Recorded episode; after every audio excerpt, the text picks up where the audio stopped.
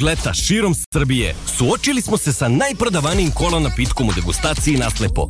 Više od 20.000 učesnika pridružilo se Pepsi izazovu. Pitali smo koji kola ukus vam se više dopada. 57% učesnika izabralo je Pepsi ukus. Hvala na učešću. Prati svoju 168! Jao! Ćao svima! Dobro nam došli u najnovije izdanje 99 yardi, izdanje broj 168, izdanje posvećeno čemu? Penzionisanju, osmirite istirivanju Bila Beličika iz istočne divizije, američke futbolske konferencije, šalno na stranu, ljudi, dobro nam došli, izdanje posvećeno završetku regularnog dela sezona i play-offu i naravno cijela ekipa je tu, predvođena profesorom, doktorom Vanjom Milićevićem, koji nas ucenjuje večeras. Dobro reče kolega, kako Dobro ste? Reče, dobro reče. Veče, tu Mnogo je, bolje. Tu je CMED prof Primarius, predstavnik Baltimore Ravensa, neki kažu budućih šampiona, Mihajlo Stefanović, Polako. DJ Mixa i naravno gospodin Jimmy Sunday, eh, naš coach, koji takođe ušao u playoff, nas dvojica nismo, ali nema veze, vi se No, smete. zato mi sedimo zajedno. zato ste vi mudraci, a ovde da. mi imamo papire i računare, vi nemate ništa, samo telefone. Samo playoff. Znanje. samo playoff. Priznaj da bi taj laptop za playoff. Evo ti odmah, razumeš, ali ne vredi, ne vredi. Pa ne bi papira odmah zgužao. Ne, bi Vanja s papirima prvi, brate, u predviđanjima. O, jesi pobedio? Yes. A, Stigao je. a zato se Srki razbolao. Nešto mi nije dobro, ne Nije, mogu da radim. Nije, baš je Srki je Ne, pokidao son, mislim. Za Jest, njegove standarde. jest. srki veliki. Comeback player of the year. Da. Jeste, da. jeste, jeste, jeste, jesam. jesam, preko 50%. Pa ne znam. To, Pa pa jest. to ćemo na kraju. Saznaćemo na kraju. Tu nam je vlada večeras i ekipa koja daje ovde silne predloge za budući naziv piva. Ljudi, ako se pitate gde je Hadl, popili ste ga. To je Nema. sve što ćemo reći. Nema, nestalo, nema više, moramo kumu više hiljada litara, očigledno. Popularno pre nove godine posta, po, prodata i poslednja kapljica Hadla. Ali zato konzumiramo Pepsi s novim logotipom. Toga ima. Koga ima? e, imate vi nove logotipe, nemoj tako. Imamo. svi Jer imamo, svi da, smo u novim logotipima. Ne, rekao sam toga ima. A toga ima, Pepsi a ne ima. koga. Gluv, Da, da. gluv. Baba ne čuje, sine. Ne ideš u playoff, još si glup. I glup. O, mislim glup. Ako si glup, nisi glup. Šalim se, šalim se. Ej, vidi, ko ne zna se šali na svoj račun, ne može ni da se šali na tuđ. Kao š, ša, nema veze. Ej, ljudi, ćemo da se spremimo polako. E, čekaj, reklamna poruka. Prva reklamna poruka glasi mazite se i pazite se i budite dobri jedni prema drugim. Vozite računa jedni u drugima, jer u ljubavi je rešenje, zato volite svoje rivale kao što ih mi volimo. New York Jetsi su naneli u poslednjoj utakmici kao glavnom treneru New England Patriotsa Bilu Bjeličiku jedan lep poraz kojim nas je zapravo pomerio u draftu i verovatno ćemo imati lošiju poziciju. Sad ne znam da li on to čini namerno ili nije, ali sve je to u redu, to je Bill Beličik. Šalno na stranu, to je ozbiljna tema o kojoj ćemo pričati, ali ljudi, e, nemamo mnogo toga što treba pričati danas s obzirom na činjenicu da se završio regularni deo sezone i da ulazimo u playoff i da je došao onaj najuzbiljljiviji period i hoćemo odmah da idemo u glavnu priču, odmah tamo gde treba, u srce NFL-a. Meni je glavna priča to da je gotovo regularni deo sezone. Malo je tužno, realno. Nema više trzeneta. Nema red zona. Nema red zona. Jesi radio Red Zone večer ove godine? Da. Ne, Ja ajmo, bih volao da radim. a, a ajmo da damo jedan aplauz ekip, dvojicu, može dvojac u kadar, molim te, Vlado, ko je radio. Ti, e, taj deo. stidljivi je E, ali ljudi, svaka čast. Svaka čast, čekaj, svaka čast. Da, ja mogu da kažem da je nama baš bi- bilo zabavno, realno. Jeste. Brutalno zabavno. Mislim, ja više volim red zone nego Isto. ovako, kad do playoff. Jer, dobro, naravno, ima dobrih tekmi koje treba odraditi ovako, na lete Ali- one. Opet.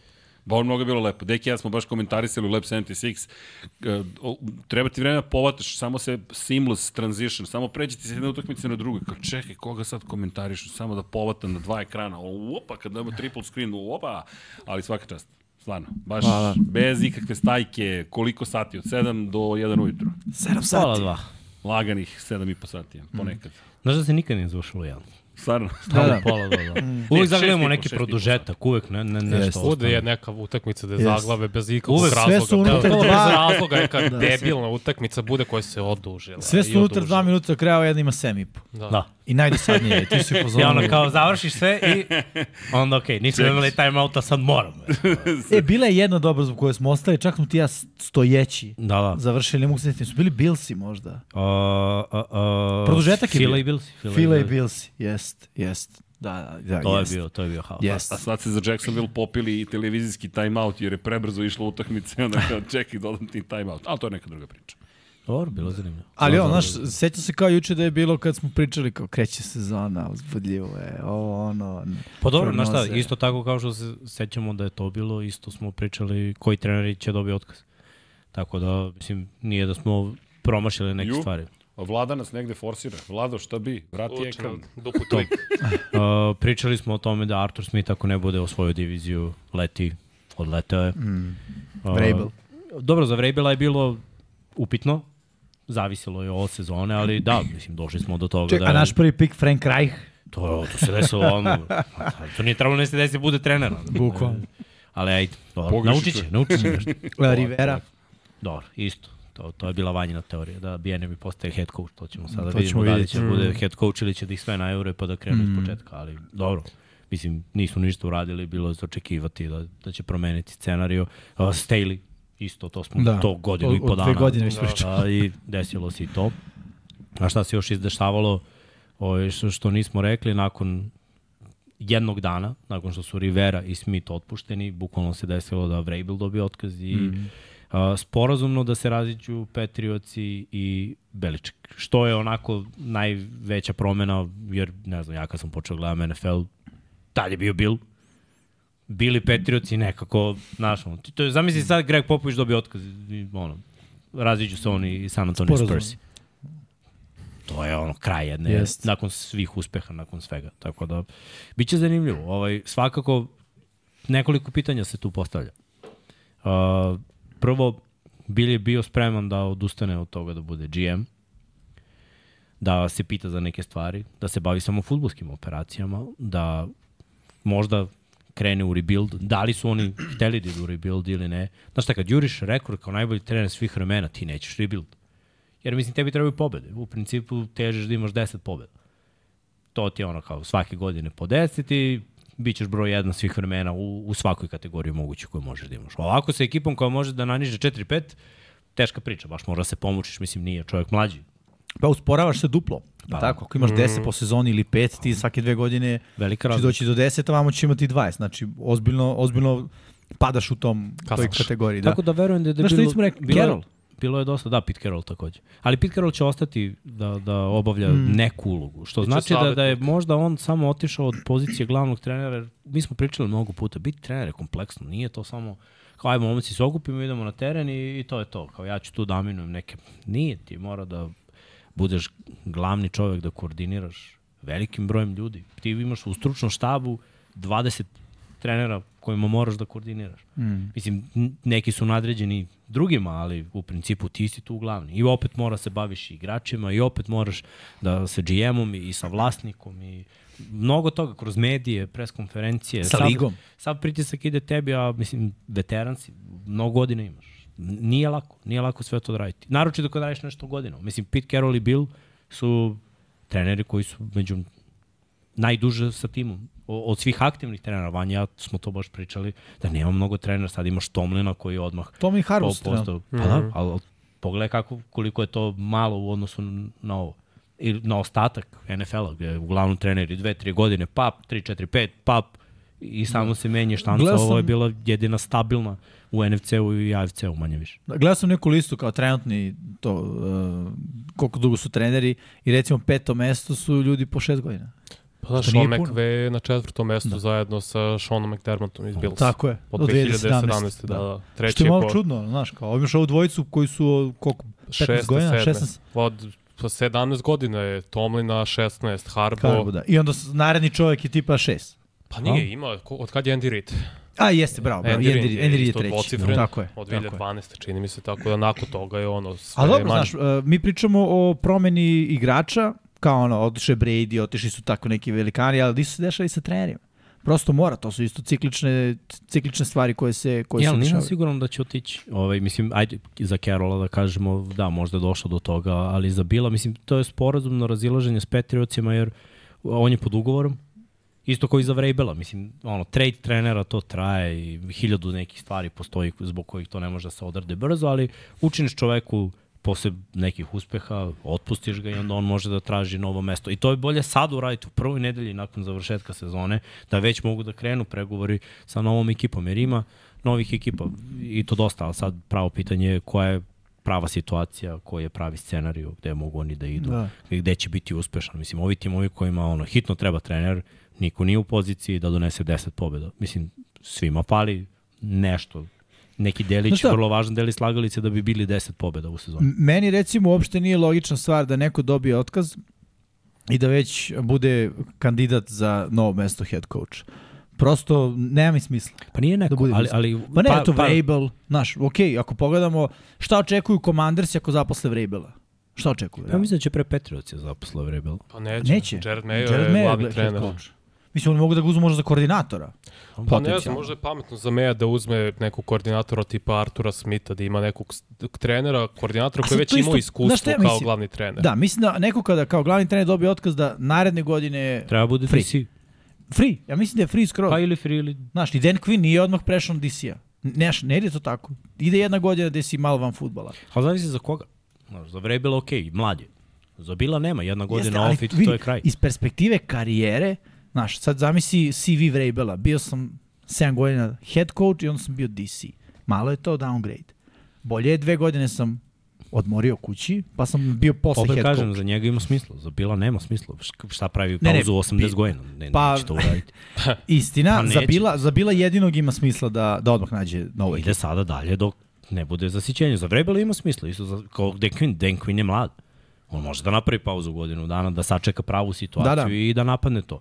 Ali opet vidiš, i Quinn je rekao, ok, bio sam head coach, vratit ću se da budem TC i opet ću biti... Ne, ne, to je okej, samo Head mislim da ne ide odmah sledeće godine. A, to je moguće. neko moje mišljenje prosto i, i tebi, znaš, treba sve to da se, da se slegne i drugo, ni mentalno nisi spreman da sa pozicije head coacha naredne godine, mislim, realno uzmeš taj downgrade, u smislu baš to, ti opet vežbaš neki, neku veštinu, vežbaš tu veštinu ko, uh, koordinacije ljudi, uh, pravljanja planova i svega, sad jedan bam, ideš na ono, Downgrade. zadnje sedište i slušaš nekog drugog. Ne kažem da je to nužno katastrofalna stvar, ali samo mislim da ljudima treba, pogotovo u sportu, da je realno ego velik, da ti treba jedna godina da se malo Ali znaš koja je fora? U NFL-u ima mnogo loših trenera. I svake godine Jeste. pet trenera dobije otkaz. Svake godine. Slažem se, ali evo sad kad, ako evaluiramo Artura Smitha, loš trener, dobar trener. Dobar uh, koordinator. Loš trener. Ok, Mike Vrabel. Jedno i drugo je Odličan dobro. trener. Jedno i drugo je dobro. Ali ako je Jimmy on je dobar... bio suočen, suočen sa gubitkom najvećih zvezda, sa Ja, povredama vidi, najvećih Pričaš zvezda. ovoj sezoni. I Pričam prošle prethodne. Uzorak dve godine kad nije ušao u play-off. Jeste. Pre toga je tri puta ušao Ali u znaš šta je meni bio u finalu konferencije. Ja kada god pregledam Vrabela, ono, kao recimo, uh, ima trenera koji spadaju u tu kategoriju. Ne ume da zabere quarterback. Ne ume. Znaš, on radio s Mariotom, fail. Tenehill, polu fail.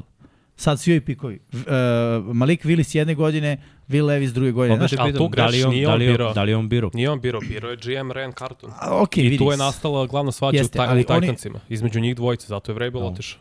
Jer nisu mogli njih dvojica da se dogovore ko ima tu uh, moć više, ko odlučuje o tim futbolskim potezima, ko će koga da draftuju, a očigledno više vlasnič, vlasnička struktura uh, ajde da kažemo gotovi, više im se sviđa GM nego Vrabel, odlučili su da Dobro što GM GM-a. radi biznis sa stranu priče. GM je radio loš posao. Radi, brate, Ok, ali... nego hoću ti kažem, ti, ti kada si... su inkrš, evo pogledaj. Daš AJ Browna, dovedeš Burks. Mislim, fail. Jeste fail. Nemaš nijednog hvatača na rosteru. Fail. Ofenzivna linija ti se raspada godinama unazad. Odlaze igrače. Ne, A ne, ja se, ja se slažem, ali naš, ne, ne mogu da poverujem baš da je da on nije bio deo tih razgovora. Ja, ja Vrebela obožavam, stvarno obožavam i mislim da radi dobar posao, ali mislim da takođe ima neku vrstu limita za ono da ode dalje. Znaš, da dođe do Superbola. Opet ti kažem, ko nema? Nabar mi trenere koji su bili u Super Bowl. Pazi, slažem se s tobom, mislim da je njemu dosta značio upravo taj Arthur Smith, kad je bio ofenzivni koordinator. Ma nije. Znaš šta im je značilo? Znaš šta im je značilo? Značilo mi je što to tada ljudi sa jakom ofenzivnom linijom nisu skapirali fizikalnost tog futbala Derika Henry od 2000 yardi. To im je značilo. Već sledeće godine je bilo ok, ono, devet ljudi u boksu i šta sad? Mislim, i nisu više pobedili u play-off. To je razlika. Jedne godine su imali baš uspeh, godinu dana pre toga bilo hoće, neće. Nije ta, Arthur Smith je doneo malo kreativnosti, ali napad je bio prosek. Nego je bilo 5 yardi AJ Brown i AJ Brown od 5 napravi 50, Derrick Henry od 3 napravi 73. Dobro, Arthur Smith je napravio Tenehilla kršteni quarterbackom. I quarterbackom, koji je bio najbolji iz play actiona. Koliko smo puta to Ne, stalno. na prvom downu. A ja mislim da to nije Arthur Smith. Arthur Smith To je Derrick spa- Henry. To ti je Arthur, b- boks, vidi. devet ljudi. Arthur Smith mi ide u istu kategoriju sa Vrabelom, odmah ti kažem. Arthur Smith u Atlanti sebe laže godinama, pokušava od rezanih delova da napravi nov proizvod. Mislim, budimo realni. Ko su mu bili quarterbackovi u Atlanti? Da, Opet jeste. ne mogu da poverim u priču da niko ne sedne s njim da razgovara o tržištu Samo vam quarterbacka. kažem, Metrajan ima dobru sezonu s njim u Atlanti. Pa, okej. 4000 yardi, Individualno da. skroz, skroz ok. I Brady je imao poslednju sezonu sa ekipa, tada dobro statistički. talent tad je ekipa sad. bila najgora. Da je Znam. tipa Matt Ryan imao ove klince sada. I ofenzivno da liniju. dobio svoju Pitanje, diviziju. pitanje, Matt Ryan je isto oštećeni proizvod. Mislim, realno. Jeste. Kad je igrao. Kažem ti, Tom Brady u svojoj poslednjoj sezoni u NFL imao odlične brojke, ali ekipa bila katastrofa. Njihov sistem igramo medenu, ofanzivno, samo dodajemo uz tri trčanja po, po utakmici, bio katastrofa. To nije sistem koji te vodi uspeh. Ok, u kom će smeru onda Titansi? Da završimo s njima. Pa, mislim, ja Šta ne... misliš, šta je za Ja stvarno ne pratim, se, odmah ti kažem, ja ne pratim scenu GM-ova i vlasnika. To je možda moje, moje mana, možda nije, ali mene to ne zanima, mene zanima idu fudbal. Mogu ti kažem, smeru ja ne mlad- znam kako mladog, brzog sa mnogo dodavanja, velikim brojem poena, jer ovo je old school Sigurno. Najveći problem sigurno. je bio old school futbol. Niko više ne želi da bude old school futbol, jer futbol prodaje stare karte. škole ne samo što ne prodaje karte, nego ne prodaje televiziji, ništa, razumiješ? I onda si ti ono, a, Tennessee Titansi, možemo i da preskočimo ovo, ajde nekog drugog. Znači ti želiš nekog malo, želiš Green Bay, pa. Jordan Lavi klinci, zu, zu, zu, zu, zu, dodaj, Okej. dodaj, dodaj, dodaj, Ima lepo, trener. zanimljivo, ok. Uh, Houston, CJ Stroud, zu, zu, zu, zu, zu, I mlad trener. ok. Dobro, sad To spomenuo CJ Strouta, njegov ofenzivni koordinator ima direktne veze sa GM-om Tennessee, Cartona, pošto su obojice iz San Francisco došli. Da li je onda Bobby Slovik nakon jedne godine ofenzivno, uloge ofenzivnog koordinatora dobije posao glavnog To su trenera? najsmešnije A- a to- potezi koje Ne, ne, povlače to- NFL, to- ekipa ja- povlače. To može da se desi. To može se A, a desiti. to je a- katastrofa. Ako se ali to desi, ti je, užas. To ti je veza. Njih dvojica se znaju, znam. to je taj futbol koji on hoće Vidi. da, ako je to tako, da promoviše i da gura. I dođemo do onoga što Miksa govori. Nije isto biti koordinator i head coach. Ti kao koordinator možeš da neguješ svog quarterbacka kao biljčicu, da ga zalivaš kako Jeste. hoćeš, kao ofanzivni, da se brineš o njemu i sve. Kao glavni trener ne možeš. Kraj priča. Pored 53 na rosteru imaš još 25 trenera plus 15 doktora, plus to su sve tvoji ljudi. To su sve tvoji ljudi, realno, o kojima ti brineš. Znaš, ono kad pričaju priče kao Pete Carroll zna imena svih ljudi u facilitiju, pa ne zato što je on liko je obsednut time, nego s tim ljudima je svaki dan. Da, Bukvalno, svaki dan. Što To su sve ljudi o kojima on na neki način vodi račun. Biće zanimljivo. Svakako promena potpuno izgleda Tennessee Titansa, njihovog stila futbola. Svi idu koji su veterani, ostavit će neke delove u odbrani i to je to. Imaju Napad, cap, oni imaju skoro menja 70 kompletno. miliona, imaju Da. sedmog pika. Commanders inače su angažovali pomoćnika generalnog menadžera, to je pomoćnika Johna Lyncha da bude njihov GM, što je do odličan potes opet škola San Francisco 49ersa. A ne znam šta, ja, ja ne, ne znam šta da mislim o tome. Pa mislim, Za trenere mogu da razumem, za GM-a sad ono, Pa, pa, znaš njegov kako, asistenta. on je pomagao Johnu Lynchu da draftuje sve ovi igrače. A Nije što Lynch znači sam. pomagao mu da draftuje? Mislim, znaš. Stvarno ne znam, Dobro, nisam bio u pazi. prostoriji. E, to ti kažem, pa i to je za mene, opet, zato što ja ne razumem taj deo priče. Šta znači kao njih dvojica su kao sedeli... Pa vrlo, vrlo verovatno da, Možda. da je pokupio ono, način na koji se sve to realizuje. Mislim, ja kad se setim Ozzy Newsom je učio od Bila Beličika i bukvalno isto je birao i Baltimore uvijek imao dobre pikove. Kad je on odstupio i dobio unapređenje, njega je nasledio De Costa koji slično razmišlja i opet svi potezi, potpisivanje slobodnih agenata i ovo, sve je to konzervativno, onako, bukvalno isto, baltimorski, kao Newsom, kao Bill Belichick, ali i dalje sve isto, što znači da ono, mislim, i učitelj te nauči i ti možeš da dodaš nešto, nešto svoje, ali ne menjaš iz korena. Ja se U- slažem. U principu trebalo bi da bude šta je odlika linča. Dobar scouting i to što ne gleda ko dolazi odakle, ko je uradio ovo ili ono, nego se bazira samo na filmu. To je u stvari odlika Johna Lynča. Film pre uh, priča, pre veza, pre brojeva, statistike itd. I zato 49ersi rade dobar posao. Naravno, kada imamo izolovane slučajeve kao što su Nick Bosa gde je i ime i statistika i film i Ovo. Mislim, Dobro, to neću da došao uzmem da. kao odvojen primjer, jer to je sve. Treba znati ubosti Ali Freda treba Warnera znati... u trećoj rundi. Ma nije samo i Dibo Samuel, i Kit. Lee, a- Ayuk i Ali pazi svi ti momci. John Lynch je igrao. Znaš, I meni ima smisla da on ume da dobro A izanalizira ne mora da snimak. znači. Mnogo je bivših igrača koji ne znaju to. Ne, ne, ja se slažem, ali John Lynch zna. Mislim, realno, Pokazuje. brutalan da safety, da. Hall of Famer kao, kao igrač. Daćemo mu, daćemo mu godinu. Ono što, mislim, ne mogu ništa da kažem dok nisam vidio čoveka na delu. Tako. Ali opet ne mogu ni da, da ono, znaš, ograniči me, sad on nije igrao, ne može.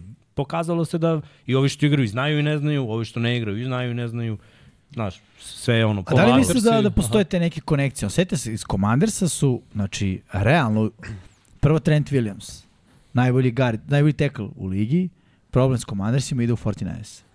A to je A, sa drugim vlasnicima. Chase Young, Ali to su, ali... brutalan projekat na draftu, sećaš se, bio je najbolji atleta na tom draftu, gde ide u 49ers, previše slučajno. Ali dve godine. Dve I sad, godine, asistent GM-a se vraća u vaš, mislim da tu postoje neki dilovi. Pa dve, postoji dve godine sigurno, ništa su- nije uradio. Znaš. Znaš Ja. kako, i sada Commanders imaju pet pikova u prvih 100. Znači on ima izuzetno dobar draft kapital, ima 80 miliona u kepu da troši, ima drugog pika na NFL draftu. Taj drugi se je u su- quarterback, Tako je, dileme. to sigurno. Oni se nalaze u super poziciji, oni, njihov posao treba bude možda i najprimamljiviji za trenere, kogoda je trener, jer imaš odrešene ruke, krećeš iznova u suštini, imaš dovoljno kepa, imaš i ako želiš da zadržiš ofanzivog koordinatora koji radi veoma dobar posao. Imaš ok klinci, imaš playmakera. Imaš playmakera. Imaš, imaš, slažem Na se. svim pozicijama imaš playmakera, što je okej. Okay. O-line je problem. O-line treba I odbrane pojačati. malo problem, generalno. Da, To, odbrano, nemaš više edge rushera. Mislim, Montez Svet je predvodio tim po broju sekova, čovjek nije igrao pol godine. Otišao u Chicago i tamo predvodio tim po sekujem. Da, da, pa to kažem, To malo je odbrana oštećena. To su promene. Ali definitivno, pazi, mnogo je prostora, mnogo je timova, ja očekujem još nešto da se izdešava.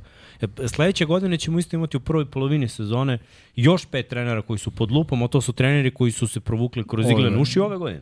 To su treneri koji su ono kao, ok, Eberflus. niste dobili Pa, otkaz, ali ovako je. lupa i Burazeru, jedan pogrešni potez. Šuk, Jeste, idemo jeste. dalje. I to je šansa za ove trenere koji ne budu dobili posao, da Što mi je žal će Mac- McDonald dobiti posao kao glavni trener. Dve godine kao DC, pre toga bio na Michiganu, radio sjajan posao, već tri godine kao defensivni koordinator. Pa vidjet ćemo.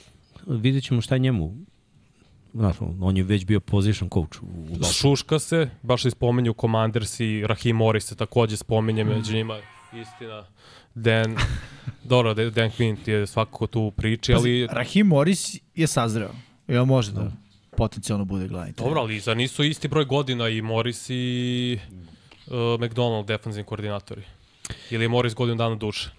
Gledaj, sve u svemu, da skočeš sa pozicije koordinatora, mislim, ti moraš, kad ideš negde da budeš glavni trener, da povučeš ekipu sa sobom. Taj, on je došao solo u Baltimore. Ta ekipa u Baltimore nije njegova. Nije to. To je Johnova ekipa. Znaš, sad, on mora da vuče sa sobom neke ljude koji, da, unapredit će ih. Svako će da skoči po jednu poziciju, ali, mislim, hoćeš da skočiš u poziciju za najbolji tim u ligi. Ili, mislim, ideš, ideš u Washington. Mislim, Ideš u Vašingtona. Ti ideš tu u kraj, u komšiju, u, u kraj na Ideš u Šilo, dobro nešto, Jimmy, ovaj virus vlada. Ljubičasti virus Preživiš. zavladao. Sve, sve zavisi, znaš. Sve, sve je do ambicije. Mislim da, da ono, preće Morris da povuče neku ekipu sa sobom, mada i ta ekipa je toliko ojađenja, ojađena da ne znaš nije odande ko, ko, ko će da ide. Jer ti kad budeš glavni trener, kad dobiješ šansu da od koordinatora napreduješ kao glavni trener, šta ćeš da, kako ćeš da promeniš ekipu? Ko će da dođe sa tom? To nije proces. Neki ljudi mogu da povuku odmah sutradan ekip, ljude Jim oko Harbaugh, sebe i da naprave, ok, evo dolazimo svi u džuture u paketu. A neki ljudi moraju se pomuče mesec dana da bi sklopili pravu ekipu. I ako ne sklope pravu ekipu, jedan pogrešan coach, propast. Da, Propast. Sad Evo, se sve čeka, što se vidiš, niko nije angažovao, niti će u skori vreme angažovati novog mislim, trenera, dok dobro, Jim Patriotsi Harbaugh, ne, ne, dobro, Patriots su iz same organizacije promovisali me, Da, da. ali dok Jim Harbaugh ne odluči šta će, jer svi čekaju njegovu odluku. On prvo, kao što kažeš, možda povuče čitav Michigan i taj, mislim, povuče Jessa Wintersa, defensivnog koordinatora, to je skoro sigurno, on će, posle, on će se vratiti u NFL, pošto je bio sa miksnim Ravensima. Znači sigurni smo da Jim Harbaugh ide u NFL. Ne. Ja mislim da ide. Ne znam, to Pa zato što čeka se njegov potez. pročitao sam vest da je angažao nekog Jest. agenta koji zastupa Toma trenera. Brady-a, Shona Paytona, Da. ovog. Tako, Tako je. da- Ima, ima vrhunsku priču, odradio na koleđu sve što je mogao i, bi- i bio u Superbowlu, mislim imao i uspeh u NFL-u, igrao u NFL-u svoje, sada i mislim šta se čeka. Znaš, Dobro, već znaš, imao, napravio si odličnu kažu- priču na On koleđu. je Michigan čovjek, on voli Michigan. ne, jesi, to ste ja kažem. Kažu ljudi da ti treneri koji su na koleđu ima neki koji prosto ne žele da odu baš zato što im, ima taj drive. Znaš, za razliku od NFL-a, u koleđu su stvari mnogo ono, dinamičnije su i, i menjaju se iz godine u godinu drastično.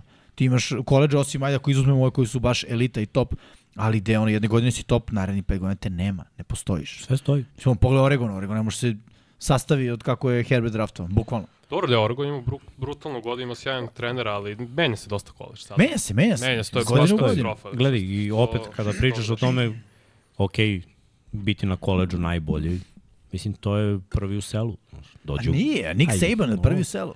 Nije, brate. dobro, bio je u gradu i, Pa, ali će kaži da je loš trener. ne, hoću kažem da za NFL se nije dokazao da je dobar trener. Ali Mislim- se dokazuje da je dobar trener. Jeste na koleđu.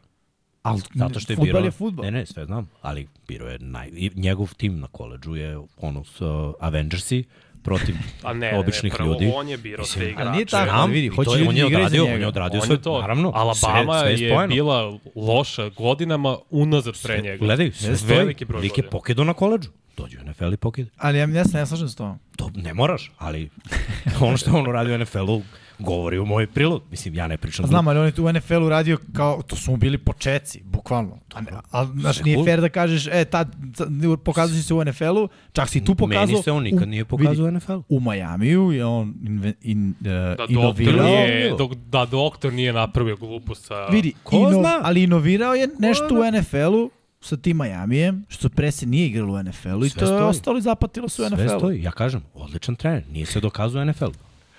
Odličan trener, nije se dokazao u NFL-u. Pa znam, ali se ni Jim Harbaugh, John Harbaugh nije dokazao na koleđu. Mislim, ako ćemo sad tako. Nije. Nisi, nije kompletan Ali trener. Jim je se dokazao na Pa koleđu kao i Jeste. dokazao se su- u NFL-u. Vodio je Jim jeste. 49 Ne, ne, se u- u Super Bowl. mislim, Bio je jeste. u finalu konferencije. Ali po meni ali je isto... nije osvojio. Ja recimo mislim da on, koliko god ta priča delovala romantično, da on u NFL-u neće imati uspeh. Moguće. Ja sumnjam u tranziciju trenera. Ali gledaj, iz koleđa. 49ers Pa su čekaj, bili već krš. je to odradio. 49ers su Jeste, bili ali je krš otišao vrlo brzo. Koliko je bio u 49-ima? Koliko? Četiri godine?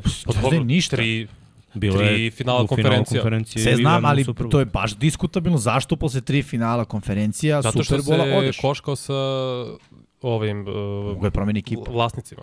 Nije samo Nije te, otišao to. u Michigan. Otišao u samo to. svoj dom. On Igrači- je igrao na Michigan. Znam, ali ja igrači, upravo mislim... igrači nisu mogli tada da podne... Prvo, pa on je neće bio moći mlad, ni on je bio mlad i nije znao možda kako da hendluje i želeo od igrača nešto što nije mogao da dobije. Sad, koliko ima, to je u Super Bowlu bio pred 12 godina. Tako da sad ima malo više iskustva i vrlo verovatno neće da nagazi igrače. Ali znaš šta je jer, moje mislim, mišljenje? Iskusnije. Su Onda ih je gazio toliko da i svi su da. bili u fazonu, Da. te bro, si pobunu na. Brother Bounty. Pa, to ti... Bukvalno. Čio, uh, to ti kažem, ovaj, da... Mix. Mix. Mix. E, Hajde jednom i ja. e. Izvinite, oprostite, E, Lamar mi piše, od- kaže... Pisao ti je Lamar. Pogledaj Kaže odmara, a nije otišao na brod sa Odelom, ne? Na jahtu. Tre, iskusni treneri na koleđu imaju jednu stvar koju prenose u NFL, to je prosto postane deo njihovog identiteta i da kažem kulture, a to je da su zahtevni. Jer ono, ti si tata na koleđu. Ti ako ne slušaš, ćao stipendija. Ja sam gospodar tebe, realno, gospodar tvoje sudbine kad sam tvoj trener na koleđu. Ali Dobro, to ali- se menja. U NFL-u oni prenose, što pa, čekaj bre, došao ovaj, bre, kako se zove, Čekaj, on je na jedan play izgubio Super Bowl. To je li Ma tako beš? pusti taj play, ne pričam Pa, o tome. pa Pričam ti je o uspeha. trenerima sa... Ja ne govorim da on imao uspeha, samo mislim da neće se... Uh, kada kažem uspeh, mislim na pre svega stvar da Šta neće biti prihvaćen od ekipe. Čekaj, ali šta je konačno uspeh? Moraš da osvojiš Super Bowl ili moraš da budeš... A ne moraš, Šta ali moraš da uradiš? ne možeš ni reći da si četiri godine bio u NFL-u i da si uspešan. Ali I da čekaj, si onda čekaj, otišao. Čekaj, čekaj, ali si izostavio važan detalj, ono što su i rekli i Vanja i Miksa. Znaš, ti si bio u finalima konferencije. Jeste, ali što si otišao s najveće scene na manju scenu, kako Miksa reče, budeš A, razumijem selu? te, ti misliš da to mega gubitnički mentalitet, da si Pa pobegao ne sa znam da je, Megdana. ja samo mislim da je to da to nije gubitnički mental, ne mislim da ima gubitnički mental, nego mislim da je to stvar da njegove metode sa odraslim ljudima ne Aha, funkcionišu. okay. Ali zar se college isto ne menja? Ljudi, Menja se. Koleđ se menjali su oni klinci i dalje. Ali ne- oni više, Ali evo sad- jedna naša razlika, sad sada, klinci, upravo Sve to. super, ti imaš lovu i ja ti kažem bench, klupa. Ćao. I on ti I kaže, kaže ja ovako, idem. stipendija se uzima, idi. I on idi kaže, dok ja si idem. mlad, zdravo, hit the portal, što bi rekao Pa ovaj. da, ali to je problem sada. Da, nije problem. Je, ne, jeste, ali ti ne, Ne, znaš ali što nije problem, veruj mi, ali zato što si ti gospodar njegove sudbine u tom E, trenutku. nisi. Čekaj, čekaj, čekaj, Oni više ne dolaze na tvoj koleđ da bi ga ti unapredio, da bi on zbog tebe da bi on učinio tvoj koleđ boljim. Ok. Sada gledaju da kako tvoj taj I koleđ dalje njega svi hoće učini da idu u boljim. NFL.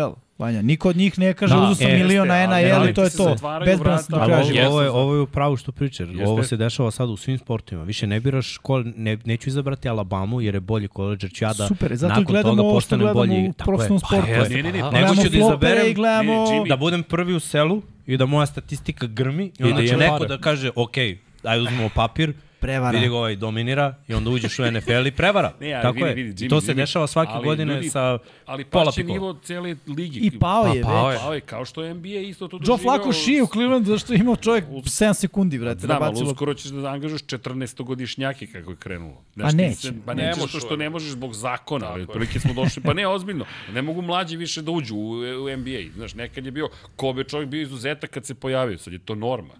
Sad, šta je sad? Dobro, eto im ga. Neka gleda Pa ko da, gleda. zato pada sve. Nije, ti vidi, ako te razumem, ti zapravo bi volao da kvalitet ostane na visokom nivou. Neće se Jeste, desiti. ali da se vratim na Jima Harbaugh, ja samo mislim da njegove metode, ti dalje u NFL imaš igrače od 30 godina. Oni ni, nisu E, ali- ušli ali u ligu ne sa znamo tom njegove pričom. metode sada, možda su se promenili, Ja ono kažem, što Miksa kaže. Znaš, mnogo šanse, godina prođe, razloga. ne, neke stvari možeš da Vidi, promeniš. on je bio u NFL-u četiri godine, jednom bio u Super Bowl, tri puta u finalu konferencije, došao na koleđ, harao, sad osvojio. I šta će on da kaže? Da, mogu da promenim ja moje metode, realno ovo nije dobro što sam sad Pa nije. Haro na Da, koleđu. nije Na koleđu Haro je bio loš, godina, pa je zato- sada... Zato što je Michigan Ok. bio loš. Loši igrači su imali loš sistem, Dolaziš posle struktura. šampionske sezone, ti si bog. Realno, misliš da znaš sve i hoćeš da implementiraš sistem koji, koji ti misliš da valja. A ja mislim da to u NFL-u u ovom trenutku, ne mu setim kako se zove, Urban Meyer, čovjek šutirao kikera na, na, na zagrevanju i je kao u isto fazonu, Urban Meyer. ja Urban sam- Meyer nije pre bio na, na NFL. ja ne kažem da je Jim Harbaugh Urban Meyer, mislim da je bolji od njega u svakom Dobro. smislu, ali mislim da kada si dugo trener na koleđžu, da u tebe se usadi taj pristup da si ti ono, Iznad vlasnik svih. sudbine i da si tako iznad svih. S- I, i, verovatno si u pravu. I ja baš zato želim da vidim jer je toliko loših trenera. Ajde da vidimo jednog vrhunskog s koleđa da dođe u NFL i da bude dobar i u NFL-u kao što je bio na koleđu. To, to želim. Jer ne mogu više da gledam Franka Rajha i ekipu kako uništavaju futbol. Mislim, sa, sa nekim neinteligentnim potezima i play callingom koji je brate, da se ne lažemo, da uzmemo mi ovde, da, da, da izaberemo game plan za utakmicu. Mislim, jer dođe interim head coach ima bolji plan od head coacha Da. se ne lažemo, mislim, Da. head coach je failovo. Da li ne radi posao, da li veruje, da li, znaš, ima neke svoje vizije, da li ono kao krenut ću sa ludim pristupom ili prođe ili pukne. Mislim, ok, ali ako tri puta imaš lud pristup i tri puta pukne, onda nisi za glavnog trenera. Ajde da vidimo nekoga ko je, je imao malo Znaš ko je za mene dobar uspehe. kandidat za glavnog trenera? Steve Wilkes. Pa dobro, i moje, 49ers. i moje, i moje uspehe, da. da. Mislim, ajde da vidimo. Mislim, sve su to stvari koje moraš da vidiš. To nikad ne znaš. Isto ko za BNM, jer su svi ono pričali, Andy Reid je kreirao ceo napad. Mislim, on je ove godine imao ok napadak, potrebek nije bio sekovan i bacao loptu svuda. Ali opet kažem, ja dok ga ne vidim da on samostalno nešto uradi u većem uzorku od godinu dana, ne mogu da sudim. Mogu samo da istina. imam svoje mišljenje. Isto za, za Harbo. Mogu da imam svoje mišljenje. Za Vrebela. Mogu imam svoje mišljenje, ti svoje, on svoje, on svoje. Ali dok ga ne vidimo na nekom uzorku respektabilnom od minimum 5 godina, znaš, ko smo mi da kritikujemo, na primjer, Majka Tomlina, koji svake godine ima pozitivnu sezonu, iako je to ružno za gledati. Jel tako? Nikom, niko, ne, ni navijači Steelersa ne vole da gledaju Pittsburgh. Mislim, ono, vole jer navijaju, vole ekipu, ali realno gledano igraju ružan futbol. I uđu u playoff. Da. I mi ćemo sada kažemo, Tomlin ne radi dobar posao. Brate, s kim on radi? On radi vrhunski posao. Ono, njegova ekipa kako ulazi u play-off, ja samo ruku ako mogu da kažem, svaki Ja čast. mislim da je njemu vreme da ide. To je moje mišljenje. Ali viš, Kork govori nešto drugo. Jer prosto, ono, danas generalno je taj trend u svemu, par godina i čao, sledeći, sledeći, sledeći. Osim u nekim franšizama koje... Ono, Ali to Pravi ne znači da je dobar trend. I to mislim To- treba trend da je grozan, Grozan, ali- tako je.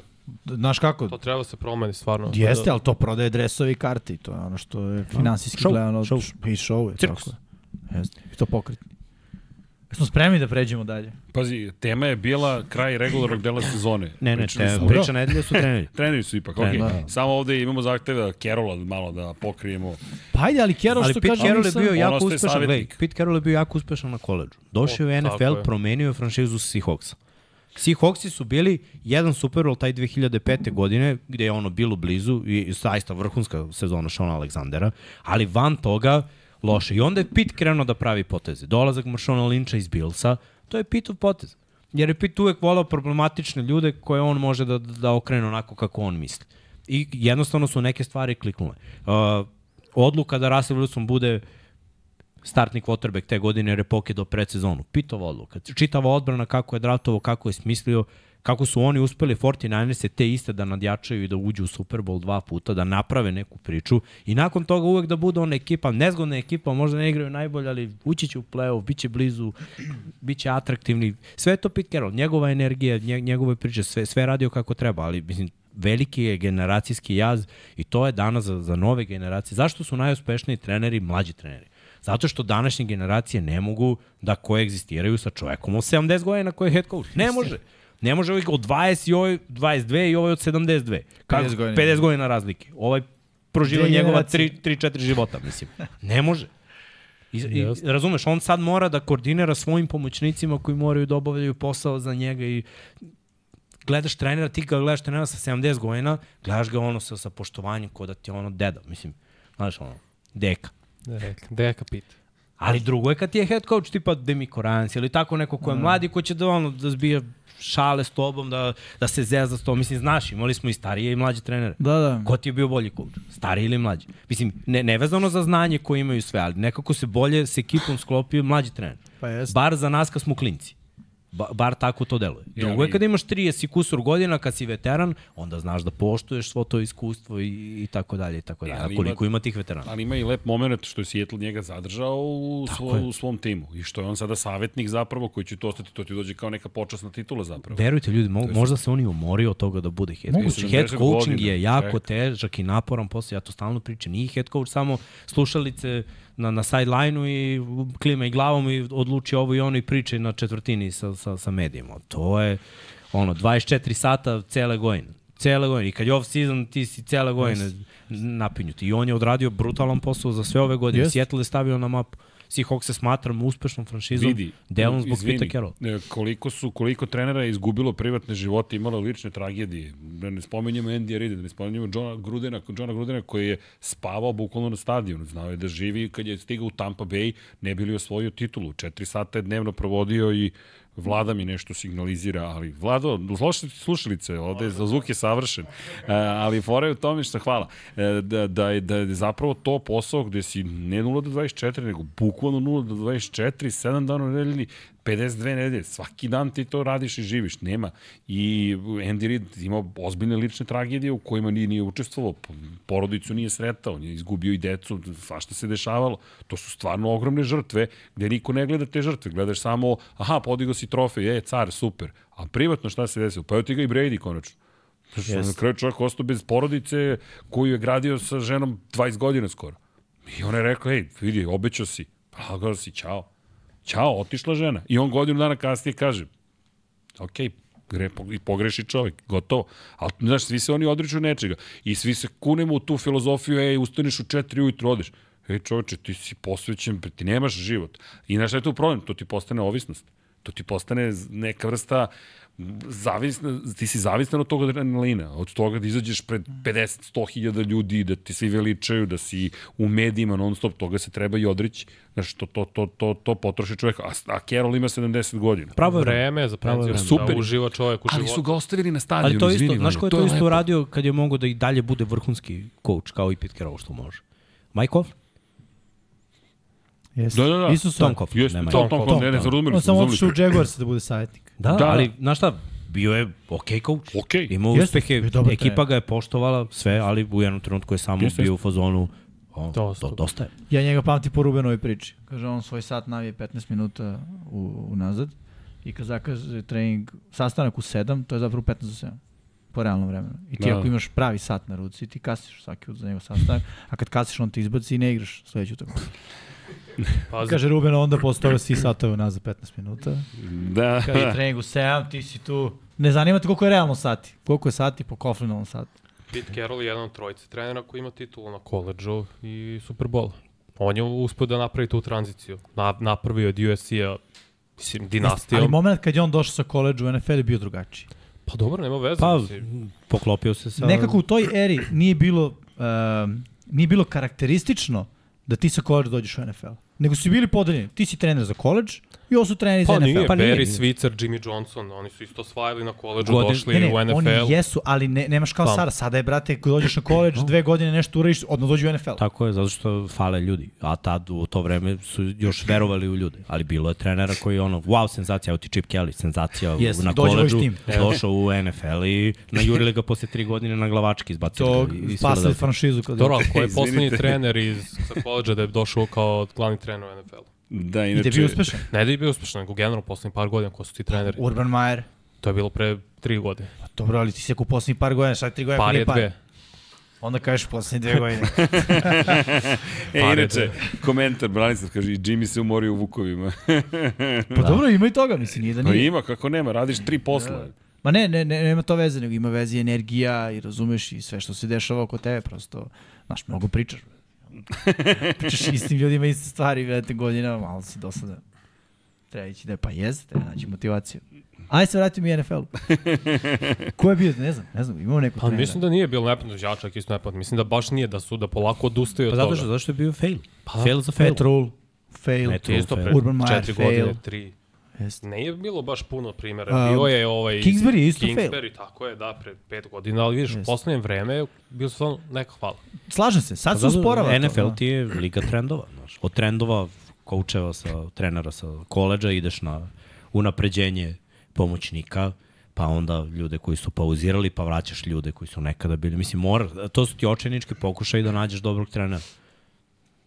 Nije to... Nije, Bilo nije Brian je ništa sad došao sa Sa Alabama. koleđa. Da, on, Ali on nije bio glavni trener. pa on je bio glavni trener i sve. Ne, kažem, nije bio glavni trener sad kada je došao. Bio. Pa da, da, okej, ali ima NFL iskustvo. Mm. Treneru, ti si rekao, ajmo dalje. Ajmo, ali, ajmo. ali, ali, imam ja nešto pre nego što pređemo nazad na NFL. Par stvari. Prvo, kliknite like. Tako je. Drugari, kliknite like, a drugo, kliknite subscribe. Poslao sam Miksijenu surovu statistiku, sad sam vas bacio u kanđe, da ne kažem u čeljusti gavrana. Razumiješ, kljun gavrana, sad će vas pojesti. 89,- 89,17% ljudi koji prati naše podcaste nije subscribe. Gasi. Gasi, gasi, dakle, ne, ne, radimo, ne? osam, ne 87,1, izvinjavam se, jedno. a 12,9 je samo subscribe-ovano. Ljudi, potencijal za rast je e, ogroman.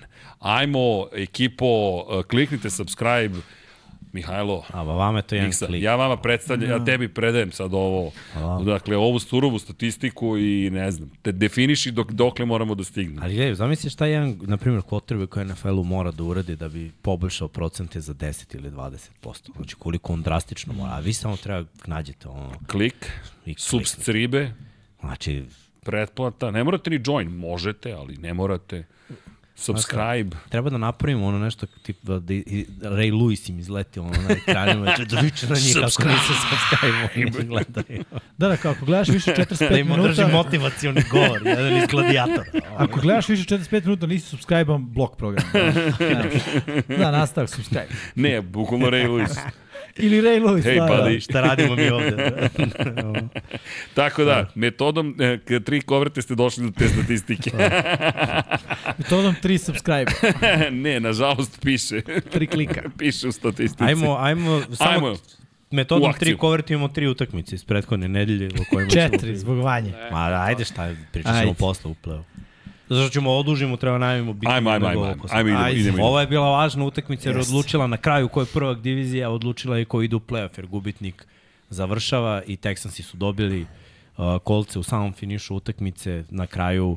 Bilo je zanimljivo, sve se svelo na jedan posed kolca, mm. imali su oni svoju šansu, uh, došli su jedan do potez. trećeg pokušaja, trčali su na trećem za pet, bio je četvrti za stopu i išli su na akciju dodavanju flat Za trkača. na trkača Trećeg. rezervnog, tako je, ali lopta je bila uhvatljiva, on nije uhvatio loptu i eto, pa, ništa. Dobar je poziv akcije bio, iskreno. Ne očekuješ Niko to kao odbranu. da. Ideš na trećeg running backa, u fletu. Mislim, meni se sviđa da bi reakcija, samo njegova reakcija na to hvatanje i A znam, To što Vanja, nije ali da ne mogu ni njega da krivim u potpunosti. Znaš, cele godine greš klub. I kao, e, sezon se lomi.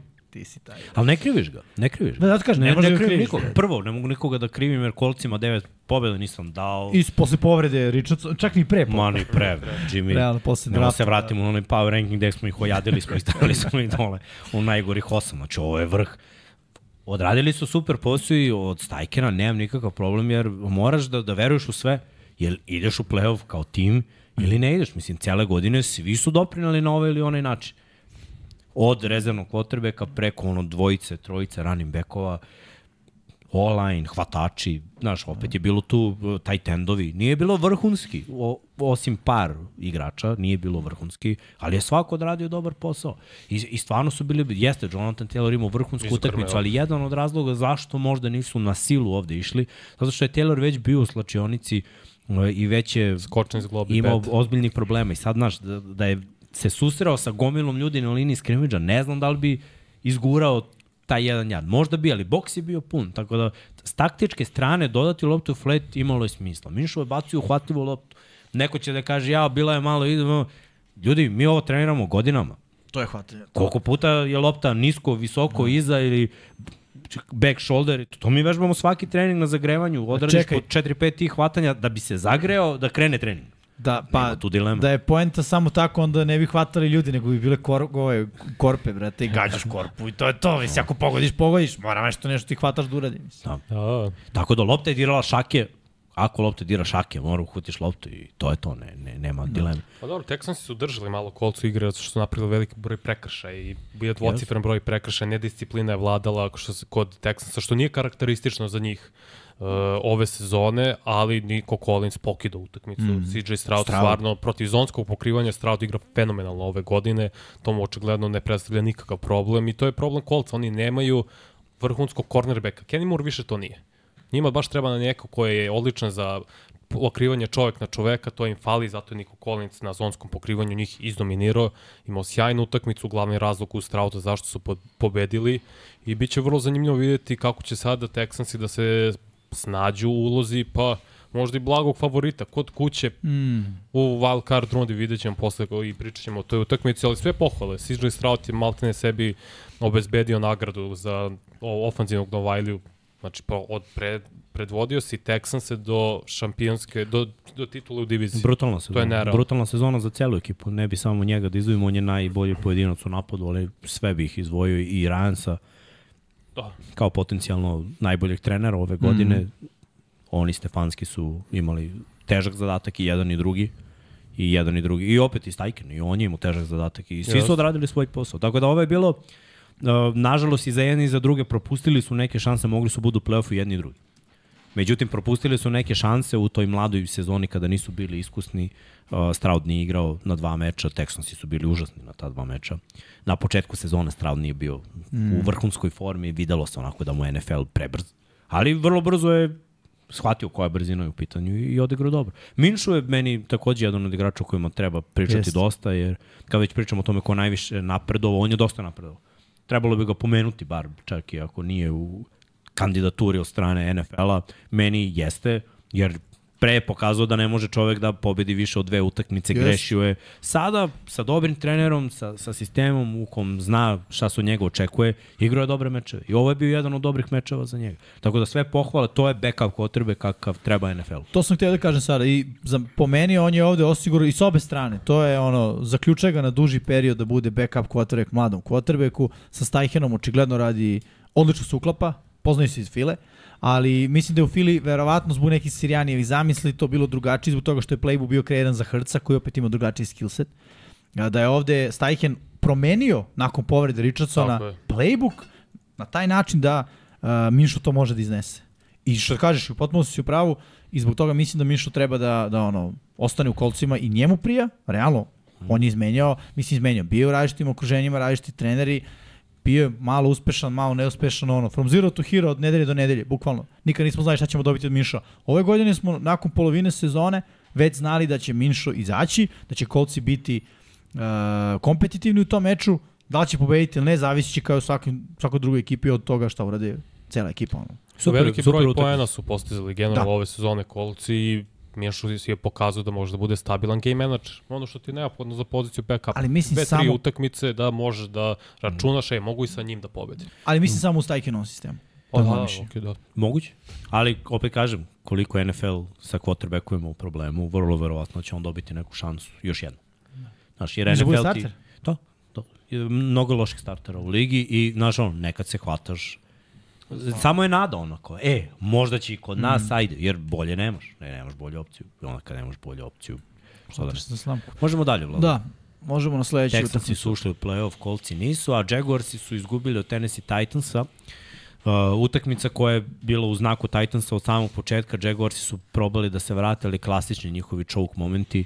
Prethodne godine su ušli u playoff nakon njene dobre serije, u, u- da kažemo, finišu sezone.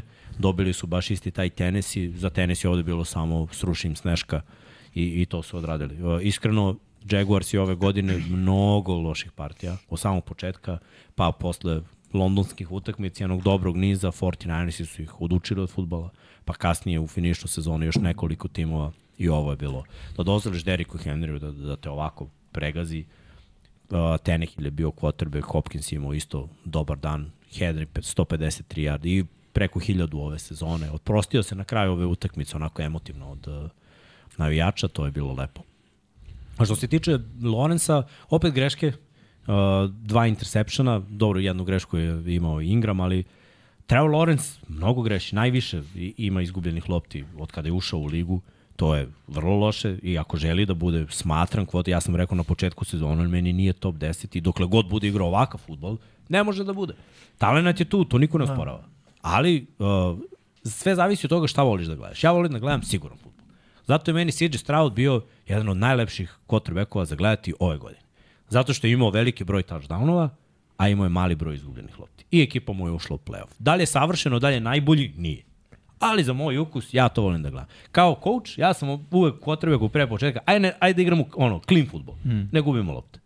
To mi je najbitnije. Nemoj da bacaš gluposti, bolje pretrpi sek, ako nisi siguran, spakuj loptu i trči. Sve je to bolje nego da napravimo gluposti i da damo loptu, jer da to nisu radili Jaguarsi, vrlo verovatno da bi pobedili, osvojili diviziju i išli dalje. I ovo nije jedina utakmica gde je to, to bila priča. Da ne gube loptu, pobedili bi i osvojili bi diviziju i ušli bi u play-off. Zašto mislim da ovde ima, izvini Vanja, uh, dosta velikog doprinosa. Setimo se i, i Carson Wentz u onoj sezoni u Philadelphia Eaglesima. Čini mi se da imaju isti pristup izgubljenim loptama kao i uh, Trevor Lawrence. A to je, ono, ti vidiš Lawrence baci interception, izlazi na sideline, on nema facijalnu ekspresiju. Znaš, ti vidiš Brock Pardy baci interception, to je ono glava dole, na sideline on se nervira. Bilo ko da baci, on nema, nema. Čak i Josh Allen je smoren. Trevor Lawrence nije. Brady je razbijao, bre, ove. Trevor Lawrence nije. I to je, vidi, i to je problem. To postaje problem kada cool je kad ti u utakmici kao prošle godine proti Chargersa gubiš, bacaš, deliš lopte protivnicima i kao ostaješ fokusiran na dalje. A ti ovde u situacijama vodiš, bacaš interception i ti si lagan s time. Nerešeno je, fumble, lagan s time. Interception, ne može. Mora te pogodi. Realno. Moraš da osjećaš odgovornost, moraš da osjećaš grižu savesti, moraš da prihvatiš to kao grešku iz koje ćeš da naučiš. Na taj način mislim da ništa ne radi. Ne znam da li je to Pederson ili nije, jer kažem, čini mi se da i Vance u Philadelphia imao isti, kad je Pederson bio coach, taj pristup, ono, ne veze, next play, next play, next play. Što da kažem, do okay To je mentalitet ako, ko, cornerback. da, Znaš ono, cornerback bude pobeđeni, next, next play. Dobro, koliko puta smo rekli da to isto Andy Reid radi sa Mahomes. Nema se, brate, lagano. Ali, Ali nije, ali e, Mahomes je velika kiga. razlika. Ne, Mahomes ja ne baci kažem, interception, ja pokida se. nisam rekao da Mahomes to, nego to je Andy Reid faza. Lagano. Sledeći put. Jeste, ali, mislim da Andy je... Reid je konačno našao lika s kojim može to da. Jeste, Da. da. liko I to kome, treba da nađeš kome je više krivo nego njemu za, za interception. To je tačno. A ovde čini mi se da je to problem. Isto tako mislim za Jaguars da nisu, nisu znali šta sve imaju dok se Christian Kirk nije povredio. Onda se povredio, onda je bilo ajde imamo šta imamo. Pokazalo se da Ridley nije stabilan. Ali Ingram Možda je procveto. znaš. Ne, ne, jeste. Ali, Ingram ima preko 100 hvatanja za taj tem. da, da, to, to je Ingram, brutalno. ali e, budimo realni, Ingram prvi touchdown postigao tipu u 7. 8. nedelji. Kad se. Kirk? Posle, još to. Možda čak i 9. nedelja. Kasnije je bilo, Ne, pa ne, bilo pre, pre da. Pet slučaju nedelja. to meni samo govori da oni nisu znali šta imaju, nisu znali, nisu znali da iskoriste ono što Ingram do, dobro, donosi. Ne, ne imaju samo jednog slota koji oni samo preko okej. jedne opcije, da, da, to je sistem. Samo preko je- jedne opcije napadaju iz sredine. I to je prvo bio Kirk, a onda je bio Ingram. Ali Ingram je imao najviše hvatanja dok je Kirk bio tu. Jeste, ali nije Samo imao, nije imao- u važnim momentima u, u crvenoj zoni to. Slažem se, ali me, opet kažem, mislim da ono, od Ridleya su dobili nekonstantnost i to će Ridley uvek da, da im donese. To je moje mišljenje. Možda sazri za godinu, dve, ali mislim da još uvek, znaš, on se tek vrati u ligu. On je, ono, ima iskustvo, ali skoro pade ruki. O, A- dobre stvari je odradio. Mislim za... Jeste, Mix, ali je ispuštao lopte. Jeste. I To to, je kad su kad je jako Kirk je, bitno. Pa i Kirk Kad je bila Ingram. utakmica ono, ej, ne, Ingram zatvoren, moramo na Ridleya, ništa. Ridley ne deliveruje. Ne, nema. E sad, Ridley, uh, Kirk, Ingram, Etienne, sve je to super, ali mora se napravi sistem da ono, pobeđuješ koristeći bilo koga od njih. E, to je A problem. ne ono, ajmo Etiena i odjednom zaboravimo Etiena, Tako je. Idemo na Kirka, Kirk se povredi, ne veze da vidimo šta imamo od ostalih, forsiramo Ridley ako ne ide, nema veze, forsiramo dalje, to je Calvin Ridley i na kraju e, ajmo na Ingrama i onda igraš na Ingrama i onda ono, opet postaneš solidno providan, zaboraviš Etiena, a to su sve playmakeri. Pa to je problem i da li je to do Presa Taylora ili do Daga Pedersona, ne znam čiji je to zamisao da prvo Etienne uopšte ne bude korišćen pola sezone. To je katastrofa. Etienne ima talent da bude top 10 running back. To miriše na mladog ofenzivnog koordinatora. Moguće da je do Presa Taylora, ali opet to je na Pedersonu kao glavnom treneru da mu skrene pažnju i da kaže, ej, šta, mislim da oni tako ne može. sazrevaju kao ekipa. I mislim da je toga Pederson svestan, znaš. Prestaje je mlad ofenzivni koordinator. Pa jeste, ali ne može Mlade da se ekipe. desi da imaš 8-3 u jednom momentu i da nakon toga dobiješ jedno od šest. Ali baš Vanja. može, baš može da se desi. Znaš zašto? Zato što si mlad tim koji je osvojio diviziju i koji je vrlo verovatno na sve ove druge ekipe gledao. Zašto su, ih Texansi očepili u prvoj utakmici? 100% zato što su Jaguarsi ušli u taj meč kao Texansi sme Jurija. Dali 9 pojena Ravensima, sad ćemo da ih razvalimo. Došli na teren. Sećam se motivacijonog govora pre 49ers. Se, znači, ono, počinje utakmica, o, naš teren, naša kuća, izgubili su tri za redom, sad ćemo bust their ass, sad će oni da vide. Krenula utakmica, sramota me bilo, ono, teo sam šaljem SMS poruku za pomoć prijatelju. Ja i dalje mislim da je njima sezona krenula ka loše nakon što se povredio Lawrence kad je protiv Bengals. Ma i pre je bilo. Od Nije, 49ersa je... imali su tacu, imali 8-3. Imali su, znam. U tom ali momentu imali 49ersa su pobedu u rukama i ovo je nagazio ga ofenzivni nijaš i, taj, taj meč izgubili. A mislim da I, gledaj, i taj meč da su izgubili, pobedili. ali cele godine tri stvari nisu uradili. Prva, nisu bili, prvo nisu najjača ekipa u diviziji. Nisu najprljavija ekipa u diviziji. Ne trče najbolje u diviziji i nemaju najbolje kvotrbek u diviziji. A zašto bi onda osvojili diviziju? Kad nemaju ni, od četiri osnovne stvari u futbolu, znači nemaju najbolji online, nemaju najbolji D-line, imali su u jednom trenutku najviše osvojenih lopti, to ih je držalo da imaju taj sjajan skor, mm -hmm. ali sve ovo ostalo nemaju najbolje. I, I to se na kraju samo sprovede u, u rezultat na kraju da li osvajaš ili ne. Jeste, ali to su i povrede u ofenzivnoj linije. Pričali smo o tom, u jednom momentu ne igraš nazdravlje bez dvojice levih teklova. Sve stoji. Ok, levi guard onda sad je odjednom starter na poziciji levog tekla, što nikad nije Ja igrao. te totalno kapiram. I, I s jedne strane ti si u pravu, ali na primjer isto Cleveland ima kidačku ofenzivnu liniju, a koliko si igrača povredilo. ali Tako? Znači, to je dobar coaching i neko mora da izađe, da zameni i da bude dobar. To u stvari te čini dobrim timom. Što znači da su možda Jaguars i dobar tim samo starteri. A nisu celokupno dobar A tim. ima tu i problema tipa, znaš, sad recimo ako pogledamo s Houstonom, koji je šampion te divizije. Houston na poziciji kao hvatačke opcije ima Daltona Šulca koji je stabilan. Znaš, e, Jackson i Jaguars imaju previše projekata. Realno, Evan Ingram je svojevrstan projekat. Za sada uspešan, ali projekat. Giantsima nije se desio. Došao u Jaguarse, počeo pokazuje znake da je dobar. Calvin Ridley je projekat, definicija projekta. Lik nije igrao dve godine zbog kockanja. Pa se vratio u NFL. Christian Kirk, solidan projekat, ono, došao u Arizonu, imao je dve rute, post i skinny post i kao, aj vidimo šta možemo od njega, znaš. Previše projekata, mlad quarterback, takođe projekat, mlad trkač, takođe, previše projekata, ti nemaš sta, stabilno, ono, konstantno, kažeš, e, za ovo ćemo da se uhvatimo. Uh, Texans imaju.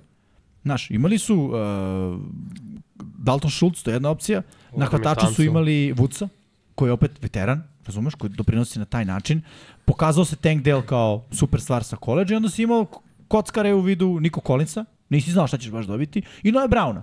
I pokazali su potencijal, ajde imamo projekat, šta možemo da dobijemo od njih. Singletary na snimku, realno, znao si šta ćeš dobiti od njega, ono, Pa dobio si kako više od njega. Dobio si više nego što si, što si mogao da očekuješ, slažem Strauda se. si dobio najviše. Strauda si dobio najviše, slažem se. I to jeste bilo ono kao... Stavio si sve što si imao na dnevno jedan broj i Jeste. baš taj broj. Da, dobio si i od Will Andersona takođe puno. No, de, Jeste, a što si definitivno ima mogu da namirišeš? Definitivno Da. ima dobrih igrača. Ne, ovo je fail od Presa Taylora i od Daga Pedersona. Pederson kao glavni trener mora da preuzme to na sebe, da je prosto neverovatno da ga je da je bolji posao kao trener radio da Miko Ryans nego on.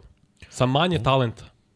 Niko nije mislio da Texans imaju bolji talent od Jacksonville Jaguars. niko, niko. Istina. Tako Mi smo, da, gledaj, mi smo Jacksonville dali ovu diviziju, ja se sećam sam pričao na početku da, da ono, možda verujem u te Tennessee Titans, jer mi Jaguars me nisu ubedili ni prošle godine, a ne ove.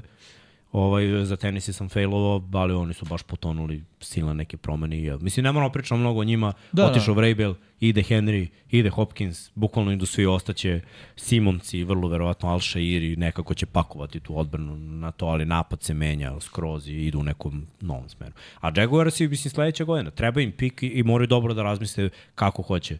Za Dagija je ovo vrlo važno da, da, da izabere pravog čoveka. Pravog čoveka da koristi svoj playmaker sledeće godine. Možemo dalje. Ajmo dalje. Sledeći meč. Packers i Bersi. Vanja, ti počni, pošto ti insistirao na ovom meču. Pa insistirao sam zato što je važan bio meč na kraju za Green Bay Packers. Jer da su izgubili na ovoj utakmici, a nije, bilo je neizvestno, bilo je sve vreme povuci, potegni, da li će, neće. Na kraju jesu izvukli pobedu zato što su igrali bolji ofanzivni futbol, bolja egzekucija, bila odbrana se napokon pojavila što je bilo iznenađenje jer se nije pojavljivala čitave godine. Da podsjetimo još jednom da su Packers izgubili, propustili bi playoff vrlo prosto i jednostavno, ta opet na Lambo Fieldu ista situacija kao prošle godine. Ovoga puta su bili uspešni i pre svega zbog odbrane. Front seven je bio dominantan, napokon ti pikovi prve runde i Wyatt i Lucas Van Ness i dobro, Kenny Clark nije bio pik prve runde, ali je njihov tu godišnji veteran i Rashon, uh, Rashon Gary i kako se zove Quay Walker, svi su igrali. A nije bio to slučaj za Packers nekoliko utakmica unazad da je stvarno i čitave godine imali probleme s povredama, ali Jordan Love me oduševio. Jordan Love je pokid. Jordan Love igra kao top 10 Jones, quarterback. Jones i pokidu isto. Povratak Aarona Jonesa poslednjih mesec dana je ključ uspeha za Green Bay Packers, jer daje novu dimenziju napadu. To konstantno igra na zemlji, uspešno igra na zemlji. On je svaku u poslednje četiri utakmice imao preko 400 yardi na zemlji. Trčanje, pardon. I to je ono što je falilo zapravo Jordan Love. To je iz play actiona da može da ima lakši posao. Reed je bio sjajan na četiri hvatanja. Pronašli Boa Meltona, Malika Hita odjednom. Vix je takođe bio veoma dobar. Sve to bez Kristina Watsona. Vratio se Luke Musgrave, uh, Titan kog su prvog draftuli na NFL draftu. Kraft i dalje igra dobro. Sve su to Novajlije. I ja Jordan Love stvarno, tolika smirenost, do, toliko dobro donošenje odluka, sem ono kad je fumblovao loptu jer je loše premeštao kad je krenuo da trče, ali pored toga, savršena utakmica Jordana Love. Jeste, iskedo. I mislim i zasluženo idu u playoff. Zanimljivo su ekipa, mlada su ekipa, igraju u sistemu, mislim on je tu godinama u sistemu, napokon ga je shvatio. Klinci su odlični playmakeri, mislim ti kad pogledaš touchdownove, imaju dva, dva klinca sa po osam. Jedan je Stoltmore, jedan je mm. ruki, to je 16 touchdownova i dodaš ove druge mlade igrače. Stva- Stvarno je dobro s te strane. I opet, s druge strane, za, Bersu je ništa loše, nije loš utisak. Uh, osim egzekucije, koja je bila loša, jer da su dali, da su dali jedan touchdown, mislim, jedan touchdown mi je falio da i dva pojena da ovo bude egal. Što znači da, mislim, odbrana je radila svoje, malo su usporili Packerse. Ti kad dozvoliš 17 pojena, bez obzira na ove jarde, jer su dozvoljavali mnogo jardi i, i mnogo vremena da Packersi provode na terenu, tu je malo odbrana zakazala, ali su opet odradili jako dobar posao jer su primili 17 pojena. Napad je mogao da bude bolji, pre svega trčanjem, ali što je Vanja rekao, odbrana Packersa se pojavila ovako dva puta god, u ove godine. Protiv Lionsa na Thanksgiving, hmm. tad su čepili Lionsi, ništa im nisu dozvolili i sada. Jer je jako teško da kad nemaš dve sekunde u džepu možeš da kompletiraš. U ovom sistemu, ovaj sistem je jako loš. Online je jako loše koučovan. Mislim da nije loš online. Ali mislim da, ima da, da, talenta da, poprilično. da, da, nije- mislim da, mislim da su loše Pa da koučovani su dobili hotkaz. i da, su, da je sistem takav da ako online ne izdrži 3 sekunde, da, da drži 3, 3,5 sekunde, ti nema šta da tražiš kao kube mm. u, u ovom sistemu. Jer ništa ti se neće razviti i previše riskiraš, a vrlo verovatno da dobijaš coaching ne bace ako nisi siguran. Znači, on ti ako mora budeš siguran, a čekaš i čovjek ti je vremena. ovde na pola metra, onda najbolje spakuj loptu i budi seko. Što je opet jedan vid sazrevanja. I kad pogledamo ono, 150 yardi skoro, 11 u 16, u porazu na jedan posed, nije to loše i to je neki vid sazrevanja. Da je moglo bolje, moglo je mnogo bolje. I moralo je da bude mnogo bolje, ali opet sezona 7-10 nije toliko loša, jer ako uzmemo tih poslednjih 6-7 utakmica, tu su izgubili samo dve. Tako da zbog toga Iberflus zadržao posao, ali vrlo verovatno je dobio uh, naredbu da mora da menja trenere ofanzivne linije, da mora da menja ofanzivnu koordinatoru i da oni moraju da izgledaju drugačije u napadu. Ali su ono dobili što, otkaz. oni što je, ono što je dobro za njih jeste da su pronašli odbranu. I sad jedan Da, da. deo lopte je dobar, što nije bio slučaj u prethodnih godina. To je stvar zašto je Iberflus i dalje tu, a Staley nije u Chargersima. Znaš, Iberflus je odbranu popravio u drugom delu sezone, mm. realno. Odbrana sa najviše Doveo je. oduzetih lopti. Doveo je tri Tako je. igrača koji su u potpunosti, naravno tu su i ovi mladi, Stevenson je odigrao vrhunski Da, da, da, ruki, pa dodaj Briskera Jalen i Johnson. Gordona. Ej, zbog Johnson toga oni i ne mogu GM-a da otpuste, znaš. I onda ima nema Pa neće, smisla. pa neće. Pa ne, kažem, i znaš, nema smisla, pogledaj doveo je draft. dva linebackera, Dobar. doveo je Sveta, mislim, napravio si priču. I sad je veliko pitanje za trenera, pre svega, o njemu je ono, ovako, na, na koncu, odluka.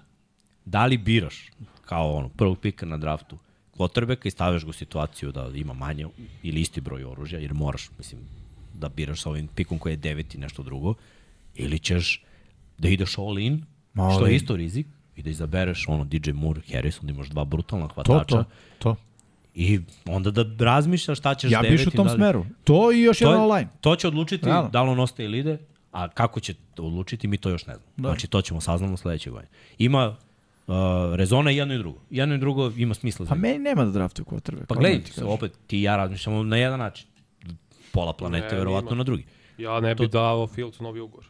To je samo zbog kepa. Jer ti sebe, ako Kad njemu ističe ugovor? Sledeće. sledeće godine Samo moraš da daš. jednu godinu. Pa znam, Ove pa- godine nemaš, ali veruj mi, nemaš sledeće godine takav izbor. nemaš ni draftu. ove. Nemaš ni ove. I Kevin. Williams ima šest pobjeda, tako? To, ne, to, ajde ne ulazimo u to. Ba to, ne, to, ne, ne, to nećemo da uđemo u to, ali to imamo- su imamo mačketine u džaku, zato Imamo ne moramo da pričamo da dolaze ono, the next chosen one. Ne dolazi, brate, veruj mi. Ja, ja iskreno, ja ne verujem samo u prve pikove na draftu. Mislim da, da je to ono, jedna, jedna velika laž, jer quarterback prvi pik na draftu, ne, ne, ne, quarterback prvi Quarterback, pik na quarterback, ne, draftu, ne, svi ostali se da. isplati jednom u 10 godina. Uglavnom su najbolji quarterbacki koji nisu prvi pik na draftu. Lorenz, Pa ne isplati nije. se, kako, jedan, jedan playoff. Isplatio se Burrow od prvog pika na draftu. imamo tu jer Vanja i ja neke, ali posle možemo... Možemo No, i biće, ovo će biti sada- zanimljiva priča za Berze i sve ove Samo, ekipe samo kasnije. kratko, jer Vanja i ja smo imali, imali smo neku diskusiju oko toga. A, se, a, ajde ovako, Jetsi su izgubili utakmicu i izgubili smo šansu da uzmemo, je li tako, Lorenz? Lawrence. Da li bi nam bilo bolje da smo uzeli Lorenza na tom draftu? Da li bi sad Jetsi bili na nekoj boljoj, Vidi, boljoj situaciji? Jetsi sa je Rodgersom nemaju dovoljno vremena da, da quarterback odredi šta treba da odredi, veruj. Dakle, ne bi nam se promenilo ništa. Ne puno, ne, misli, bili bi su u sredini. Sa ovom ofenzivnom Ne linijom ti je sve jedno, znaš, može i... Ti fundamentalni problem. Da vidi, Jest. zato što pa jeste, Pa ne, jeste, nego to zato što ne, nego smo pričali ti i ja još onda gde moja teorija je dalje da nećete samo quarterback spasiti. Ne može samo da spasi, ali ne znači da ne možeš da nemaš Podići će quarterback. ti nivo na viš, o, igru na viši nivo. To će ti uradi dobar quarterback. Znaš, bit ćeš malo bolji. A koliko bolje, zavisi od konkurencije, zavisi Jasno. od Od delića situacije, pa i od ofenzivne linije, ono što smo pričali, moraš srediti E. celu ekipu. Ali za napad moraš da kreneš od sistema i ofenzivne linije. Zašto, to je zašto, nego što pređemo na ovu temu, uopšte ne pridajem pobede college quarterback koji ima toliko, jer sam vidio jednog Meka Jonesa sa elitnim talentom. Pobeđuje i on je ništa. Ja sam video Caleba Williamsa da ima 72 touchdowna u dve godine sa prosečnim talentom.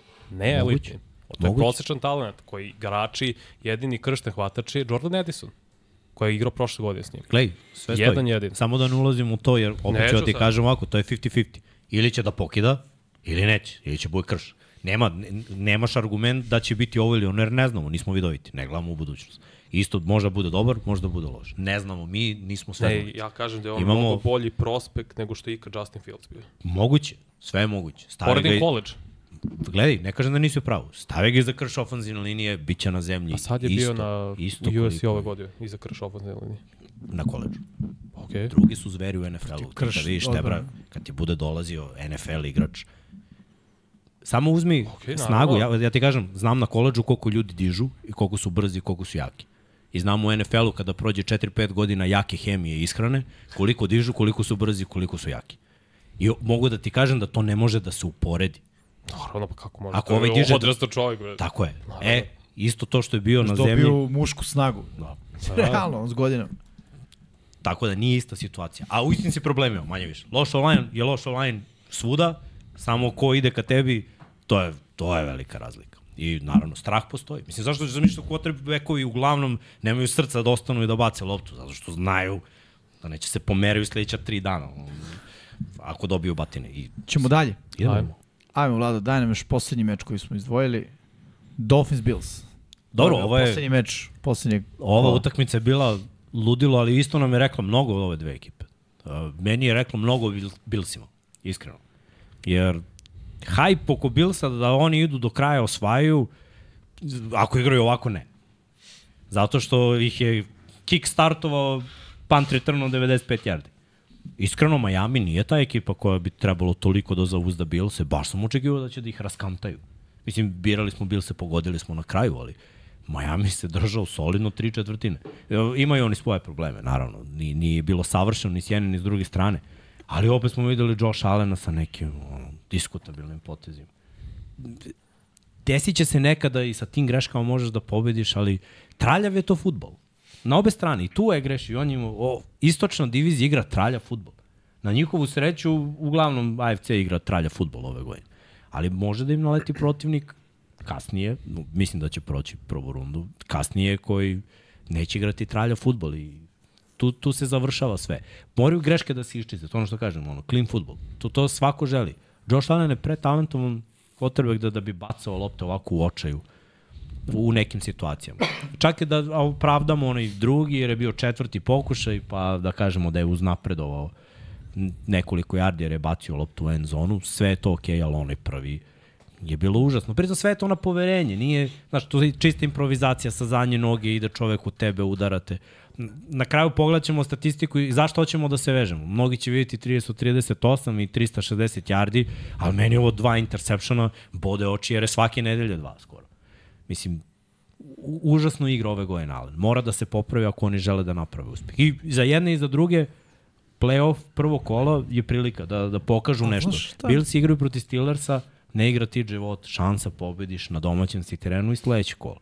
Dolphinsi, mislim, pobedi nekad ekipu koja ima dobar skor u AFC-u. Pet, Nek, jednom. Patriotsi su pobe, imali ove godine više pobeda protiv pobedničkih ekipa Znam. nego Dolphins. Problemi, ali to je choke. Dolphinsi chokuju. Vodili su na ovoj utakmici, Jesu. dozvolili su touchdown specijalnog tim, tima i na je. kraju opet nisu, kao i ove, ova utakmica kao u Frankfurtu. Malo drugačije se sve dešavalo, su Chiefsi bili dobri, pa Dolphinsi se vraćali u drugom poluvremenu, ali manje više, traljavi Chiefsi protiv Dolphinsa koji dobijaju šansu i e, ništa. Pa ne Ovde loše. traljavi Billsi koji dobijaju šanse, Dolphinsi na kraju imaju svoju šansu i e, Znaš kakav futbol, ja mislim da igraju Dolf, uh, Bills, izvini, Vanja, samo ovo da kažem. Uh, kao Golden State Warriors. Probaj, brate, da šutneš 500 puta. Statistički kaže da ćeš ubostiti 55 procenata, kad to pomnožiš, ti si pobedio, brate. Tako i oni, brate. Josh Allen, probamo 60 puta, brate. Realno, statistički gledano imaće 66% kompletiranih, ubošći neki touchdown, znaš, dobri smo, izgurat ćemo, e zato ima interceptione. To je posledica ono, Splash Brothers futbola. Dobro, sviđa mi se ta teorija, iskreno. Brothers. Ne, ne, nije mi se svidelo što su odustali od Jamesa Cooka na ovoj utakmici, to je bio Mhm. problem. Ali to će, Od, mm. to će da urade opet. to moraju To je da... znak slabosti, realno. To A nije- mora nije- da se promeni. To Setite- baš mora pod hitno da se I promeni. da se vratimo na par, ne, ne ovu utakmicu, mm -hmm. pričamo o njoj, da se vratimo u posljednjih par nedelja. Nakon nekoliko dobrih utakmica i pobeda, delovalo nam je okej, vratili su se. Uh, Mučno protiv Chargersa, mučno protiv Patriotsa. da, ej, to su loše Da, ekipe. To su da. loše ekipe. Mučio si se u posljednje tri i, i okej, dolaze ti Steelersi, to je najlakši protivnik kogu možeš da imaš, zato što ne igra TJ Watt. Igra TJ Watt, Drugačije. drugačija priča, jer su ti isti Steelersi isto tako loši sa Rudolfom i Wattom pre par godina dobili Buffalo Bills zato što je Watt mađioničar, zato što će lig da napravi pritisak kad ne očekuješ. Da, ali više Sad je lakše. razliku na ovoj utakmici iz, između vrhunskog. Ne, ne bih rekao da je ove godine Josh Allen užas. Ne može da bude užasno kad predvodi NFL po broju touchdownova. On pravi užasne stvari. On si užasne odluke, to je katastrofa, ima najviše Opet ti izgubljenih kažem, sve zavisi od toga kako gledaš. Gledam da ih je Za odveo pohvalu, do drugog Sve cilja. stoji, sve stoji. I, Da, čoveče, drugi su AFC. ne, ne, To je to, sve, to je- sve stoji. Nerealno. I opet touchdownovi i yardi, ali zavisi kako gledaš. Ja kad gledam potrebeka, prvo pogledam koliko ima izgubljenih lopti. I ako ima više od 10, po meni nije dobra sezona. Ako ima više od 20, onda je užasna sezona. Bez obzira na ove Koliko druge uspehe koje mu... Preko 20. 29. Interseptiona samo ili izgubljeno? Ne, ne? Izgubljeno opet 22, imao je 44, čini mi se, touchdown. To je, dupli, to je, dupli, to je dupli odnos. Znaš, to je Dobro, dupli 2 odnos. prema 1, da, da. Odnos To nije dobro, jedan. jer znamo vrhunske sezone quarterbackova koji su imali 30 plus touchdownova, jednocifreni Pa broj. znamo, imali smo i Rodgersa koji je imao 45 i 4. Mislim. Da. I- To je vrhunska Nerealno. sezona. Pa to je. I, sezona. ja po tome, sve drugo meni. sezona, ali e, pričali smo to, to je karakteristika NFL ove godine, da quarterbackovi iz nekog razloga imaju veliki broj izgubljenih lopti. Hurts isto ima preko 20 izgubljenih lopti, Mahomes ima veliki broj izgubljenih lopti, Tua takođe. I razlika je zašto je Miami izgubio, zato što je Tua Tagovailoa quarterback koji je prosečan. Kada nema vadla, kada nema mostarta, kada ofanzilna linija malo povređena, kada ne ide trčanje, to se muči. To ne može da kompletira ta dodavanja. Kada je Hill zatvoren, kada ima samo par dobrih hvatanja i veliki broj yardi, a opet je sveden ispod 100, to se muči. O odbranu i da ne pričam, odbrana se sjajno držala s obzirom da su povređeni oba edge rushera i nije igrao. Howard. Ne, odbrana odradila posao. Bilci su ovde dali, mislim, nije 21 poen dao napad. Da. Specijalni tim je dao touchdown. Tako da, kada pogledamo šta je sve odradilo odbrana, za njih pohvala. Za tu ne može da bude pohvala, jer, mislim, očigledno je potreban savršen scenariju da pobediš. Pritom igraš kod kući. Mi- Ako na Floridi nećeš da ih dobiješ, kad ćeš? Kad ćeš i gde ćeš. Mislim, to. Pa i Tako nisi da. u poslednjih 10, jednom si ih pobedio. Pa dobro, ali on ne mogu to da računam, jer drugi coach, drugi quarterback koji nije tu igrao 10 utakmica. Mislim. Dobro. E, niz stoji, ali je... Dobro igrao je 8. 7, 8. Pa nije. Jeste. Bio je povređen, dobio potres mozga na jednoj. A Nije da, igrao u upravo si, da, upravo si. Da. I, Znaš, nije igrao svaku, ali opet njima je loše kao franšizi, ali njemu ne mogu da pripišem baš svaki poraz. Ćemo da pogledamo ostale rezultate ove 18. Ajde. nedelje. Da pretrčimo kroz to. Dosta utakmica koje nisu imale neki pretrani značaj, dosta utakmica Da. koje su bile jednostrane. Do, Očekivali da budu jednostrane, bile jednostrane. Tako da, ovaj, pušta vlada. Pregled, pregled 18. Svi rezultati. da. A pre toga kliknite like i subscribe. I share.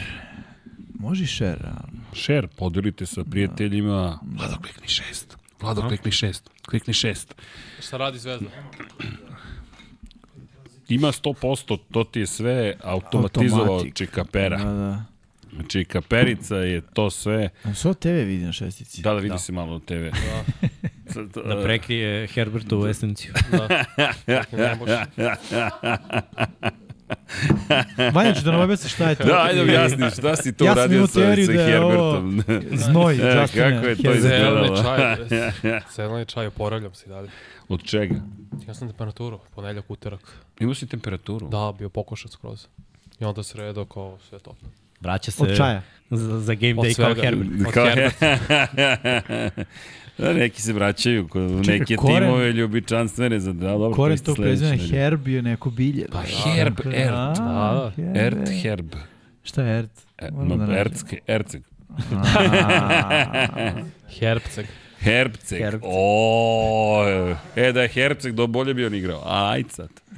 On igra dobro. On igra dobro, nego oj, što ste ga otpustili u decembru, on vam je pravio Da, problem. Srki, nisam ti rekao, uh, Da. igram Medan. I? I Ne, rekao si napravio sam svoju Sam se karijeru. zaboravio. E, Znaš kome je draftao? Ko? Jets. Tako je, tako zna se, ko Iz zna. nekog razloga nemaju Rodgersa u ekipi, falio mi quarterback. I? Pa, Kako se zove taj, kot- taj Jimmy quarterback? Sade. Jimmy- Lep, lepo ćeš se provesti za te ofenzivne linije. E, a, mogu ti reći E, lepo se provodim. mogu ti reći da predvodim ligu u interceptionima. A sam poboljšao zadnji deo sezone. Uglavnom, bit ćemo skor jedno tipa 6-10. Podigo broj minuta po, po četvrtini. Nisam. Nis. Ali sam počeo da igram bolje sad. Malo sam Da, gledao YouTube kako igrati bolje. Možda bi bilo zbog statistike. Ja, pa da. Da. Baš je nerealno na šest minuta. Koju- Jeste, jeste. Mada mislim da i ostalima ima. Ajde. Puštaj, Vlado, slobodno. Mi ovo popunjavamo E, vreme. Steelersi ti dobili kažem. Ravens 17-10, to, tom pobedom ušli u play-off zbog poraza Jacksonville Jaguarsa. Opet po pljusku solidna utakmica, ružno za gledati, ali za njih vrlo važna i ulaze u play-off. Ravensi nisu igrali sa svim starterima.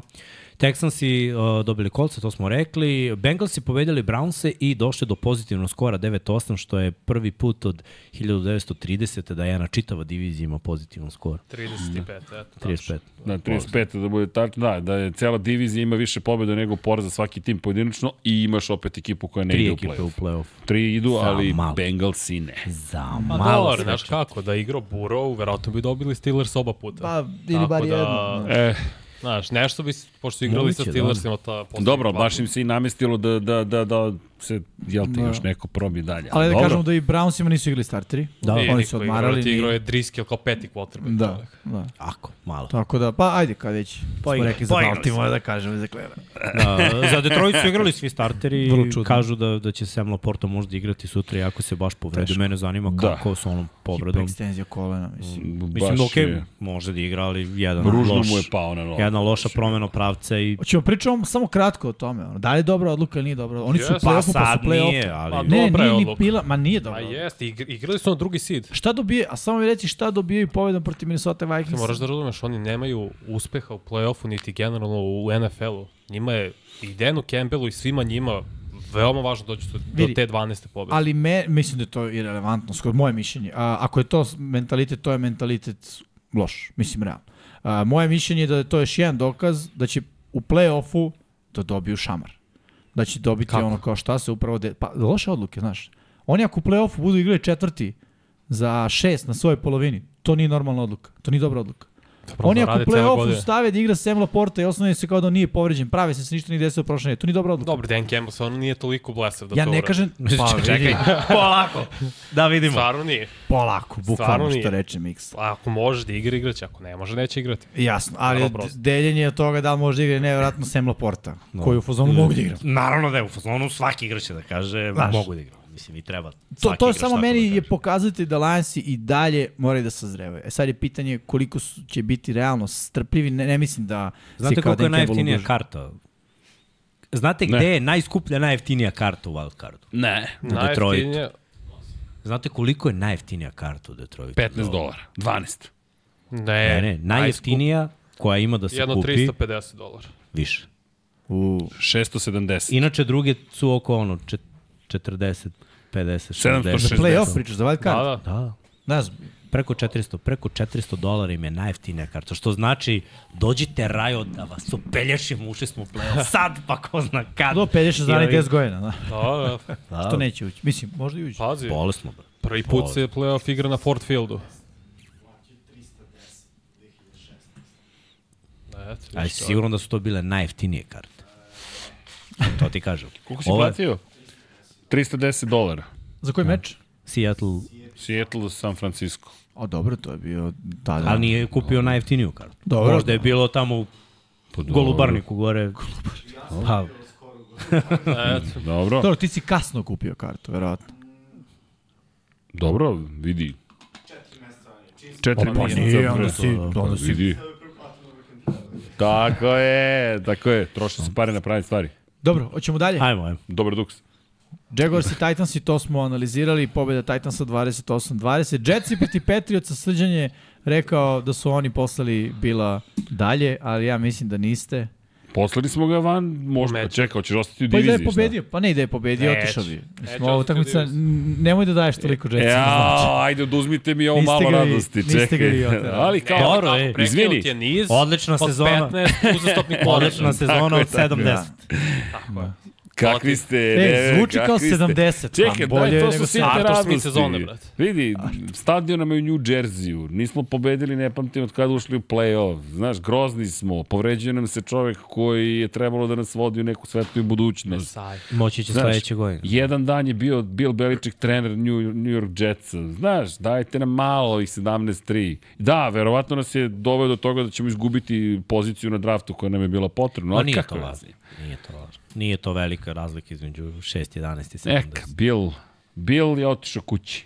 Bill has Gde left god building. kuća bila. Ali niste jedini koji su poslali trenera van ekipe i Na tvoju Saintsi. radost? I se nije moja radost, nego mislim samo očekivano je bilo da kad čovjek ne može da u tri sezone pređe 7 pobjeda da dobije otkaz. I? Pa dobio je otkaz. Ne, Ali kako vam se dopada cela priča na kraju? James što je rekao da je cela ekipa to odbila je- da kleknu i samo To uterala. je slabost Denis Allen. A to to mi on da, treba, da. I on treba da dobije otkaz isto. Da, Ovo što je on je ostao, preživeo, samo to čekamo prvu polovinu sledeće godine da bude oni i Iberflu su kandidati već sada. Pa ne, Da, ali jeste, kad trener ti ne, kaže uradi X, ti uradiš Y. To ti je slabost, to ti je ono kao, Znaš, o, o, ne, ne ide. Ovo ti je tipičan da primjer kad ne možeš da raskineš da je kao pa ajde imamo probleme, ali još malo pa neka potraje. Brate, to ne valja, Radit nema ćemo na krpljenja tome. više, brate. A, on, Seci, sk. on da je, da je, e, da kažem, pravi, on bi trebao nakon te utakmice se zahvali Jamesu Winstonu i da kaže ekipi, to je GM-u ugovor raskidaš. Ne može James Winston donesti tu odluku. Realno, ne može donesti odluku. Slažem se. Pritom odluka je jako ružna, baš nesportska. Pa mislim, pazi, jeste, znaš šta je problem? Što su stali u pobedničku formaciju pa je u, u, u postigli touchdown. Da su stali u formaciju ti da, kažem. Znači, da je idu na touchdown. Pa ja pričam, to je nesportski. Da, Da, da. ideš u formaciji za kneel down i ti odigraš trčanje. Baš nije cool.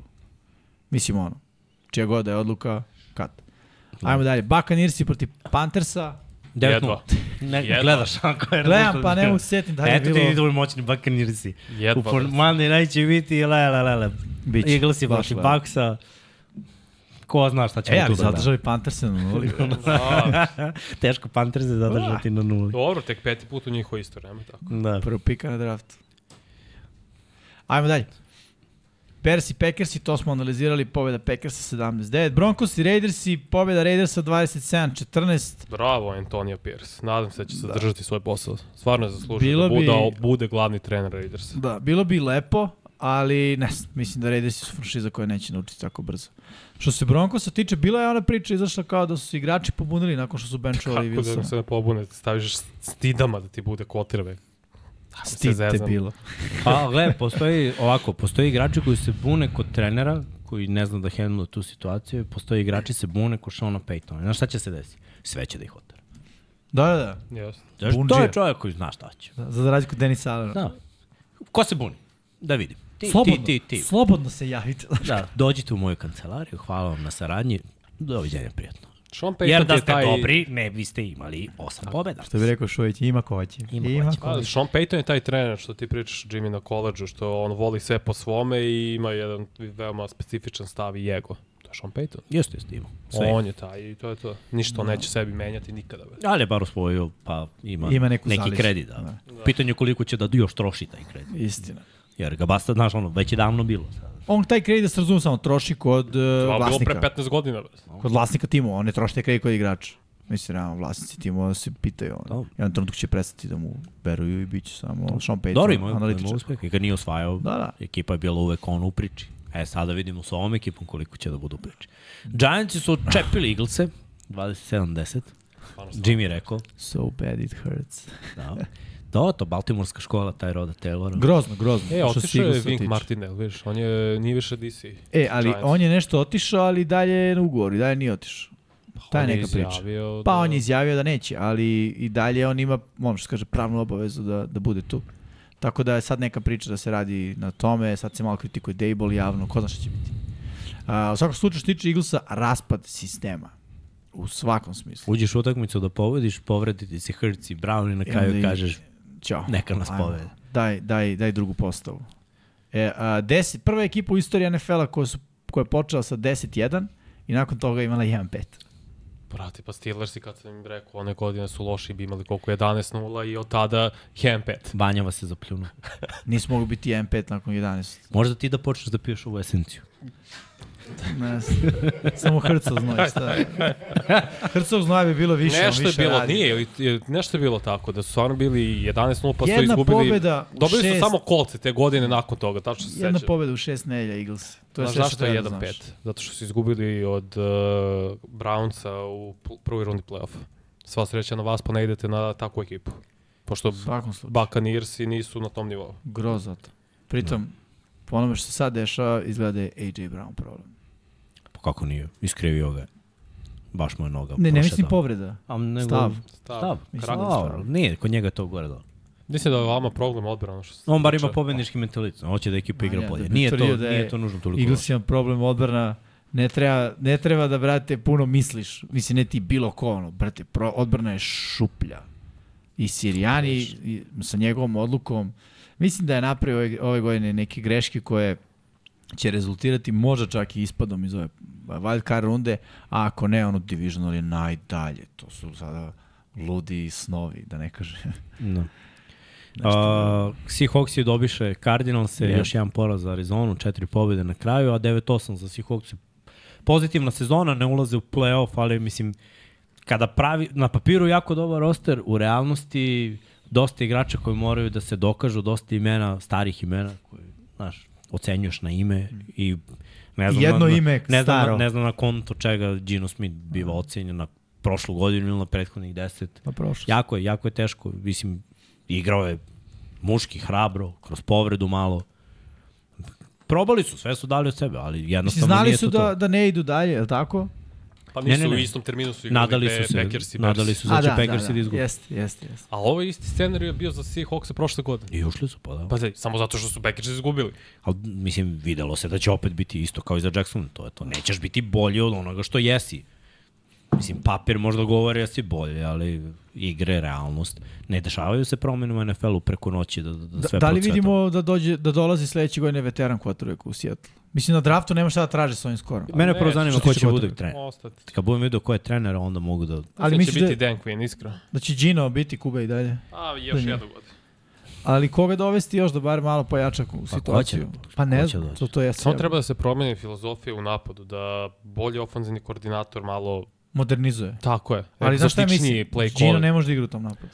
No, nek Gino bude Ryan Tannehill, nek se forsira Kenneth Walker, ne kažem da je Kenneth Walker Derrick Henry, da se razumemo, ali da. više trčanja, imaš Ali- dvojicu running backova, forsira i to. Ali mislim da, da Gino nije taj, znaš. Gino je Zach Wilson u tom sistemu. Pritom ono da vam kažem da nije samo napad uh, problem. Dobro, Odbrana jeste, je- slažem se. Ima imena na sve strane šuplje. bre. Ali vidi, Bobby Bobby je završio, Quinn- verovatno karijeru. Nije, rekao je Bobby da igra i sledeću godinu. Pa, vrate, Ali mislim to bi Dan Quinn to šteti popravio. ekipi. Znaš, Možda. to bi Dan, ja mislim da bi to Dan Quinn ima mlade cornerbackove, izuzetno talentovani i Woolen i Witherspoon i Quadr Dix i Svi dalje su oni koriste. talentovani. Nema samo, pravi- Rushera kao što je Mika. Mika Parsons. E, samo, to samo fali. protiv pravih ekipa niko nije primećen, niti talentovan ne primete se. Da, coaching. To Ne stavio mora... tu najbolju situaciju.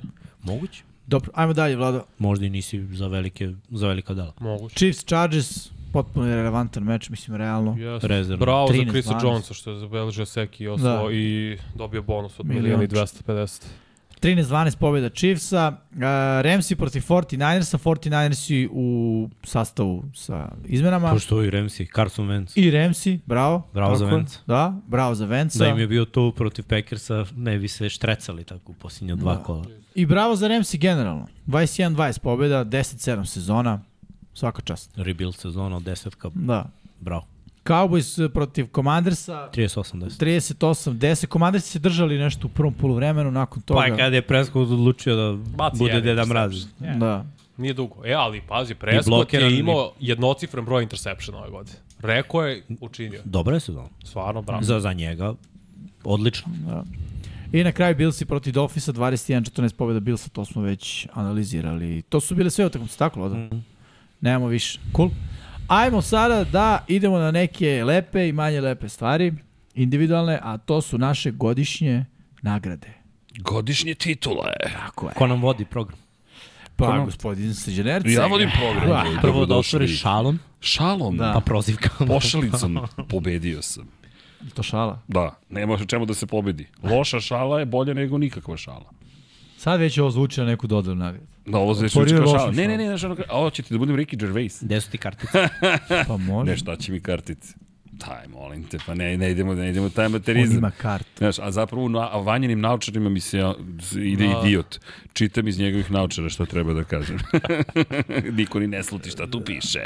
Uh, ne, idemo na heroje, džokere, ne tragičare, pa ćemo posle na rezultate našeg, uh, na, Da, da, naših prognoza.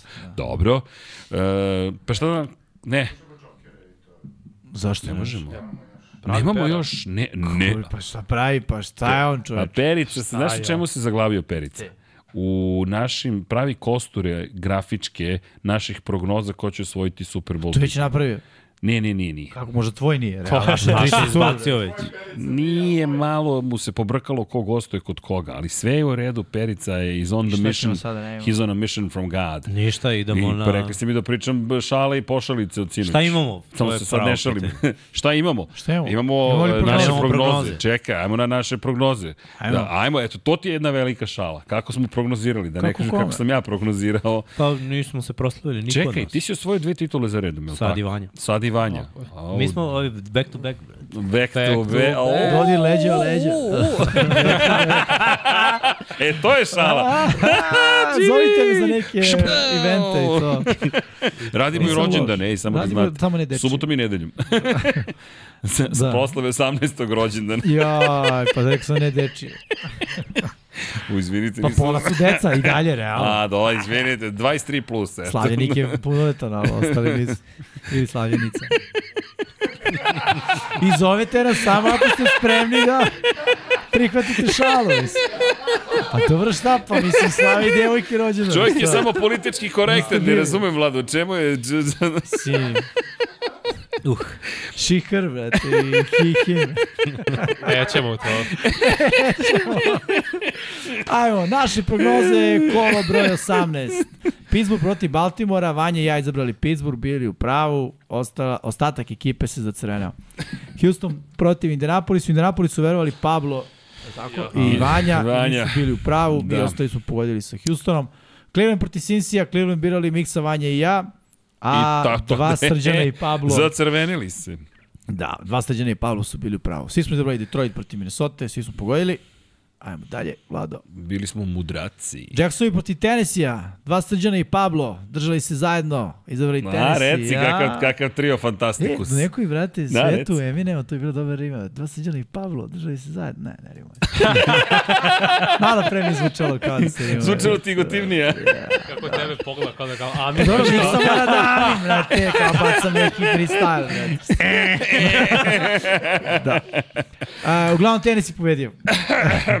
Jetsi protiv Patriotsa, ne vidim ko je biro Jets. Stvarno ne vidim ko je biro Jets. A, ne vidim ko je Džiro Džete. Zna se ko je bio Džete? Dva srđana. Dva Veliki Srđana, i bez mali Pabla. Srki. A, Do, pa, tu nas je izdao Pablo. Ovi zeleni. Tu je pobegao, Dobro. ali... Vas dvojica, bravo. Ali. Jetsi, for the win. Saints smo birali uh, veliki Ti, Vanja srđan i Vanja veliki i, Srđan. ja bili u pravu, a Atlanta failovala Pabla, Ercega i Miksu. Tampu smo su izabrali. Pabla Ja svakog kog sam izabrao trener da. dobio otkaz. Ako želite da vaš trener bude otpušten u poslednjem kolu, javite se Miksi. Si birao i Patriots? Jesi. Broj- Da, vidi. A, ovdje si Jackson birao. Da si Dobro, birao tenis. polako. Da, E, da ti uzmemo broj 0800 Miksa. Što 08? Znaš, Aha, da, hot, da, hotline. Ej, trolujem pa ga, hotline. moram ti reći ga trolujem na Instagramu. I Iver plus polako. Ček, vrati, vrati, vrati, ček.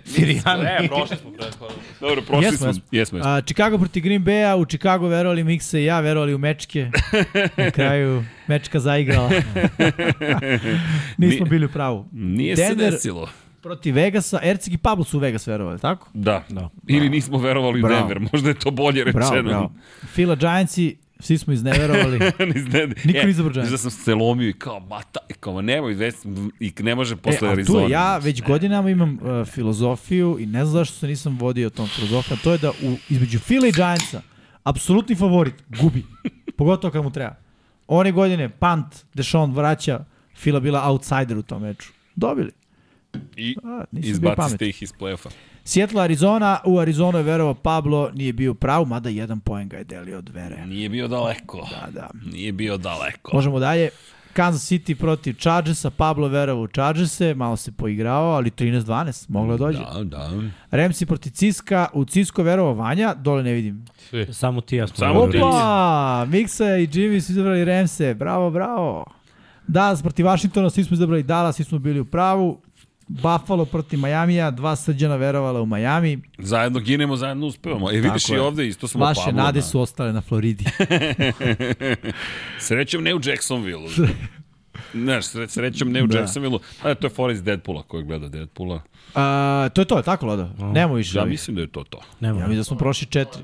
Četiri I sad kako izgleda tabela? Kad čeka, a, Nemamo ni tabelu. kako nema tabela? Ima 100%, to ti, to ti se generiše, to ti, to ti automat E, radi. Petre, Što ti Petre. nije, nije, nije Pjerica Ime je to dedina. sigurno, sigurno izmontirao. Ne, Ne, ne, ne, pre ne, toga. pre, toga, pre, pustićeš i toga, to. pre toga. Imaš i Ranjor Pur. Da, treba nam i Ranjor Pur. Ranjor Pur moramo da imamo ko je bio šampion regularnog dela sezone. Što ne znači da je Mi u završen play-offu Ranjor vodimo Pur. dva, ra- računamo kao ranjor pool ili ne? Ne, nikad. Šta kako? Da, to je dobro pitanje. Nikad nismo. Što bi Ne, Pa ja sam, ne, vi ste nismo- šampioni regularnog dela sezone. Ja sam bio po- jedini koji je pobodio, pobe, po, Ali nismo pogodio. E, ali Računali Vanja, na dva, Ranjor Pulu piše da. broj pobeda. Da. Tako da ćemo gledati broj pobeda. Mara Da. se samo sabrati, Ali a se mi više krećemo od nule. boduju utakmice u play-off. Znam, znam, ali nemoj, to su Ali mi to poeni. nikad nismo radili. U, Da, na da, Ranjor Pulu imaš pobede i poene. Mi možemo da držimo broj Da, da, da, pobeda da nastavimo. Ne, nema, samo... A da li možemo da restartujemo counter na Ranjor Pulu za playoff? E, mislim da ne. Ne. Mislim Pošto mi da nama ne. restartujemo, tako? Mi krećemo od nule playoff. Da, da. Ne nastavimo da... dobro, po- ljudi Dobro. su radili prošle godine ovako. Da, Dobro, okej. to, to, to, to je pravilno. Da ne izmišljamo sad nešto. Pa da. Dobro, može. Ajde. Da komplikujemo Vlado, jel, ga- jel, di, Daj ran. Daj run your pool. Rip. Ne, na, Ne, ne, naš Runner Pool, to ne. nemamo. Ne pomijamo. To ne postoji. To ne postoji. Mesto broj 1, bravo Kansas i bravo Džikara, 187 pogodaka, 85 promašaja. Bravo ljudi, delite prvo mesto, prva nagrada će biti podeljena na pola. Pa nije, delimo na kraju. Znam, šalim se. Bogdan S1 je treći, jedini ima 186-86. Uh, Kobayashi? Ne, ne, 1911. o- 185-87, pa onda Kobayashi 183-89, e onda kreću momci sa 182-90, o, i, ili devojke, i momci. El Diablo 20, He Hate Me 17, Magellan, Miho i Steelers. Novi Nikovi. Pa onda Gangula Lagano Gde je Gangula bio cele 181, godine, 91, Traktorka 181, 91, Boris Wu, Ciceron Zaplinski, 180, 92, kao i Emir Luin I Gaš. i Gaš. A, Pera izbacio tačke, vidiš? Sa više nema. Bravo, Pero. Izbacio tačke, ali nije izbacio naše prognoze. E, imamo grafiku za šampionsku tabelicu. Sad će Perica da pošalje, da, da, da, ma ne, pje, Pjerice, nego konačni, konačni rezultat naših prognoza. U komunikaciji smo sa Pericom. Da. Da. Dobro. Ajmo mi Sad ćemo to onda da rešimo. da ne čekamo, mislim. Ma vratit ćemo se na to onda. Vratit Pozor, Ajmo da... Nemoj da vanji da ne proglasimo pobednika, Pa to je, to je ne, važan sigurno ćemo trenutak. to A je te. kruna? Da, a gde je kruna? Izduvala se. Ja znam. Evo je, nije. Ja, čekaj. Ja, čekaj. Kako može kruna da se izduva? Može. A znam. Za Burger King, baš. Ko će da Prošlogodišnji duva? kralj, ko je bio? Ko je bio prošlogodišnji kralj? Vanja. Onda duvaš. Ili Da, back to back. Pa ne, to je... Pa jeste, mislim. Prošlogodišnji kralj naduva ovogodišnji kralju krunu. Jednostavno. Moment krunisanja. Ricky Sunday. sreća da prošlogodišnji kralj nije kraljica. Jimmy Republikanac. Mislim da je zaključak... To je kao moment predaje krune. Vidi, evo, ja ću kao najgori, nema problema da prostiš. ne, Ne, moraš uopšte, daj tako. nije, jesi siguran? Ne, Sigurno baš tako, Nemam da problem, kralju. ne moraš da me snimaš dok to radim, da, da se razumemo. Ipak je to intimni moment između njega i krune. To je jedino kad ću pipnuti krunu.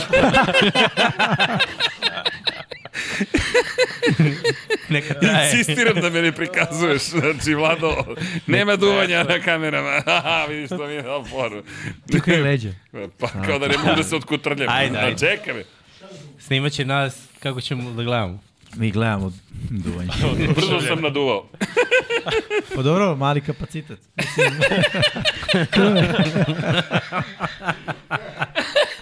Ne vredi, stvar. Kralju. Vanja, stavi to na glavu da prestane sa... Ovo kao Napoleon sam sebi Porasla kruniše. kruna. To je to. To, Da, se raščepila kruna. Da, ja se ne Treba nam nova, realno, mislim. Nabavit ćemo za sledeću godinu. nabavit ćemo novu krunu. Ići ćemo u Berlin. Dajmo To, to, to, to, to. Dobro. dobro, dobro. Kao kip slobode Idem ja u Berlin. Ali dobro. vikend? Da, eto, pa donesi nam krunu. Može. Vikend je počeo. Koji vikend? Koji vikend? Za koji, za koji? I je e, semafor prognoza se zove, da znaš, Vlado. Znači imamo, spremno. Kupili smo vreme. Ima, kupili smo. Ne, ne bilo je, nego samo ne, ne, nije, nije, nije pogodio Vlada da je semafor prognoza. Inače, ako vas e, zanima čiji je OCD, ovo je ovde. da, to, to Vladin. Nikad nisu E, bili a sređeni. ima da neke, su- nešto sakriveno u brojima, da li se sabiraju, oduzimaju? Ajde vidimo. Ne, Znaš, Neko će Znaš, možda da, koja, šta ti zapravo, ti ovde nama poručuješ, Vlado? 12 15. 12, z- ti si Brady, Kelsey, Mahomi, šta je, koje su poruke? O, Opa! o idemo! I aplauz! e, Aplauz za Vanju, koji je na kraju imao dva, po, dve, dve pogodka prednosti u odnosu na Srđana. Buffalo Jimmy, me spasio. Buffalo, a? Cijele, cijele godine, brate. Uf, najbolje Ja sam čekao Jimmy, mislio sam će uleti, Mik sam i bio malo više onako... Ma, brate, nije bilo šanse. Ne, Dom Pablo nije loš, ej, ja sam bolji od 50%, tešim se. Dva kola pre kraja, tu se, tu Bilo se je za mene napeto. slomilo. ej, 11 pogodaka u ovom kolu. Ne, bravo. Ne, nekad Bravo. smo jurili svi preko 60%, to je bilo pre par godina. Mislim. Dobro, ali nije samo godine. to. i bilo i prošle, nego najgore stvar koja se desila ove godine za sve nas, što smo imali uh, ono, više nedelja sa jednocifrenim pogodcima. Da, da. Svi. Što Da, gde je najbolji imao fazu Da. 9. Brate, I onda imali smo nedelje po po 4, 4, 5, 6, da. 7, to se nikad nije desilo. Da, da. Što znači da smo krenuli sa uh, ludaškim Divljanjem. prognozama. Dobro, Nije kada predugo NFL. gledaš, Ovog što duva krune. E, zvanični duvač krune. Moramo, mo, znaš. On je bio sve manje s nama, a mi smo sve više bili kon. Sa njim. Da, nešto, nešto U ludilu. ludaško se desilo ove godine. Ali dobro, biće bolje. Biće bolje. Gore ne može, mislim, za nas. Stvarno. Realno. ali dobro, svaka čast za, za ljude Svaka koji čast. su učestvovali u Ranjor Pulu, znači realno prvi na Ranjor. Mi smo, Vanja bi na Ranjor Pulu bio de, negde Pa 20, 30. 20, taj 30, prosek. tako da. Dobro, nije A loše. najbolji je među nama. Respekt. druži- Družite se Loše, vi. Srki. Prošli put u ovo vreme sam bio drugi. E, ali sa Dobro. padom kvaliteta quarterbacka u NFL, eto i nas. Pa Mislim. da. Tiče prognoze. Zahtevam od svih koji učestvuju u ranju prvo da se druže sa Ercegom. Au, čekaj, kaže imate rezultat. Prođite godinu dana s Ercegom, pa onda da vas vidimo u prognozu. Ko preživi virus? Kao virus vlada gradom, neko je rekao, neko je pitanje bio za virus, nešto za vanju, nisam najbolji skontao. Svi smo mi ovde virusi, svako na svoj način, ali kaže imate 28-3 28-3, rezultat, da. da. A, da, da, da. Vidiš, vlada ima ovde poruke i ovde se i Boško i Marko isto vreme šalju poruke. e, Milan Runić, Erceg preko 50% successu. Ko Cincinnati sam, izvukao sam se u završnici. Ercik, Nisam još za otkaz. Ercik ti je onaj uh, top receiver broj 1. Baciš mu 50-50 lopte. o, hvala Bude, ti, ne bude. kako me vadite. Vlado, šta smo da. dobili Vlado, od ovog što nam treba? Može. Može. Daj bilo šta. daj šta daš. Da, ajde, A, ajde, da, ajde da zaključimo. Stanje u divizijama. Da, istočna divizija američke futbolske konferencije, dozvolite mi, molim vas. Jedini sam koji ima predstavnike ovde. Billsi na kraju, posle pobjede na Dolphinsima, zauzeli prvu poziciju, samim tim i domaćini su u prvom kolu play-offa u Super Wild Card vikendu, isti rezultat imaju kao i Dolphinsi, 11-6, u diviziji 4-2, u konferenciji 7-5, ali na kraju su bili bolji. Jetsi treća pozicija, to je, to je za nas, da, za nas još i uspeh, 7 pobjede, 10 porazi, Petrioci uz odlazak Bila Beličika, eto 4 pobjede, 13 poraza, Mislim da to zaslužuje neku posebnu temu, neki drugi put, ne sada, ali to je zaista kraj jedne ere. Velike ere. I deluje ne toliko neverovatno posle svega što se dešavalo prethodnih par godina, nekako je odlaskom Brady-a počelo da se završava lagano Da. i upravo se završilo. Kogoda da dođe na to mesto, čeka ozbiljan Šta, mislim da je počelo odlaskom Meninga? Realno? M- Misliš ubrzao cijela ta era, pa da, da, da. Onda da, je išao da, da. i Brady, evo Rodgers se još drži od te ere. Drew. Da, Drew Brees je otišao, tako je. Tako je. Staff, Stafford, ma nije Stafford, je Nije, mlađa ekipa, realno. Dosta mlađe. Ajmo dalje da vidimo ostale, ostale divizije. Srkević, ti imaš najbolji ugod, dakle, mislim. E, može, naravno. Sever AFC. Sever AFC-a, lagana jedna divizija. Dakle, imate 9 pobjed, 8 poraza, ne, niste treći, niste drugi, svakako niste prvi, nego ste četvrti, bukvalno strašno. Dakle, Ravensi zasluženo 13 pobjeda, 4 poraza, pa i ovaj četvrti poraz, budimo realni, to je, Pa dobro. jeste protiv Steelersa, jesu Steelersa odradili lep posao, ali ok, zasluženo, da, da ne umanjujem uspeh Steelersa. Browns 11 pobjeda, 6 poraza, neočekivano posle svega što To je se moj dešavalo. posao da Steelersima umanjujem da. uspeh. ne, evo ima dobar komentar Almir. Vanjar dominira ove sezone u svemu. Najviše prenosa, najviše pogodaka, najviše hejta, najviše hejta u lajvu, najviše Aleksa. hejta nakon lajva. Svuda. Ćao. Vidimo se, brate. ne, spomenuli smo Petrioce, ispakovao se demonstrativno i otišao. Eto, otera nam drugara. Ot, izvini, vrati se. Ali, da, ova divizija je zaista surova. Baš je žestoka divizija. Steelers je na kraju prošli u play-off 10 pobjeda, 7 poraza i Bengals, eto, pozitivno je u jedino što ima više pobjeda od poraza, u diviziji baš su teško prošli, jedna pobjeda i pet poraza, u konferenciji takođe četiri pobjeda, osam poraza, idemo dalje, možemo na jug da pređemo, Texans, ej ljudi, ovo je baš iznenađenje da na kraju budu najbolji u diviziji. 10 pobjeda, 7 poraza, Jaguars i... Uf, Lepo si rekao Miksa, baš, baš je čok bio na kraju. Šteta. Mora ali- neko i da čaukuje. Mora neko i to, tako je. 9 pobjeda, 8 poraza za Jaguare, kao i za Colts, 9 pobjeda, 8 poraza, nijedni ni drugi ne idu u playoff. Titansi, pa vreme je za promene, odlaze ljudi koji su ih i pretvorili u jedan od boljih timova ove divizije u poslednjih 5 godina, 6 pobjeda, 11 poraza na kraju, neka nova era stiže. Idemo i na sever, ne sever, izvinjam se, na zapad. Chiefsi, ponovo šampioni divizije, 11 pobjeda, 6 poraza, međutim pogledajte konkurenciju, Raidersi 8-9, Broncos 8-9 i Chargersi vanjini 5-12. Kamo Jima Harbo. Če... Treba nama takav sileđi jedan da nas dovede u red. čeka, pa bolje Da, onda da. Da dovedete. Pa ne, pre bi Harbor. Gde Dobro, god je. Harbi išao, promenio je da li college ekipu ili NFL ekipu na bolje ima uspeha. Gde god je bio. Tako Svo, da, Gore od ovoga, teško. Ne, I ne govorim ništa protiv tebe, nego može samo gore, baš je teško. Idemo na NFC. Istok, Cowboys, 12 pobjeda, 5 poraza, pripala im je divizija. Eaglesi, čudna završnica sezone, 11 pobjeda, 6 poraza, Giantsi 6 pobjeda, 11 poraza i Commandersi 4 pobjede i 13 poraza, ni jednu pobjedu u diviziji ove sezone. Jezivi. Nema veze. Nema veze. Detroit Lionsi, lepo, 12 pobjeda, 5 poraza, ispred Packersa koji su ušli u playoff, 9 pobjeda, 8 poraza.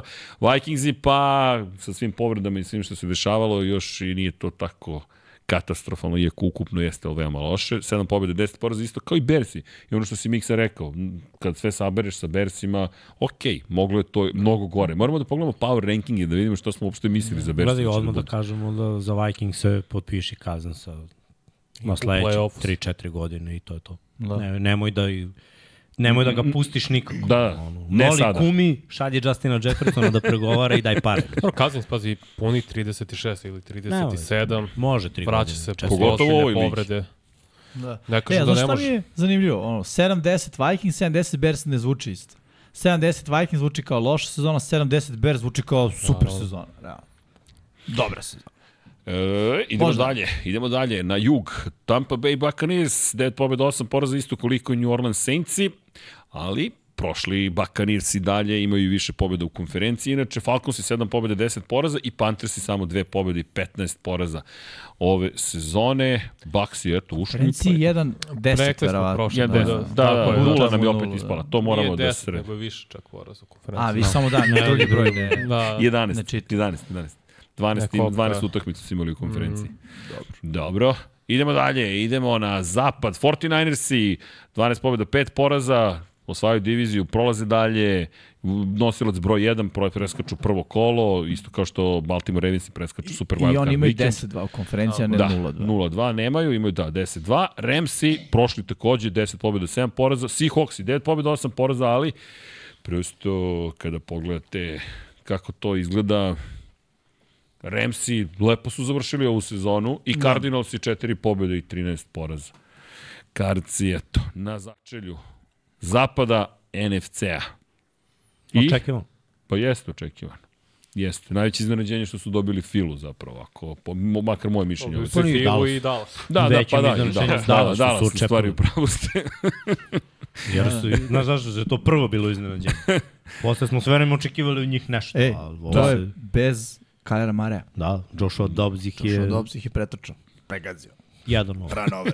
E da, Vlado, izvini, pa kaže Perac izvinjava, on je propustio semafor. Graci, graci. Semafor propustio perice, perice. Šta znači propustiti? Imamo, nemamo? Imam, pa prošli Ajde sam. Jimmy bio na- nestaje na to je semaforu, bio na žurci. inače. To je daleka prošlost. Na rođendanu je bio. Jimmy koji je semafor samo pravo. E, imamo li heroje, džokere, tragičare? Teška priča.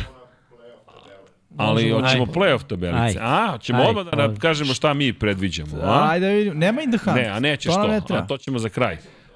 Pa to nam ne Ne treba. treba. To, znamo šta je play-off. Znamo da. A na, A, Ne, ne, Pogledamo- ne, nego, uh, a ćemo onda utakmice da najavljujemo. Pa, utakmice, Ajmo nema šta. utakmice, onda da najavljujemo utakmice dok nam Perica Eventualno ako pripremi. imamo grafiku kako trenutno izgleda play-off, pa da krenemo utakmicu po utakmicu. Da li imamo? imamo E, čekaj, čekaj, čekaj, čekaj, mislim da ima. Mislim da je Perica to napravio. ja. Pa ima onaj prazan jedan. Ima prazan, kako nema, bio i na Instagram. Ima 100%. E, taj se Instagrama, to... Evo, šaljem ti, Vladice, uh, to jest sad ću da ti podelim u digital. Evo ga. Pjas! Kakva live A? kolaboracija. Ma nema šta, ovo je tim. Collaboration. Ej, vidi, opa, uh, samo fit to screen. Cetrlf. Ctr... Ctrl F. Ctrl F. Evo Evo ga. Opa, playoff slika. Samo da znate, ove strelice su random potpuno. Mislim, ne znamo kog Da, gde ide. ne znamo kog gde ide, nije to- Ali samo je poenta krugovi strelice A kao... Peru još nismo dovoljno zarazili, još ne, ne, nije povoto Ovo je samo bacio X, X ox strelice. To je, meni to cool. Što. Ne, meni je Ima super. isprekidane strelice, ima pune strelice. Pera razume koncept igre. Da, da, to razume, nego samo ovo oko nosioca mu nismo pomogli kada... Egzekucija ga malo zeza. Jesmo, pomogli smo, kako ne, napisao samo ko je et, ko je vs. Ne, ne, na početku, ali ne zna u sledećem za nas kad je bilo. Nije ni bitno, ljudi. Sve je u redu, ovo je top. Da. Imamo ne- sa leve strane NFC situaciju. Pa neka Tampa dobije Eaglese, razumeš, ona ne ostaje nužno... domaćin. Da. Razumeš? Da. A ako Eaglesi dobiju, onda oni dalje su u gostima, ne, jest. to, to, u tom Normalno, konceptu. mislim, Da. gledaj, Najniži cilj na Lagano. 49ers. Mi smo to stavili- ne, ne, mi smo nije, stavili- nije zagarantovano fila ili... Mi ili smo Tako je. stavili ko je ko seed. Da, da, da, da, nego samo kažem još, Da. Peru nismo potpuno zarazili. Samo sam Ništa teo da dam strašno. ono, notifikaciju ljudima da znaju da Jako nije je teško kad neko ne garant. prati da zna to sa seedovima. Jeste, baš je zbunjujuće. A zato mi pratimo. Ali zato, sa leve strane NFC, s desne strane AFC. Tako je.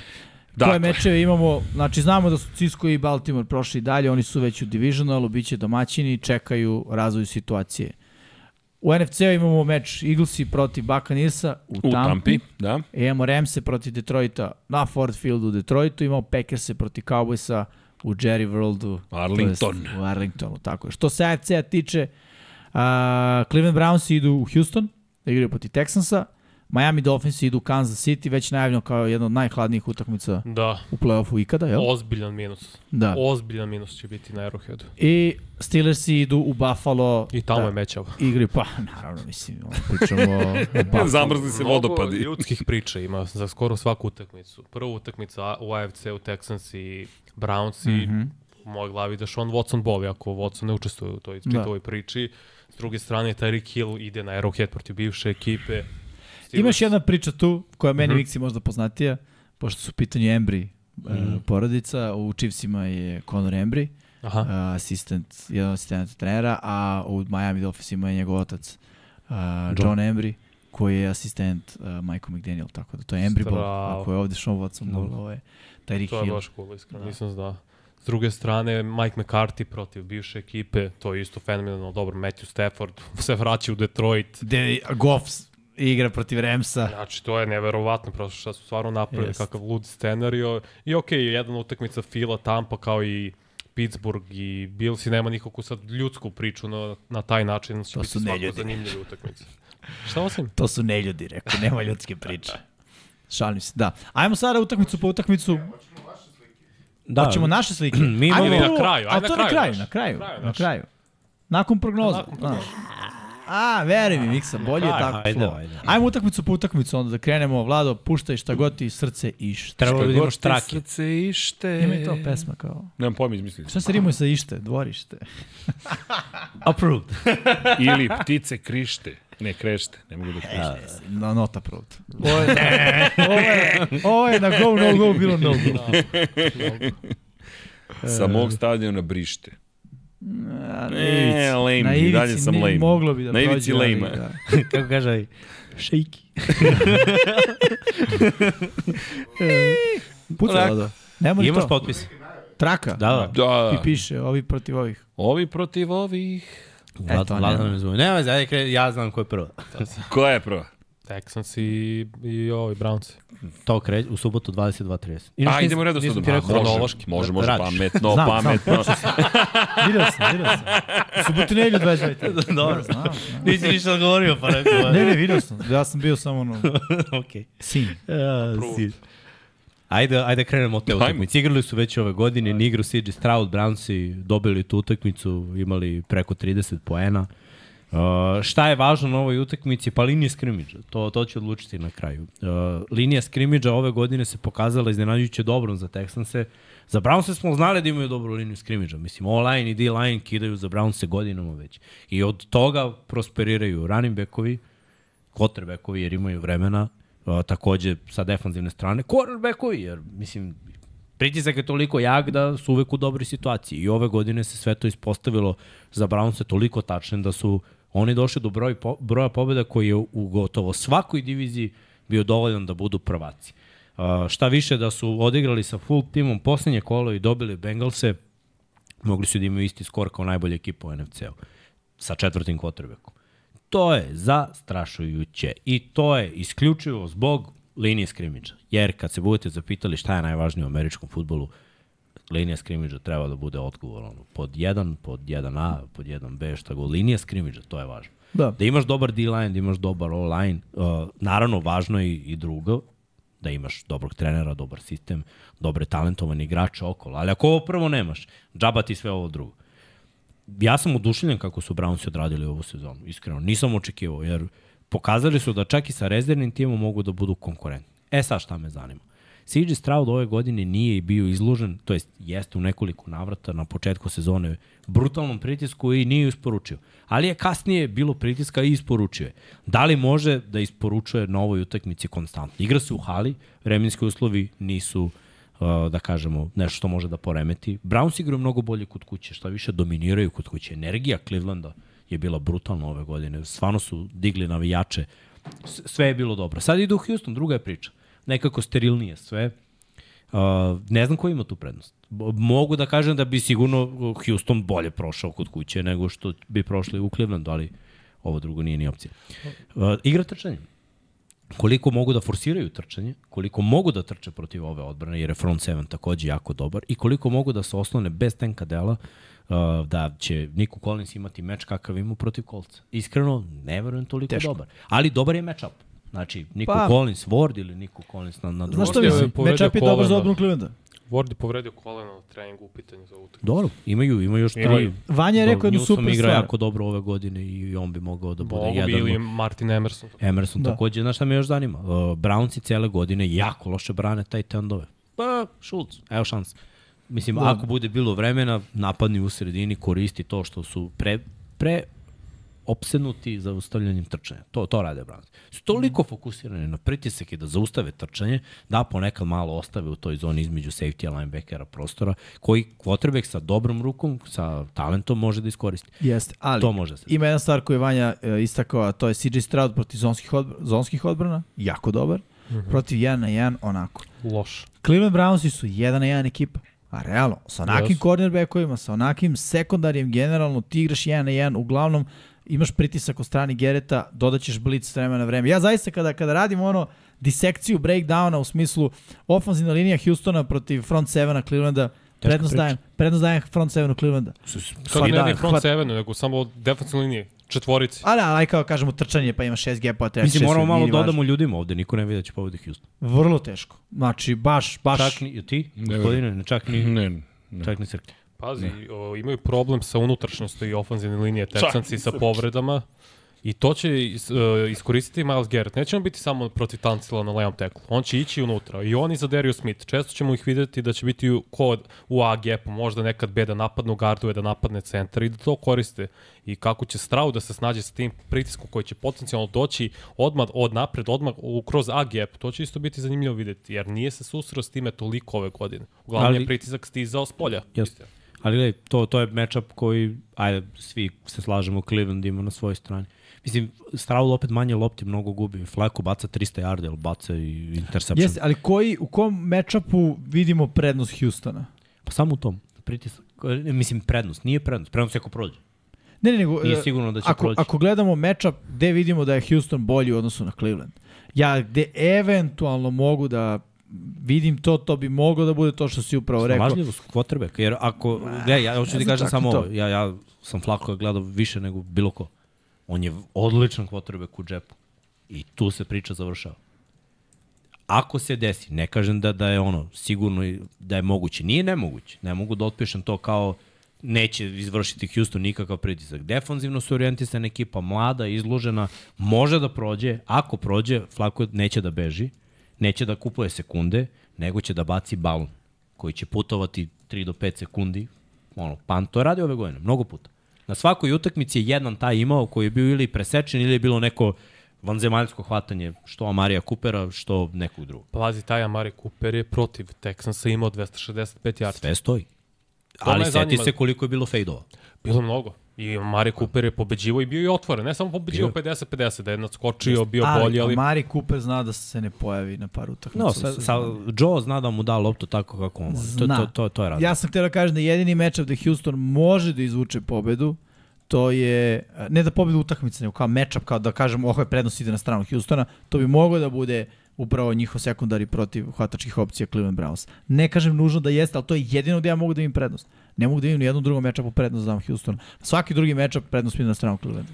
Moraju da budu agresivni, da napadaju loptu, jer Browns imaju 37 izgubljenih lopti ove godine. To je ne, meni To to nepojmivo. To im ja ne, ja ne, ja ne znam kad smo videli ekipu da je imala ovoliki broj izgubljenih lopti da je ušlo. Jeste, ali ajde da gledamo To je od kako je suludo. Flako tu, to je sada relevantno. Imali su Flako četiri, ima četiri veliki godine. broj. Ne, ne kažem da, da, da grešiš, nego samo kažem hajmo da pogledamo oni samo daju, taj oni, fokus. on ima 300 yardi, oni daju 30 poena, ali on izgubi 2-3 lopte. E, Tako igraju. Mislim, takav im je futbol. Jednostavno prolazi jer odbrana prebije protivnika na drugoj strani, a oni od tolikog pokušaja, ti kažeš Splash Brothers, od tolikog pokušaja nakon par interseptiona padne i par touchdownova. I mislim, kad tako igraš, mislim, sa quarterbackom koji će u pravom momentu da baci loptu kako treba, imaš jednog talenta. I ne Joko je, mislim, proceo to kad je. Tako tu. Tako da, ta, ta dva playmakera naprave ti razliku i na kraju ti pobediš. Mislim, sa odbranom ko ti donese još Flako par ima 8 interception. Mislim, Flako je odigrao možda svoj najgori meč protiv Ramsa, eventualno, ajde da kažemo, to je njihov bio najgori meč sa Flakom, ali to je bila njegova prva utakmica, ali tako? Je, ali tad je bunario. Znači, to, to je za njega, veruj mi, on pod pritiskom, mladi quarterbackovi pod pritiskom, panika izlazi iz džepa. Flako pod pritiskom, arm punt. Mm -hmm. Znači, bukvalno lopta nebu pod oblake, puto je dugo, ako je neko preseče, to je kao punt, ako je mi uhvatimo super, ako bude nekompletno post, nikom ništa. I to je način na koji on proba da nadomesti svoje nedostatke.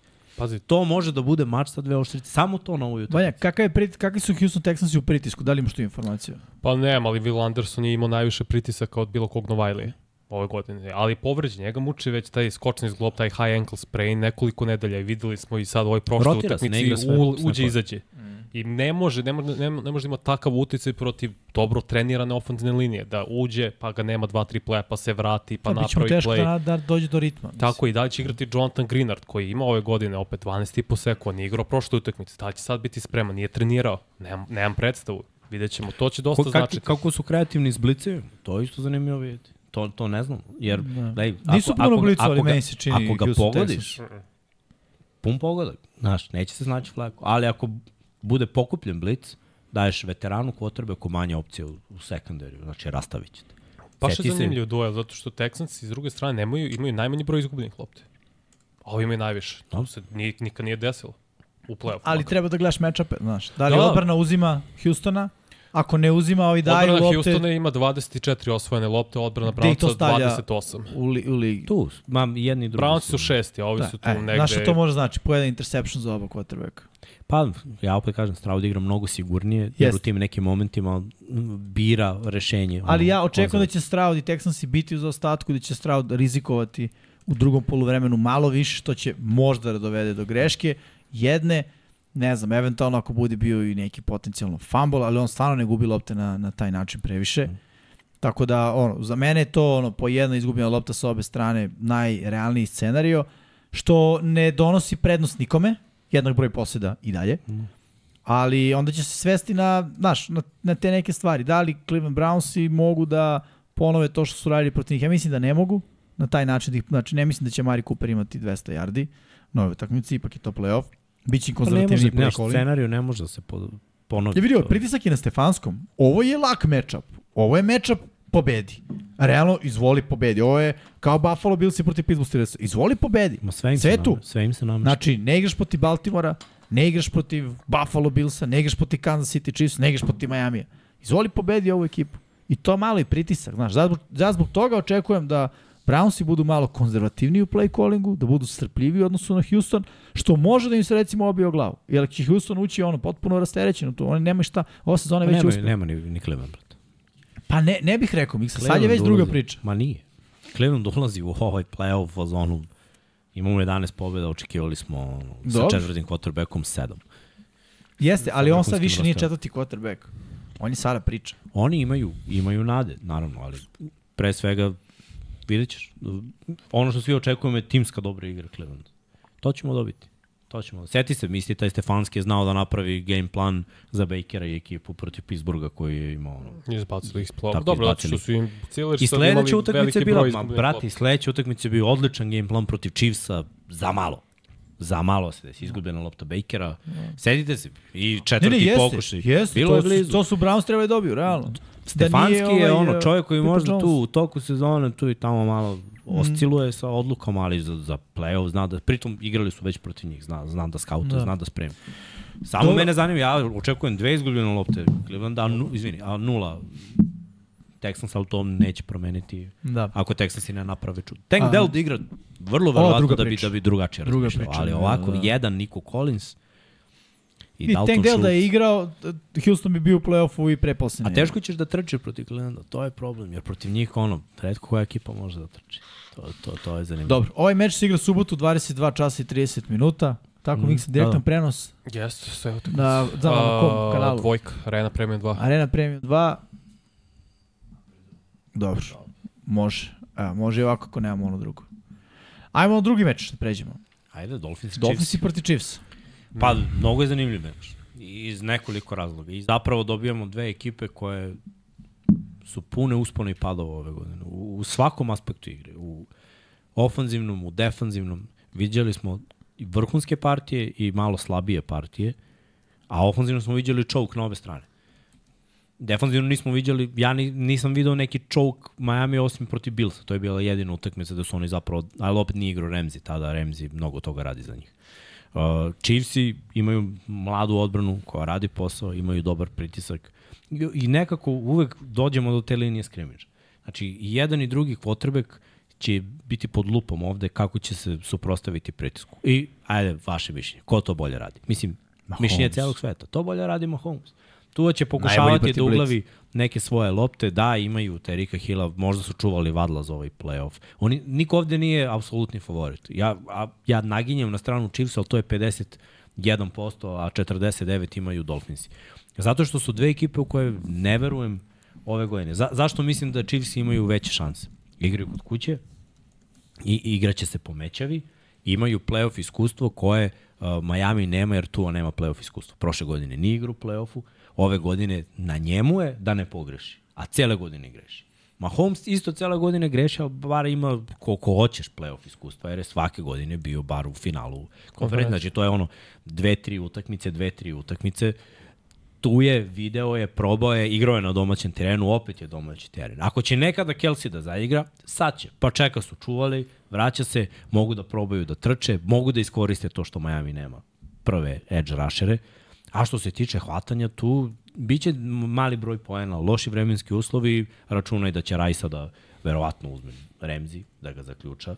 I to je to. S druge strane, Červerius Ward uzima Tyrika Hilla, i ne Čavarius Ford, nego Lađeri Smith. Jerry Smith. I bit će zanimljiv duel opet, jer, jer i on, cornerback koji voli dosta kontakta, Tua mora da ima savršen meč, ako Miami hoće da dobije ovde. A zato da, mislim da... krenu da trče, jer se vratio i Bolton i sve to sa onim njihovim trčanjima s polja, nisam siguran da, da i to može da prođe. E, Chain može da napravi razliku, jer je mnogo brz i, i shifti u prostoru, to može da bude zanimljivo. Koliko će ovaj meč biti drugačiji od uh, Minhena? Pa e, od Frankfurtu je bilo Frankfurta. Frankfurtu je bilo 21-14 isto. E, Chiefs su poentirali u prvom polovremenu, Dolphinsi u drugom. I bio je defanzivni touchdown. Tako da oba napada su dala 14 poena. Ja očekujem isto. Mm. S tim što I možda neće biti defa, ali ono, mali broj poena, ispod 20 I vidi, jedni i drugi. ono što je put učinio u toj nedelji, Mećao će da učini u ovoj nedelji. U smislu tu vrstu umora, tu vrstu opreznijeg futbala i šta ja znam. Ono, Greške, greši, Da. jedni i drugi, greše Pa ofenzivna linija Chiefsa je napravila najveći broj prekršaja ove godine. 33. Znači, oni su katastrofa. Nedisciplina tu vlada. I verujem da Mike McDaniel zapravo neće staviti loptu u rukama tu je Tagovailoa. Već će biti, ako igra i Mostart, Ali mislim da, da grešiš, Vanja. No. zato što je previše hladno.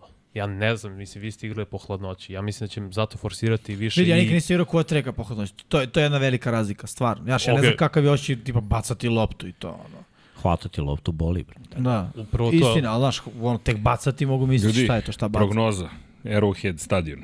Minus 15 gornja temperatura, donja minus 22. Feels like minus 18. Trčanje. Lagano. Forsirat će A-Chaina, Mostarda, Jeffa Wilsona 100%. Gledaj, Mora da forsiraće i evo šta će se desiti.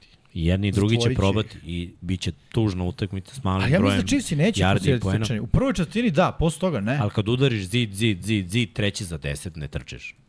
Bacaš. E To tu jest. kada bacaš je stvar da li bacaš tvom igraču ili u aut ili nekompletno, ili prihvatiš sek, ili gađaš u prazan prostor gde svi znaju da gađaš. Ma, ljudi su počeli da mame tu da baci u određeni prazan prostor. To, to je sad već po- postalo pecanje na varalicu. To rade timovi sada. Naprave prazan prostor, prikriju da kao tu nema nikoga i onda njihova zamisao uopšte nije da igraju na igrači. ne. Napadni taj prazan prostor koji smo otvorili na dve sekunde da on vidi, da izbaci loptu i pokupi loptu. Mislim da će to, To daje rezultata. Maks 20 pokušaja dodavanja. Da će to biti trčanje 35 puta, ako budu naravno imali toliki broj ofenzivnih akcija svakako, ali forsirati trčanje, s druge strane tvoja odbrana, rekli smo u emisiji, potpisali su Bruce Irvina, Justina Houstona takođe, tu je Melvin Ingram.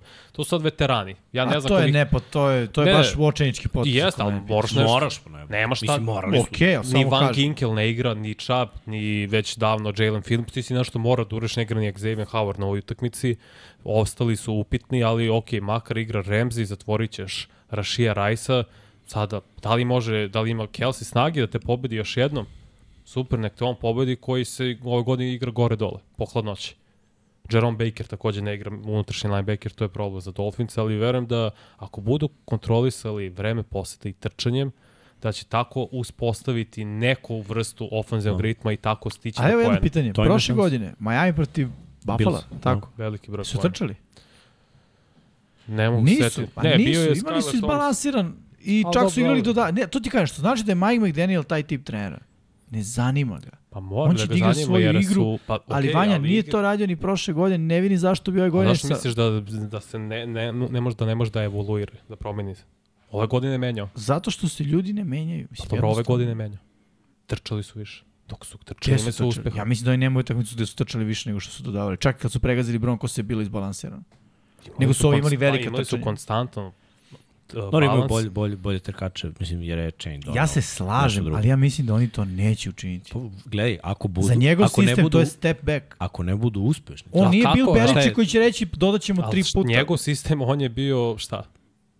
Dizajner trčanja, tako kako se, koordinator, Koordinator trčanja. trčanja. Bio u Fortnite. Jeste, ali je iz toga razvio svoju celu Da. ofenzivnu šemu. Nije, nije poziv akcije. Šta je fora ovde? Ja verujem u njega da on može da trči i da će hteti da trči. Šta je poenta? Ako na prvom downu zakucaš na liniju skrimidža, na drugom downu osvojiš jedan yard i to uradiš u prva tri napada, tu se vidi da li si dosledan svom planu ili menjaš i dodaješ. Ako se desi da u lupam prvih šest trčanja imaš sve ukupno 4-5 yardi, ako nastaviš da trčiš, ok, onda ti priznam. Ima ljudi koji tvrdoglavo nastave da trče. I ti znaš, ok, taj je, ima svoj odluk, ima svoj game plan i za njega je to Ami. To su uglavnom interim head coachevi. Ali McDaniel sa, sa Tyreekom Hillom, koji je sigurno na stadanu, daj mi loptu, daj mi loptu, daj mi loptu sa, sa ovim, sa onim, sa tuom. Vrlo verovatno da ako ne budu uspešni, da će taj krenuti da napada ovako. Mora bolje da igra. On je, Mora. on je razlog zašto su oni izgubili u, Fra, u Frankfurt. On je Istina, fumble je, loptu. imao je On je bio loš. lošu Pa, ja mislim da su i Andy Reid i Mike McDaniel tip trenera koji ne zanima minus 18, ne zanima šta radi protivnik, mi imamo naš game plan, to je dobar game plan i tim game plan ćemo pobediti. Ja ću na kraju sve svesti na ovako, o, odbrana bolje mi je Chiefsa nego Dolphinsa, quarterback mnogo mi je bolji Mahomes. Od, Ali ajmo matchup. Matchup Mahomesa protiv odbrane Majamija ide stranu više Mahomesa. ima Mahomes protiv Tako odbrane Majamija nego što Tako Tua ima protiv odbrane Chiefsa. I to je sve što mi treba za ovu utakmicu. Igraju kod kuće još, nekako sve, sve naginje. Obe ekipe igraju loše ove godine, obe ekipe su promenljive, a Dolphinsi na sve to nisu pobedili u AFC-u pozitivnu ekipu. Istina. Dobro, Ajmo ajmo to su dalje. sve stvari koje uzimamo Dolphinsi protiv su njih. trčali 456 puta ove godine, dodali su 566. Znači razlika je minimalna. U suštini. 466, 566, razlika je 100. Znam koliko je razlika? 110, 456. Pa nije, nije minimalno. To je skoro balans. To je, To čet, ovo je danas to je četvrtina. vrh. A to je četvrtina. Pokušaja trčanjem. Znači nije 25% su više dodavali. Ako realno pogledaš. Znači odnos je 60, 40, 20% u korist dodavanja. Znači oni su i da, dalje Da, da, pas znaš, ekipa, jako se tebi čini Jesu, da. vizualno da, da Ali više normalno trče. je i treba da budu.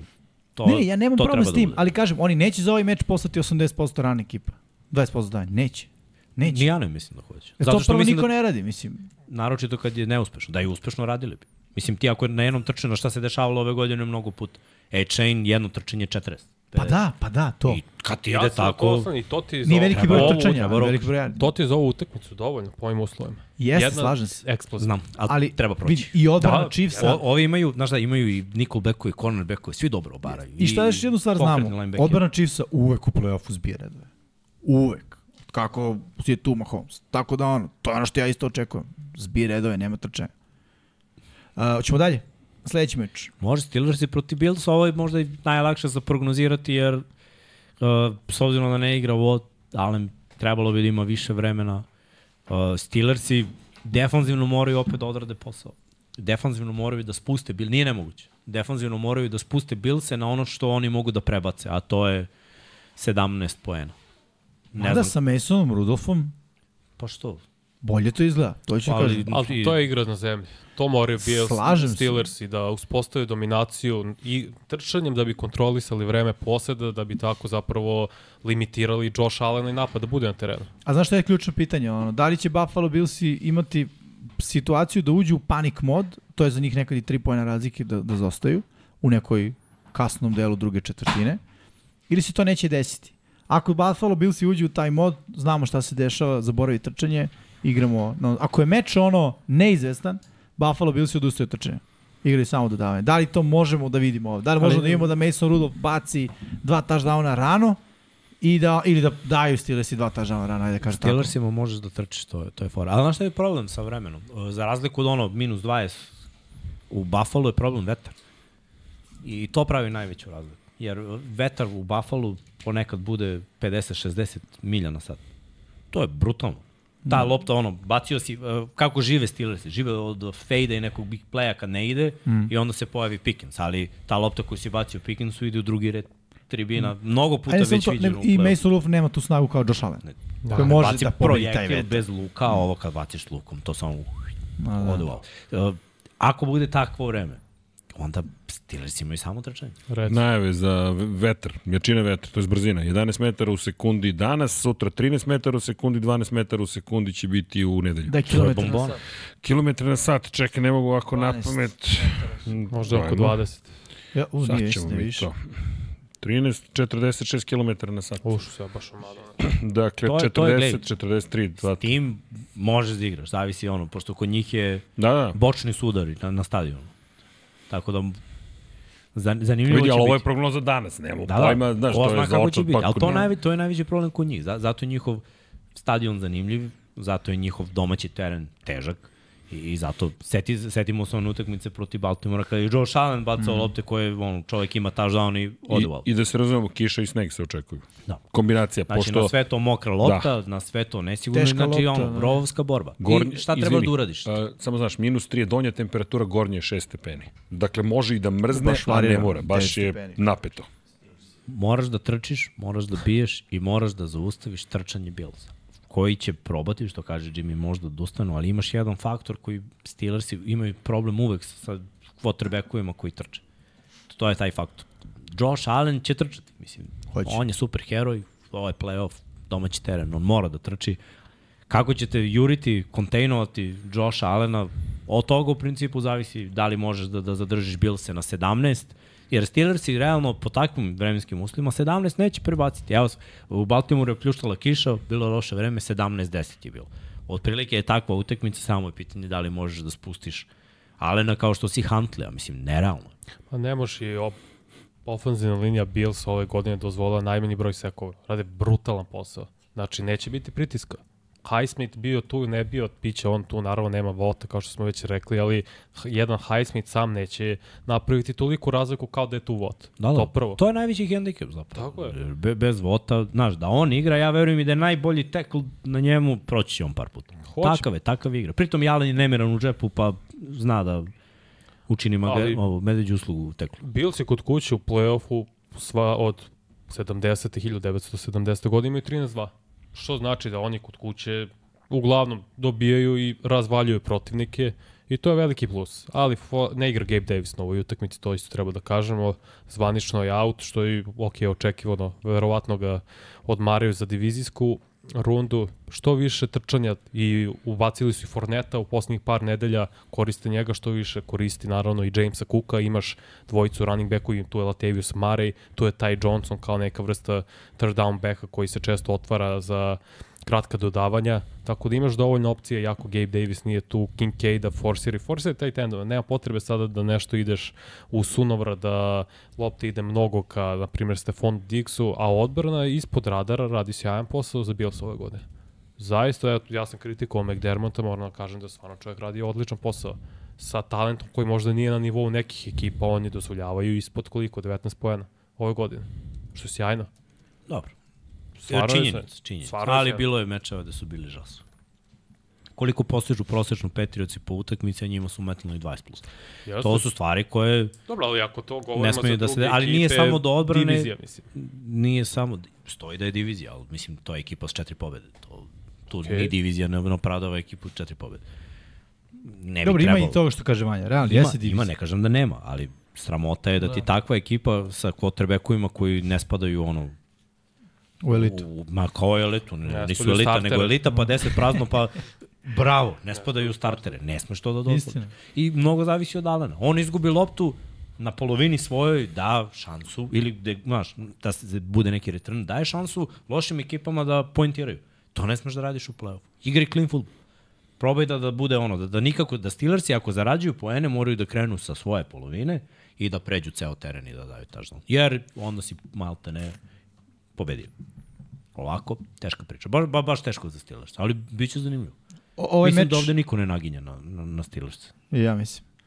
O, gledam u tebe, srđane. Ti si uvek taj što bira Saznaćete. underdoga. Ili hoćete da vam kažem odmah? Ne, ne, ajde posle. Dobro. A, ovaj meč je nedelja od 19 časova. Da. Kažemo, otvara nedeljni program.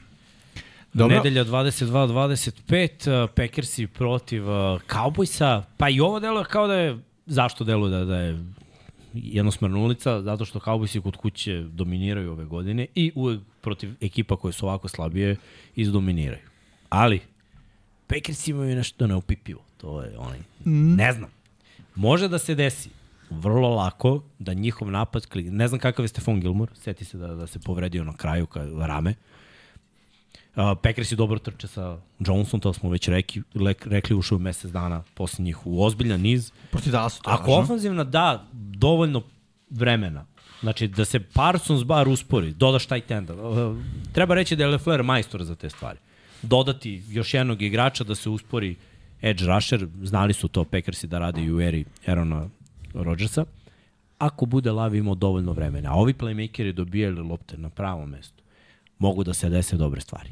Isto tako, ako se ne napravi dobra protekcija, od toga živi Dallas. Pritisak, quarterback ishitreno baca loptu, osvajaju loptu. Znači, da li su safety, da li su cornerbackovi, to je ekipa koja je uvek na pravom mestu nekako. Dan Quinn je sve to namestio tako da je, da je svako na pravom mestu u pravo vreme s defanzivne strane. S ofanzivne strane, ja jedva čekam da vidim ako će Jair Alexander da čuva CD Lamb. To je ono, No, ali Jair Alexander ne igra ove godine na tom Nema. Nema niko drugi ko će bolje ga E, ali je, ima u- i dalje samopouzdanje. On je burazer koji će biti u fazonu CD Who. Do, super. to je da vidimo. Ajde da vidimo. Jeste. Mislim, je- Uglavnom je CD školo yes, korene Sve. rekove ove yes. godine. Uglavnom, Zaista. ajde da ga vidimo sada protiv jednog od najboljih i dalje moramo da mu damo to doga CD ne iškoluje na papiru dobar mečap. Uh, Rush Packers, to je ono što smo rekli. Jesu, nisu tu ove godine. Da li mogu protiv ofenzivne linije Cowboysa da priđu Prescotu, da ga nateraju? Prescott je ono, jedan pritisak daleko od greške. Mm. Da li možeš da dovedeš sebe u tu situaciju da ga pritisneš, jer ako se to desi, sebe stavljaš u, bolji meč. I možda faktor odluke na kraju, uh, specijalni tim, jer ako pogledam kikera Dallasa, u njega verujem 100%, u Carsona možda jedno 25%. Jer je ove godine promašivao mnogo kada je bilo važno ekipi, čak i sad protiv Bersa je promašio u posljednjoj utakmici. Često, Še, evo on- sad ću ti daći, šest field golova je promašio, promašio je šest šuteva za dodatni poen. Ako oni dođu u situaciju da moraju da šutiraju sa 50 da bi bili u utakmici, da moraju da uzmu neke poene, ja ne mogu se osnovim na kikere, onda moraš da rizikuješ, onda ulaziš u neki futbol koji kaubusi ne igraju, kaubusi znaju 50 yardi, četvrti pokušaj, field goal. Imamo situaciju neku, ali nije baš za rizikovanje, nismo toliko duboko u crvenoj zoni, field goal. 3 po 3, pa, pa touchdown, ovo ono ti skupljaš poene. A Packersi ili je touchdown ili se prekrstiš i, i pomoliš da, da će Carlson da pogodi. Što, znaš, u play-offu može da te košta pobeda. Da, da. Pa eto, glavna stvar za Packers je ne dozvoliti da te pobedi CD Lamb. Pust, nek te pobedi Gallup, nek te pobedi Brandon Cooks, nek te pobedi Tony Pollard, nije važno. Nemoj Lamb da te pobedi, jer Lamb kad igrao sjajno, da igra fenomenalno. Ja bih rekao da je ipak ključ za Packers se ofenzivno iskoristi sve prilike. Ovo što je Miksa rekao mi je uh, bitnija stvar, a to je da ako dođeš u crvenu zonu, touchdown. Nemoj Carson. Realno, nemoj Carson, jer će te prodati, a Dallas je ekipa koja će da se odlepi i onda ne možeš da juriš Dallas Cowboys. Realno. Mislim da ne mogu zatvoriti CD Lamb. Iskreno bojem. To, to, to mi uopšte ne deluje kao, kao realan scenario i druga stvar, ako i zatvore CD Lamba, ja verujem da će da, da mogu da pobede svi ostali. Zapravo što Prescott igra stvarno dobro. Presko igra sjajno To, ove je, to je godine. moje mišljenje. Ja ne bih to previše ni zatvarao. Ja bih igrao on bend but don't break. Teraj Cowboys da Obri bude igrač s najviše poena. Super. 3, 3, 3, a ti daj 7, 3, 7. I dobit I ćeš. samo se nadam jednu stvar da neću vidjeti, jer Cowboysi su jako lateralno pokretljivi. On end around i jet sweep i reversu. i nedovoljno. sigurno. Znam, Mislim, to radi ali nemoj mnogo. Neće jer proći, Ako mislim. se vidi pet puta na utakmici, možda će proći jednom za pet yardi. I Cowboysi su previše disciplinovani, znaju da drže taj outside Jesu. contain i pritom imaju, ono, ako trčiš na stranu Parsonsa, što kao i trebalo da uradiš, jer kao nećeš na bolje, oni to ne očekuju. naj, to je po meni najrealniji scenarij je sledeći. Jordan Love dva interseptiona ili više, jer odbrana Dallasa je ball hawkom previše baca lopte na žilet cele ove godine. I Za zadnje noge. Sa zadnje noge na žilet u smislu ne 50-50, nego ono 40-60 lopte koje njegovi hvatači iz tih 40 pretvaraju u 100%, Pazi. jer se desi nešto, defanzivac se ne okrene. Brate, branit ću lava. Jako sam Ne, ne, ne kažem ja da je on loš, Nego- samo Ne, mislim ne. da, da ove godine je ovo plafon. Znaš. Jedan interception od 11. nedelje. E, greh će mi na dušu, Ok. okay. nisam postavljao pitanje anketu. Sad sam opalio anketu. Ko pobeđuje, Green Bay ili Dallas? Vratit ću se posle A, na vrati si na ove ostale. Da, da, da. da. da. Mislim da ovo što si ti rekao za Ko pritisak... želi u chat, neka glasa, izvinjam se, izvini Vanja. Ništa lagano, da što se tiče pritiska i Daka, da je to baš druga priča ove godine. I vidi se da je smireniji, da mnogo bolje procesuira igru, da je Da, da, da. da. zaista u džepu toliko fokusiran, nema panike. Ima napravio greške protiv Fila, izašao u out i tako dalje. Nema panik, nema ono kao prošle godine, bacim jedan interception, evo ga drugi Pa odmah na istoj paniče je utakmici. Vanja protiv 49ersa, mada ovo nije taj A znaš ja mislim, Miksa? Mislim da je uh, Prescott pobedio sve svoje demone. Jedini monster, monster, uh, monstrum u ormaru su 49ersi. Dobro. To je jedini i to ako ga dođe do finala konferencije, ono, to je finale konferencije. To je uspeh za Dallas. Vrlo, moguće. vrlo verovatno. Jeste, ali mislim da je sve ostalo. Filu je uh, Prescott naučio. Realno. Fi- Prescott Filu je dva puta pobedio. Fila. Jako je izgubio prvu utakmicu, oni su i pobedili, brate. Ono, u smislu, u svojoj karijeri ne gubi od File. Filo nikad nije predstavljao problem za Preskota. Ne, ne Da, kažem ali da Fila je osvajala diviziju, znaš, to je bilo Jest. malo nezgodno i on kao mentalno, kao, znaš, igraš protiv njih, pa su prvi meči, realno oni su prvi meč ove sezone od Fila izgubili na, malo na mentalni uh, kicks i to je taj izlazak u out presko. Drugi meč, samleli Filu. Samo da vidimo sve to kroz play-off. Ok, slažem se, legitimno. Dok legitimno. ne vidim to kroz play-off, sve okej. Inače, sezona regularno pokida. Da. Stvarno, kao i svake godine. Mislim, ove prošle nije, jer bio je povređen, nije ni igrao sve. Setimo se i one ruki, kad je bio ruki godine, imao je posle toga par dobrih kampanja. Uvek fali nešto više. A, zašto je ovo važna utakmica za njih? Domaći je teren, nastavi da dominiraš na domaćem da. terenu i reši ekipu koja je jedva ušla u play-off. Mislim, 9-8 Realno. mogli su, a i nisu mogli. Njih moraš da, da očepiš. Znaš, ne sme da se desi, jer za Cowboys se jeste pobeda ako dobiju, lupam, jedan touchdown razlike. Ali opet i nije, jer ajde da se setimo Pazi. kako su igrali 49 i šta bi oni na domaćem terenu uradili ovim istim Packers. Reši Packersa koji su uvek rešavali tebe na ovom stadionu. Isto. Uvek. Mada, opet to je bio Rodgers, druga priča, ali postoji to, sve vreme stoji njima nad glavom. Packersi kad dođu na AT&T stadion u, Jerry, u Jerryjev svet, pobeđuju. Da li je bio Super Bowl, da li je bilo direktno protiv Cowboysa, skroz je nevažno. Tako da i to isto moraju da reše Cowboys, ja verujem da hoće. Svi verujemo da hoće. Mislim, možda kao samo favorit. Srđan Veliki izabrao ovde kao navijač, ali realno gledano sve govori Dallas, Dallas, Dallas. Vrišti. Sve govori Dallas do 49ersa kad naleti Dallas. Ne, NFC je mnogo lako ove godine. Mm. Mislim, za, za te dve ekipe koje su prve. Vidjet ćemo. Ajmo dalje. Meč. Uh, taj Sunday night će biti Ramsey protiv Detroita, taj lepi scenariju koji smo spremili. Matthew Stafford nakon te zamene sa, sa Goffom dolazi u Detroit. Već treba su reći... imali ovaj duel. Hm? Već su imali. Pre dve Pa, godine. Pre dve godine. Da, ali ovo, ovo je važno. Zašto? Zato što su Remsi izvukli maksimum i osvojili, a Detroit je u poziciji da sada izvuče maksimum. Jer su osvojili diviziju, tako da to je za njih već maksimum sam po sebi, a drugi maksimum je pobeda u play-offu, jer se to baš dugo nije desilo. Oni su učestvovali u play-offu i sa Staffordom imali dobru generaciju, da kažemo, možda nije bila toliko favorizovana, bio jak NFC, tada imao je dobra ekipa, ali nikad nisi mogao da otpišeš Stafforda i Megatrona. Mislim, bilo, bilo bi naivno. Ja nikad ne znam da će taj Megatron da te počasti sa 300 yardi na utakmici. Sada na ovoj utakmici je druga priča. Detroit igra timski. Nije, nije jedan čovek, ne, nego je tim, dva running backa, tri, četiri hvatača. Ako tight end igra, dodaj tu jednog tight enda. Online Odbrana ima pritiske, ima dosta playmakera na sve strane. Baš, baš je tim i, i vode se kao tim. I trener gaji timsku energiju. I sve je nekako onako timski orijentisan. I ovo je jednostavno nešto što moraš da rešiš. Ove godine, kada su bili lansi pod pritiskom, bili su mi onako, ne mogu kažem da je pritisak sada posljednje kola protiv Vikingsa i to, mislim, nema se lažemo. Pritisak je bio dan zahvalnosti i reši Packers. Nisu. Pritisak je bio očisti Chicago. Pa, nisu. Mislim, izgubili su jedno, a drugo je, jedva su rešili. Pritisak je bio, izađi na Megdan Ravensima i nemoj da budeš očepljen. Nisu. I hiljadu je primjera šta sve nisu uradili. Ali su opet imali veliki broj pobjeda, naučili neke stvari. Pa, onako. I, i, I sada je, evo ga, veliki pritisak. Pokaži da timskom igrom možeš da pobediš nekoliko talentovanih igrača Rams. Jer više talentovanih igrača ima Detroit. Odbrana im je bolja od Ramsa. Play calling. Najupitnija stvar za mene na ovom meču. Sa strane Lions, ono, što sam već spomenuo. Da li će na četvrtom pokušaju u prvom poluvremenu, u prvoj četvrtini na svoj polovini da idu? I zašto?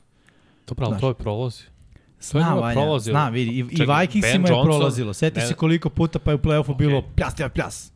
Playoff reality, brate. Ben Johnson radi sjajan posao što se tiče play callinga, jer pod Benom Johnsonom, Ty Laporta, Novajlija, 10 touchdownova, Gibbs, 10 touchdownova, Ne sumnjam. Montgomery, procveta. Ja ne sam uopšte u napadu. Amon Saint, uh, Amon Ra Saint Bravo po, postao top 5 hvatač. Ja mislim da će ovo biti Ofanzivna linija radi sjajan posao. najefikasnija utakmica u, u wild card rundi. Zato što su napadi našpanovani. Ti ovamo imaš i Nakua, i Cooper Cup, i Kyrie Williams, i Stafford. Ako ofensivna linija odradi i Higby, dobar mm. posao, ok. Ovamo, i Gibbs, i, i Montgomery, i dan, ono, jedni i drugi imaju 5-6 opcija. Znači, Ko ima napad, bolju odbranu? Ko ima bolju odbranu? E sad, od Rams. Detroita, ali... Uh, Ne, ne, ne. Ali, Ja biram Rams. ne mogu da kažem ni da Detroit ima neku odbranu koja grmi. Nema, nema ni jedni ni drugi. Imaju rupe. Ko bude, čija egzekucija bude bila bolja, to to treba da napravi vidi. jedan play više. I što je najjače, pazi, Odbrana nije lupa na slabim karikama, nego na najjačim. Regno Donald. Bam. Duel. Ne duel ono s polja, korner, hvala. Ko dobija taj duel? Svi znamo, ne brate. Aaron Donald. Ali neće Je- biti jed- jedan na jed- jedan jedva duel. jedva- Neće biti neće jedan na jedan. Nebitno, bre, Jedva treba da pet da vidim. ga zaustave. Jedva čekam da vidim. Jedva čekam da vidim. Ne, ja jedno čekam da vidim, ali Aaron Donald dobije duel. Ja čekam nikako će da dobije duel. Mislim da pocenjuješ odbranu, ofenzivnu Ja ne, liniju po, ne, ne, ne, ja ne mislim da je ofenzivna linija Lionsa loša. Ali mene zanima šta ko je, Šta bih ja ko uradio? je iza ofenzivne linije. Šta bih ja uradio? I kako reaguje na pritisak. Kao E, defanzivni, to je ključ. Šta bi uradio kao defanzivni koordinator? Uh, stav, uz taj raš koji tera da budu dvojica ili trojica na Donaldu, ako su dvojica na Donaldu, otvaraš malo blic. Stavi Goffa u blic situaciju. Mislim, to je nešto što moraš da uradiš. A misliš da Jer to neće raditi? Da bra... Mislim Bio je da kod njih. Znaju šta, mu- čega se Znaju, boji. Tako je, ali ako mu daješ konstantno te stvari, prikrivaš na različite načine, koliko puta, ja se sećam protiv Baltimora, četiri blica su išle iz nikla. Stave slot hvatača, odaljiš se 3 jarda, Goff se okrene, posveti svom ridu koji ide, bukvalno na snap, blic, Goff je već ukupan. Čim je dobio snap, to mu je problem. Iskopiraj to. Imaš brze mladi igrače, iskopiraj. Ako Goff uspe, dok mu to ide u lice, da baci loptu tamo gde treba da baci, kompletira, super, živjet ćemo s tim. Da. To su šansi. Remsi nemaju eli, elitu u odbrani. Nemaju, ali uh, gde Goff pokazuje slabosti, če vidi pet na liniji skrimidža. Znaš, kad vidi pet na liniji skrimidža, već je drugačiji kvotrbek. Još ako svi pet rašuje, onda jo, još drugačiji, više drugačiji kvotrbek. Ovaj, I ako je taj raš uspešan, ono, iz play of play, Goff nije bolji i bolji nego je ono. I gledaj, Najbolji slučaj. Re- Remsi će- Stafford baca interception kad I njemu baci pred- interception, to je ali u tačno. posljednjih meseci i po dana igra doktorski. Šta je još uh, fora? Trčanje. I za jedne i za drugi. I jedni i drugi nisu elita u zaustavljanju trčanja. Što znači da on, i Kyrie Williams može da ima dobar dan, Da. ali bogo me mogu i Montgomery i Gibbs. Istina, I istina. ako dolaziš u situacije da trčanjima, jer ja se sećam utakmica Lionsa da su oni imali 10 yardi po nošenju, pa 10, prvi down, prvi down, onda izbegavaš malo gofa i onda ne možeš ni da staviš. Znaš, ne možeš ti da ideš Ali igru, je dobro? ubit ćemo gofa ako ti oni trče dobro. Jeste, a znaš šta je dobar, e, dobar stvar iz perspektive odbrane za game plan? Stavi pet na liniju skrimidža, dva linebackera i bio pas ili, ili trčanje tebi isto. Za trčanje si spreman, za pas si spreman, šalješ blic na I ko gofa. će I... čuvati Saint Browna? Šta? Ko će Saint Browna Ne čuvati? mora ga čuva niko jedan jedan. Ne potreba ga čuvaš jedan. U modernu NFL-u si ne igra toliko jedan jedan. Znači, počuva ga, čuva ga šema ga čuva. Šema od koliko? Onda četvorice, ako su sedam u boksu. Pa šta ako se u boksu, linebacker igri dodavanje? Ako rašuješ sa 5, Moraš 6, pod pritiskom da prebaciš linebackere i da uglaviš pozadi. Za neke quarterbackove to je easy peasy, za Jareda Goffa pod pritiskom to je noćna mora. Mislim, to, to je samo ono, idealna situacija za Ramsey. Ne znači da će idealna situacija biti svaki Ne, ne, play. ja Često će biti pokupljen blic i Goff će da ima 3 sekunde u džepu i onda jedno dodavanje u prazan prostor za St. Browna. Ramsey sa ovim sekundarijom mogu samo da mu mahnu do, do, do end zone. Ali opet s druge strane, isti ti Lionsi u sekundariju, kad se ista stvar desi za Ramse, kada Stafford bude imao 3 sekunde i da u prazan prostor kapu ili na kuji, E, to je problem. Isto, pa i problem je s jedne i s druge strane. Ta, ta, napadi su talentovani, napadi yes. Će nalaziti načine. Odbrane moraju da nađu način da naprave play. Jer ko ovde bude imao, uh, imao je Stafford utakmice sa interceptionima, a da li je imao 3-4 po meču kao što je imao Goff ove godine? Jer jedni i drugi, jedan i drugi quarterback znaju da greše, ali ko zna da se trgne i da ima ono jedan ili dva, a ko zna da potone i da ima 3-4. 3-4 izgubljeno lopta. Mene Ramsi nisu impresionirali ovih poslednjih dva meseca kada pogledamo koga su oni pobeđivali. To su bili Cardinalsi, Seahawksi jedva 17-16, to su bili Giantsi jedva, to su bili sada 49ersi bez pola ekipe u suštini, izgubili su od kako se zove, Ravensa, dobili su da Brownce, to je bila prva utakmica. Ali gledaj, njihov poraz, evo ti Ravens i kao merilo. Njihov poraz od Ravensa je bio na produžetak i 30 postignutih poena, a Detroitov poraz od Ravensa je bio čepljenje sa 6 postignutih poena u četvrtoj četvrtini. Sve si pravo, samo mislim da... To isti, a da gledamo iste protivnike. Jer su i... Uh, Nije u isto vreme. ne veze. Ravensi su dobri tim ceo godin. Ja su vrhunski su tim, najbolji su tim. Uh, Detroit Lionsi su ekipa koja isto imala lak raspored. Mislim, da se ne lažemo. Nije Ne, to okej, bio okej. neki težak raspored. Ne kažem ja, ja samo kažem da ako gledamo po drugim ekipama koje koga pobedio i pričamo i često o Cowboysima lak raspored, Ramsi Ramsi su su imali. lako završili ovo. Jesu, I jedno- da, zato su se našli u play-offu. Ne zato što su igrali vrhunski. Prvo, mogli su izgubiti od Giants. Da je pogodio field goal čovjek. Mogli su Mogli da su da izgube. pobede dve da je njihov kiker pogodio. Isto da igrao Stafford, možda je bila druga priča protiv Packers. tako. Isto. Možda, nije igrao, to je, to je povreda, to ne mogu da računam. Gledam ovih osam utakmica i to je, nije bilo lako. Da, o, pobedili su impresivno Cardinalse, Brownce kad je bila prva utakmica Flaka, ovo ostalo i Commandersa, to je bila muka, 28-20. Nije to bilo ovako, sve Ali dominiramo. vodili. Jesu, Vodili su vodili brutalno, ali nije pa su se bilo ovi ono, vraćali. opuštanje, zato što odbrana ne igra na tom nivou. Ne, odbrana igra Nis, loše. nis, nisu igrali protiv ovakvog napada do sada. Poslednjih dva, u, u, ne računam Ravens, jer Ravensi nemaju ovakav napad. Dru, no, drugačiji stil napadaju Ravensi i igraju nego što sad igraju Detroit Lions. Prošli Ali pu- isto mogu da ti kažem i za Detroit. Isto, ovakvi igrače, ovakav napad sa ovakvim igrali su sistemom, protiv Dallas Cowboys. nije isto. Nije isto. No, mnogo je suzbijenije. Cowboysi jesu dobar napad, ali igraju šire. Šta vidiš često od Ramsa kod, kod McVeja, osim motiona, što, što sve kreće iz bijenih formacija? Najviše igraju close bunch, mm. najviše, out. najviše se skupe po dva hvatača. Oni kad rade doubles, njima su hvatači spoljašnji na 2-3 jarda od, od teklova. Što je malo drugačije, kao bi si te rašire i igraju na nekim drugim stilom. A ovo ti otvara mnogo lakše uglove za blokiranje. Hvatači Remsa su mnogo bolje blokeri od uh, hvatača Cowboysa. Mnogo. Na Kua je zver. Cooper Cup je jedan od najboljih blokera u ligi. I imaju neki drugi način. Ali Cowboys imaju bolju ofenzivnu liniju od Remsa. Ofenzivna linija Remsa ovde mora da Staffordu baš isto kao i ofenzivna linija Detroita. Quarterbackovi ovde moraju da imaju vremena. Ako ne budu imali Prvo, vremena, ofanzivna linija Detroita to radi malte ne čitave godine. I kupit će sigurno protiv loše defanzivne linije. Nije vrhunska defanzivna linija Nije, Ramsa. Nije, nije. imaju vrhunskog pojedinca. Tako je. A Koji s druge otvara strane, prostor. a s druge strane nam je prosek Dilan. To, koji- koji vrši- Hutchinson nije prostor. Koji vrši Hutchinson dečko. pa nije na nivou Individualno Donald. nije. Pa nije, ali dobro, i gori od Donalda i opet su kao grupa tu negde, kao Ramsi. Meni su bolji oni malo od Ramsa. Mislim da imaju bolji linebacker isto. Dobro, u svakom slučaju slažemo se da će biti verovatno veliki broj pojena. Pa mora da bude. Napad i grba, Da. mislim. Da. Jer, gledaj, te odbrane su znale da čaukuju ove godine, jedna i druga. Što bi trebalo da otvori, trebalo bi da otvori za napad. Pritom još hala.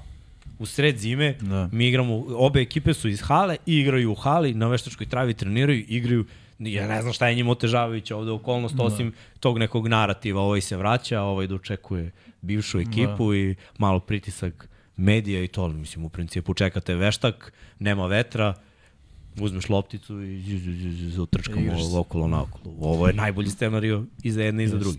Mislim, za Detroit je mogla da im naleti neka malo slabija ekipa. To bi bio najbolji scenario za njih, ali za Remse, da su išli na Dallas, Dallas bi ih dobio. Dallas je fizikalnija ekipa. Videli smo kako su se proveli protiv Dallasa već. Oh, nije, znaš, o- ovo je za Remse najbolja situacija. Ako izgube, super, ušli su u playoff. Ako pobede, bajka. Ko je bolji coach? Pa mislim da je Sean McVay trenutno bolje, ali da Dan Campbell uradi veoma dobar posao. Da li to može da bude matchup? Ma, može da bude matchup. Opet, već sam rekao. Lions imaju četvrti- bolje kikera, isto. Ovo, to Vidi. isto treba reći. Havrisik je ove godine. Možda i košta pobede baš. Može bude Istina. egal tekme, on šutne field goal i promaš. Što ne bi bio prvi put ove godine. Istina, ali mislim da odluke Dana Campbella su upitnije. A šta ako McVay zaboravi na trčanja, tipa idemo trčati? Sumnjam. Nije to činio poslednjih nedelja. Znaš. Nije. mislim da je u Karinu Williamsu, Williamsu pronašao ono, To da grli. svog, Da. svog, pa ne, ali realno, jednog od omiljenih igrača. Kida I da ga zato, zato ga koristi maksimalno i ovaj mu vraća. Ćemo na poslednji meč? Ili Samo samo još nešto? na dve stvari. Prvo, e, glasanje publike za Dallas i za Green Bay 59-41 Za Dallas. za Dallas. Mrze Dallas ljudi, nevjerovatno. Ne, ne, ne. Čekaj sad ništa da, okej, okay, dobro, ovde, okay, čekaj. Ali, Rams i Detroit 52-48. Za? Onako lomi se za Remse. Za Rams. Ali se baš gore, dole, gore, dole, gore, dole, gore, dole. Ali ono, 51 više je egal 49 nego Tu je ono, ono 50-50. nije egal. Da. 50-50. Zatvaramo ovo glasanje. Ko je hteo da glasa? Rams i Detroit. Ćao, gotovo. Idemo na Idemo na poslednji meč. poslednji meč. Wild card, super wild card runde. Hoćete kolega? Pa ne znam šta bih rekao. Orle. Mislim, Dajemo ti monolo. najlošiji meč. Iskreno. E, prvo, već su igrali jednom jedni Ti protiv je slavio od Steelers i Bills. Pa jest. Pa ovo je neizvesniji. Pa A Steelers se morali da naprave čudo Miksa, da bi pobedili. vidi, bilo je neizvesno i Steelersi protiv Ravensa, ali smo se ti ja smorili gledajući punt, punt, punt, punt, punt. A ovdje ćemo da gledamo, pa realno. Steelers i... I Re, Ravensi sad, poslednji kola. A, pa da, pa mi smo radili. Da, ti ja. Bože, Ne da, brinite, ti ja sam se smorio po kući. Da, da, da, da, da. Zar nije bilo smor, maj? Te su upucamo Jest. u jednom trenutku. pa i ovde. Yes. I ovdje će biti grozno. Ovdje Stvarno može će biti bude. grozno. Ali ovo može da bude negrozno. Može Vidi, da bude eksplozivno. E, biće, Ono nije moglo. Zato što će biti mnogo grešaka. I u tom smo, znaš, odbrane će da daju novu nadu svojim napadima. A napadi će ono, Baxi su ušli u playoff sa 9-0 pobedom protiv Carolina Panthersa. Ne Imaju dve pobede u sezonu. 3-3-3. To su njihovi poeni. Eaglesi. I, ali čekaj, čekaj. Winfield koji je iznudio touchback fumble. Ne, ne, Winfield grmi. I posle Winfield toga odluke. field goal. Karolina mogla dobije 10 Ali 9 Karolina pobedila, brate, Vidi. Houston, pa ti vidi, playoff Ono ekipu. što je, ono što je Blankenship uradio na prvom meču između ove dve ekipe u regularnom delu sezone, to će Winfield Jr. da uradi na ovom meču. To je ono što mene najviše plaši. Uh, Eaglesi su u playoff ušli poslednja utakmica poraz od Giants. Debak, debak. 28-10. 27, 27, 27-10. Grozno. Grozno.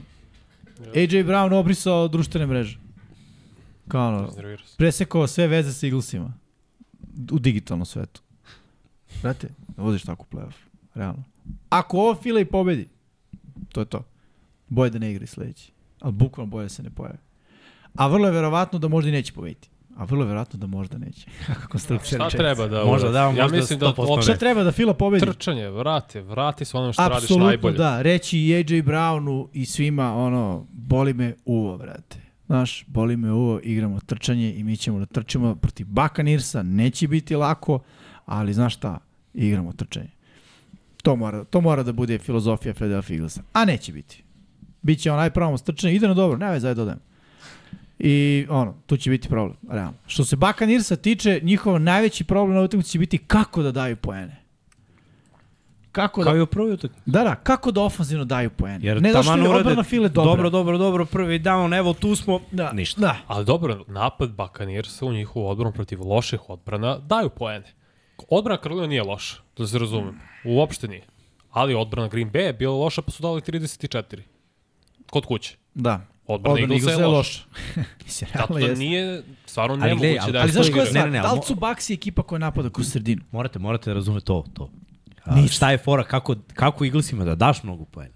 Kako igraju Baxi? Ne, jer Eaglesi od onog malog što znaju da brane, To znaju bolje. da brane fade i, i trčanje. Jeste, jer jeste. Baxi ni dobro trče, a fade im je sve u napadu. Znači ti samo staviš safety-a skroz na Evansa i kornera odaljiš i to je to u principu, A ti si radio posao. Gadvin kad uhvati loptu, mora da napravi mnogo yardi nakon hvatanja. I to je jedini. To nije radio. On je uhvatio loptu, ali ga brzo obore.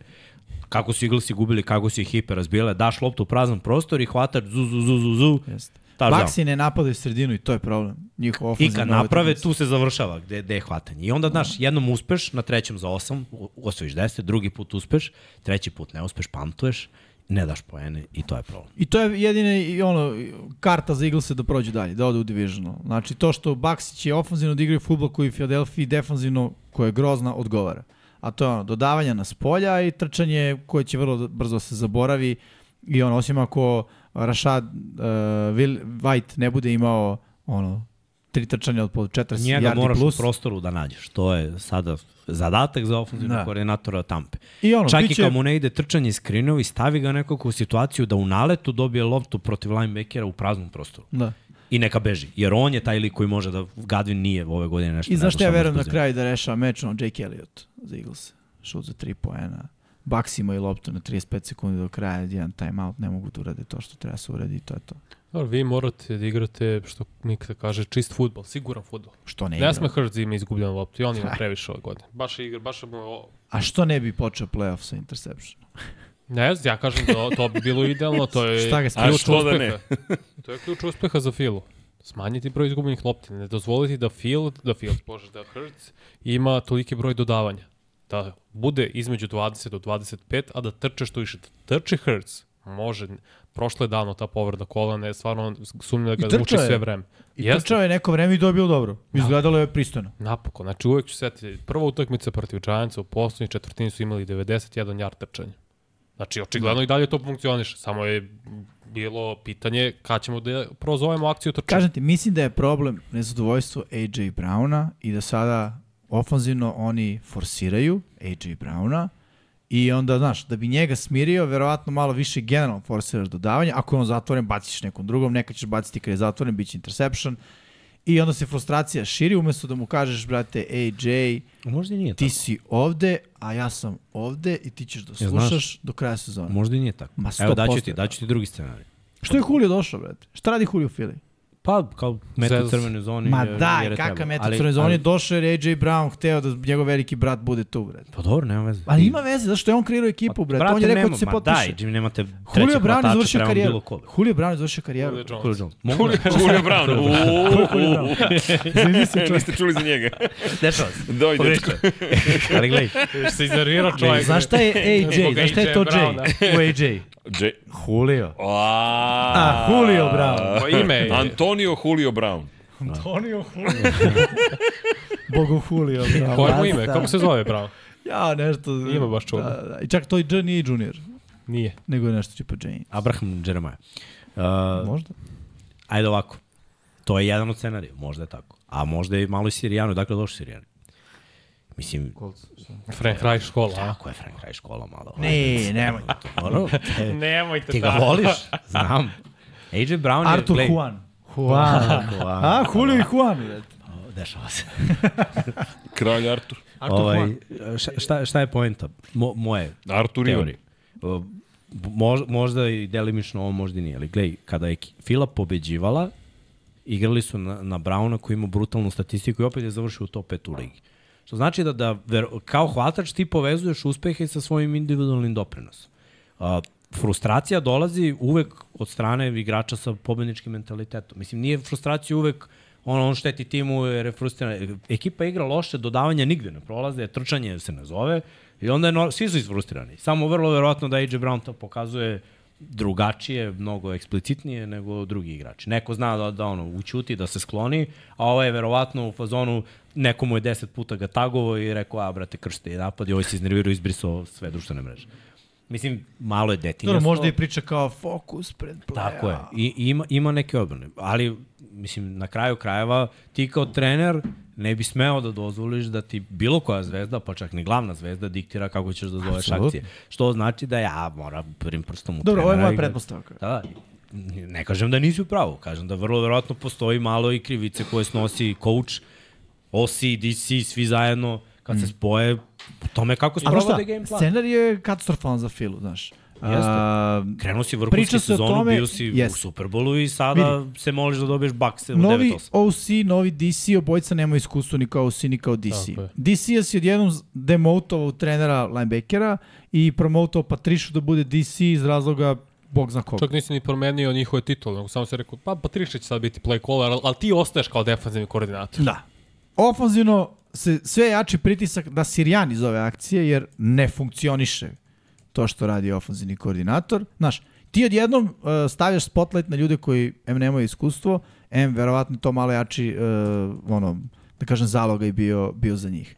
I ti si time već pokazao da kao head coach si popustio ove sezone. I to je zabrinjavajuće. To je ono što me najviše brine. Jer sad se otvara novo pitanje. Znaš, kao Hrc je dokazao, Hrc je naš quarterback, to je to, to nema više priče. Znači, on, on je naš. AJ Brown nam treba, koleba. Realno, treba nam Devonta Smith. Svi koji trenutno imamo nam trebaju. E, ko je kriv? Sirijani. Ovaj godin, ako ne uđe u play-off, krenut će priče. Ali, Još koliko vremena treba Sirijani da bude tu? E, to je već nezgodno. Sledeća sezona počinje i ti ostaješ kakav... Mislim, on je tu sigurno do kraja sledeće sezone, a uspeh ove i sledeće sezone će njemu determinisati da li ostaje još jednu godinu posle toga ili ne. Ti si u pravu, apsolutno, ali zašto se Hrz dokazao? Čime se Hrz dokazao? Jednom godinom.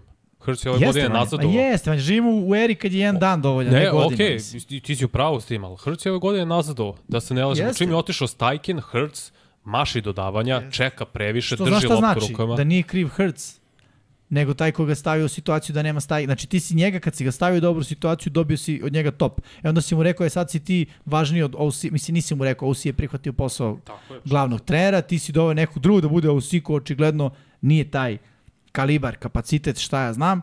I odjednom Hertz ne igra dobro i ti sada već tu upićeš onu priču, znaš, nije dete krivo, krivi su Ali roditelji. jeste i Hrc kriv. Hrc je morao da makar zadrži taj nivo igra. Kako odjednom Nemoguće, moguće da imaš taj... Ne, samo. Da je mlad. Ne, pa okej, mlad, ali ima veliki broj izgubljenih lopti. Ima. Jeste. Jer To bunare, je- bunare.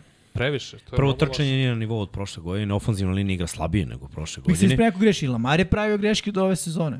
Nije imao ovoliko grešaka nikad. Ne, ne, ovoliko nije, slažem se, ovo je baš sramotno Ovo, veliki ovo, je, broj. ovo je slabija sezona za Lamara. Ali, uh, s aspekta izgubljenih lopti.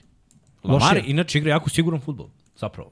Mislim, Lamaro- ljudi hejtuju Lamara, ali Lamar u MVP sezoni ima jednocifreni broj, mislim i sad ima sedam, ali ima, Ima i 13 fumblove. ukupno, da. Ima 13 ukupno, jer je pokušava da radi nešto, kupuje Hmm. mm. dodatne sekunde, on radi ne, ne, nešto drugo, ali sad je u boljoj situaciji jer mu je malo jasnije slika i ne bunari toliko. To je, Da, znaš šta, najgora stvar za, za svakog potrebeka je da ga staviš u situaciju da mora da bunari. I sve više potrebekova gledamo ove godine u tim situacijama da moraju da izmišljaju.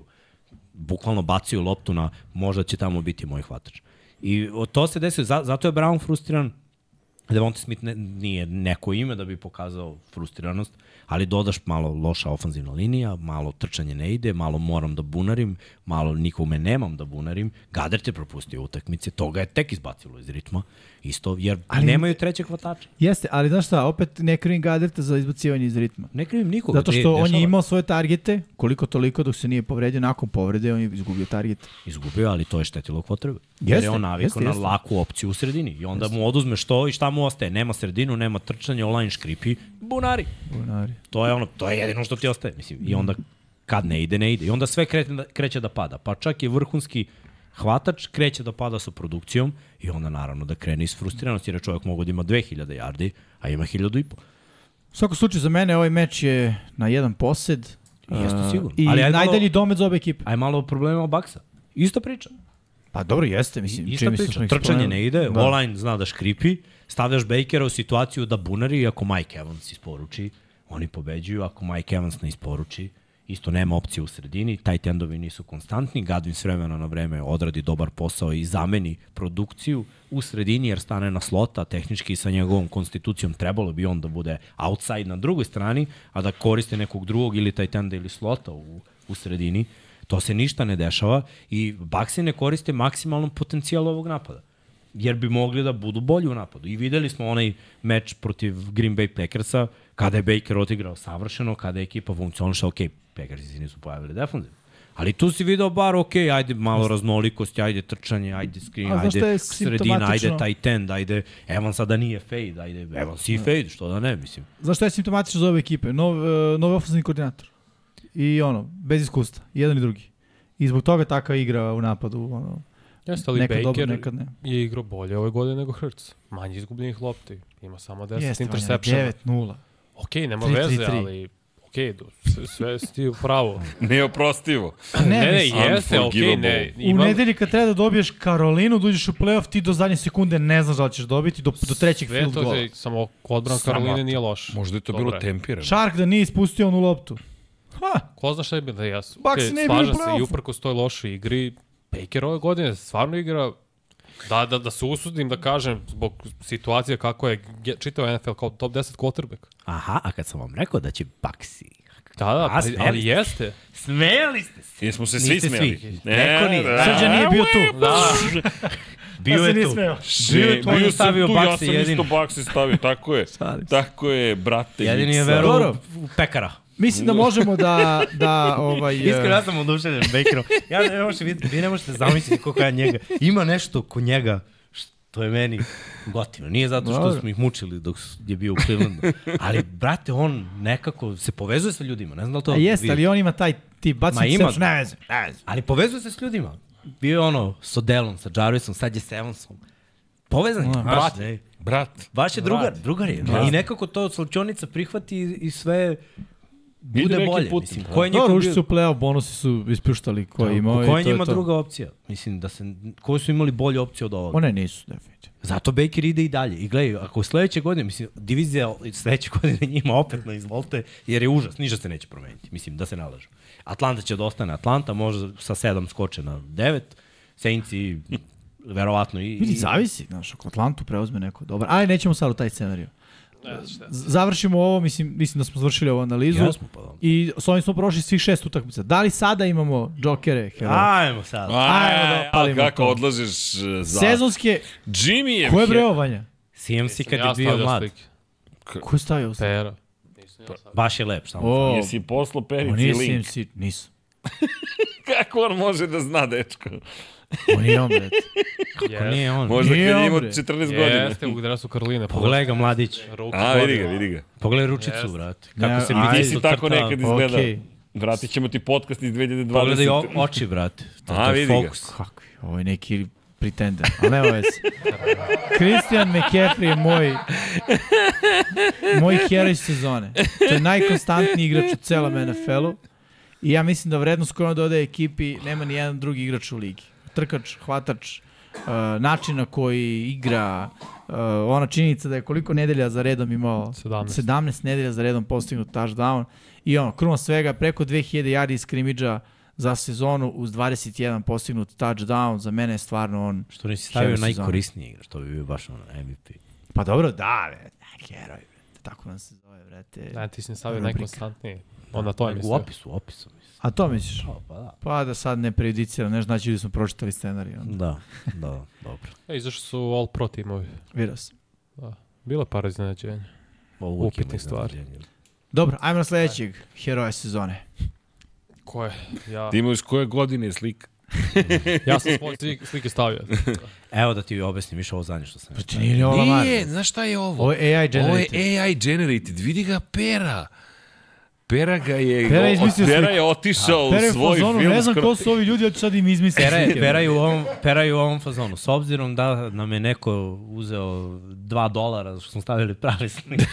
ne, ja sam mu rekao, možeš Sve da generišeš AI, ali nisam znao da je već stigao do tog nivoa. A Jer, šta je bio input za okej. mog? Kao Christian McCaffrey da ne liči na sebe.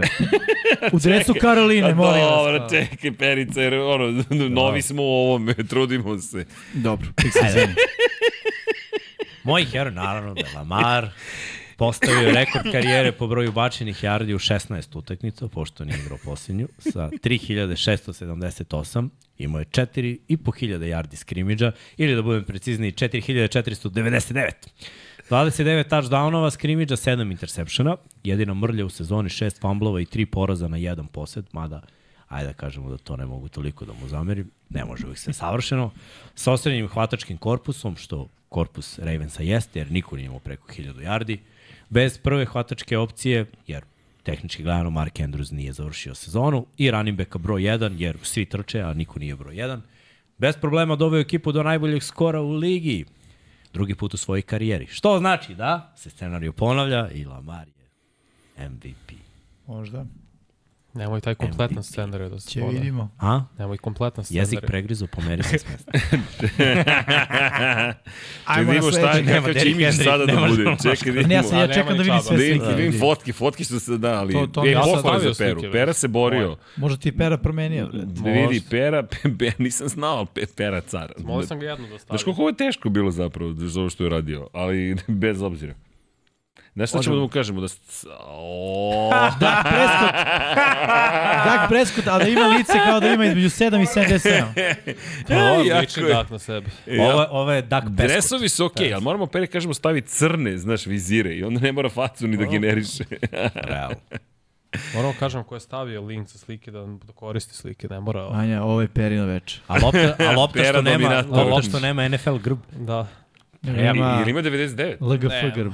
ne vidim lepo šta ima, ali nema Liga. 99. Nema, nema, nema. Nešto je grubih kao. fudbalera. Sve u svemu Prescott 4516 yardi dodavanjem, 36 touchdownova dodavanjem i samo 9 presečenih. To je samo 9 interse- interceptiona. Najveći broj kompletiranih dodavanja ima u ligi. Drugi najbolji passer rating 69,5% kompletiranih dodavanja, što je opet najbolji u ligi. Minimalno 10 utakmica, ne računam uh, Masona Rudolfa u tu konverzaciju. Pre, predvodio je Cowboysa ka 12 pobjeda, treću godinu za redom i bio je legitimni MVP kandidat. I dalje. I dalje. Savio si u prošloj. Opet si dao ljudima hint da smo, brate, Ž- pročitali. Pa dobro, i dalje jeste, ali stvarno je Prescott odigrao sjajno ove godine i impresionirao me. John Cena sa, sa, sa je tu. AliExpressa. Sa AliExpressa. Znači, pesma se čuje tu, tu, ru, jako A you can see me radiš ovako. Kaže, zbog ovakvih slika ima NFL da vas tuži. Ne, Neće NFL, nego pojedinačno svaki Neće igrač. Svaki igrač će da nas tuži. I Carolina Panthers. A, Koji ne igra dobro. danas. Srki, A, Srki heroj sezone. Detroit Lionsi. A vidi ti imaš pravu. A reci. Jedini sam dobio. pa pazi. Izjednačeni po broju po, pobjeda sa Dallasom i San Franciskom u NFC-u. Uprko slabosti, moje mišljenje na poziciji QB-a u odnosu, ajde da kažem, na druge tipe, došli do nevjerojatnih rezultata i plasmana u playoff. Ono što mislim da se desilo da je promenjena kultura iz gubitničkog pobedničku. Da, Jimmy lepo si rekao, ima tu još stvari koje vuku ka starim Lionsima, ali za mene ovo je ekipa koja je napravila nešto zaista veliko. I sad, da li, da li ste u pravu, da li je ovo kraj njihovog putovanja i zato su cene takve kakve jesu u Detroitu, vidit ćemo, ali opet, da li je iko od nas prognozirao kako će Detroit da ima isti broj pobjeda kao, ne znam, 49ers ili kao Cowboys i da će to biti ta, ta vrsta ekipe. Nije bilo realno. Jer mislim da je to zaista ekipni trud. Nije, to je Dan Campbell, to je cijela ekipa, svako se tamo potrudio. Ono što mi se dopada je, mislim da veruju u tim. I čak i u Goffa, čak, znaš, to, to je sad, on je čovjek bio nekada prvi pik na draftu, ali pokazalo se da u teškim situacijama pod pritiskom nije baš najbolji, ali bez obzira, oni su svi zajedno došli do ovde dokle su stigli, mogli su čak da imaju 13-4 protiv Dallasa, ne ulazim u sudije, samo da su dobili tu utakmicu, pazi gde bi oni bili sada. Na, tim broj, nosilac broj 1 u NFC-u. To je ludilo. To je kompletno ludilo za mene, tim koje, kojim smo se smejali, koji je, pre, koji je jedini tim u istoriji koji je imao sve poraza u sezoni svoje vremena. Znaš, to je baš velika promena. To je moje mišljenje. Zato su mi heroji Cool. baš zato hoću da ih istaknem jer mislim da zaslužuju. Idemo dalje. ajmo dalje. Iskidali su, Lado. iskidali su. Imamo sledeću sliku. Ko? Aaron Rodgers. Aaron Rodgers, brate. Malo je tam niz. A? Aaron Rodgers Integralna peri- verzija. Perica, Ovo je Rodgers, samo malo mlađe. kaže ima šest prstiju. Pe, ne, Perica, ne moram da mu kažem da, ne, ne, vidi, ja sam kriv, Da. da. sam ga zamolio, Pero daj da probamo. A vidi Pere- za njega blurovana Pera je onda to bacio kao da u produkciju. Na, na tim sastanku. Ne, ne, Pero, izvini, ja ću preuzeti odgovornost Sledeći za ovo. podcast 99 yardi mi. Ali, mogu je mene staviti čoveč. Zamisli nas Uglavnom. kako bi odradio. Moj Joker sezone, Jordan Love. Od mačke u džaku, što volimo da kažemo, na početku sezone do komparacije sa Favrom i Rodgersom, pa realno, prva sezona njegova, to je ova kako je starter, se poredi sa prvim sezonama kad su starteri bili uh, Brett Favre i Aaron Rodgers. Jeste. Ali šta je on uradio? Odvojio ekipu u playoff. Uspeo ono što Rodgers nije prošle godine uradio sa sličnim sličnom ekipom, sličnim pre svega hvatačkim korpusom. On je povezao se sa ovim mladim hvatačima i, kao što rekao, uveo ekipu u playoff. Glavna karika uspeha Green Bay Packersa, definitivno. Mislim, ono, mi i sa njim ih nismo videli u play-offu, ali bez njega mislim da stvarno ne bi bili, ne bi bili u play-offu. I zato je za mene on. Ono. Mačka, Odlično. iz mačke u džaku pretvorio se u mačka u čizbava. Odlična godina. Bravo. Bravo. Miksa! Moj Joker su Cleveland Brownsi. Uh, na početku sezone očekivao sam ih u play-offu, kao i ceo sever, ali sa Čabom, Watsonom i kompletnom ekipom, a ne sa ovolikim promenama, jer stvarno scenario da ajde da zaigra rezervista, pa smo tu naginjali da, da će Da, da, da. Thompson Robinson biti rezervista jer je odigrao dobro predsezonu, pa je on dobio šansu, pa nije igrao dobro, ali da tu uđe u konverzaciju i PJ Walker, pa Joe Flacco, ma to niko nije očekivao. Doći do dvocifrenog broja pobjeda u AFC-u, naročito na severu, govori da su oni najbolji tim u ligi, koji nije šampion divizije. Uh, jer ako, ako pogledamo druge divizije koje ekipe nisu šampioni, meni su oni bolji tim od Filadelfije. Uh, jer se drugi nisu susreli sa ovakvim problemima i nisu ih naravno ni prevazišli. Igrati sa četvrtim quarterbackom bez glavnog running backa, nevjerovatno. I evo šta zamišljam, Stefanski kao trener godine, Flako kao povrtni godine, jako je mali uzorak, ali opet, zanimljiva je priča, stvarno je nerealna. Mm. Garrett kao defanzivni igrač godine, neće se desiti, znam, ali konačno se nešto de dešava u Clevelandu i ovo je stvarno ludilo. Očekivanja svih u, koji simpatišu Cleveland jeste da dobiju Texans. Mislim da čak i analitičari naginju na to da, da, da će Cleveland pobediti u play-offu. To je ludilo. Sa Jeste. ovakvom sezonom. Bez čapa, bez Watsona. Ti dovedeš Watsona, daš kuću da bi se ovo desilo i flaka digneš iz penzije i opet može da se desi. Mislim, stvarno je filmski. Da. Ajmo dalje, Hvala. sledeći Ne, Joker. ja čitam komentare, nije mi dobro. Ja, ne, Ali nije, pa zato sam i stavio link, nije ovaj Josh Allen u pitanju. Zato Pera mora proveri. Znam ja, Josh Allen iz Jacksonville Jaguarsa je- je Joker ove godine. Ali da, ovo je baš Dobro. kritično. Dobro, Josh šta Allen, dešava defanzivac. se, idemo dalje. Sad ćemo, Defanzivac, Ovo je svako ne defanzivni liči ni jedan Josh Allen koji ti je poznat, veruj. mi. Ne liči, to jeste tačno. Sve broj 7. 66 obaranja imao Josh Allen, defensivni end, 17 obaranja za gubitak yardi, 17 i po sekova, stvarno igrao brutalno ove godine, 89,5 ocena za sezonu od strane Pro Football Focusa i pokazao i dokazao svojim igrom da je top 10 igrač na svojoj poziciji. kadar na vanju. Tako je stvarno jasno dušljen kako igra Josh Allen i poka, on je zapravo bio lider ove odbrane Jacksonville Jaguars. da mu se. Walker pridružio, bilo bi bolje. Hajde, A dobro, krenuo i on onako, stidljivo, malo po malo. Da, ali loše igra, prosječna igra, aj kažemo, Da, da, najbolju ruku prosječna. Ali Josh Allen iskidao ovu godinu. I, i iskido je pera ovaj podcast, ja da ti kaže hijack ga je lagano. Je makar da proba. ne, pa dobro, ovo. gde ideš? Ajde, ajde. E, ali prvo, Nema šta. Josh Ono, Allen pr- pogrešan, broj 7 i drži loptu u levoj ruci. ne, ne, vidi, vidi, vidi. To ti je jedini Vidi, problem. vidi, a ne može pera bude odgovoran, znaš, ono preopteretili smo čovjeka, ja sam ga, a ja sam rekao, je Kakve probam. veze ima, smejemo Kako se, daj da vidimo dalje. Ajde dalje. Da. Prejako. Ovo više liči na CJ Better. Meni liči na kikera.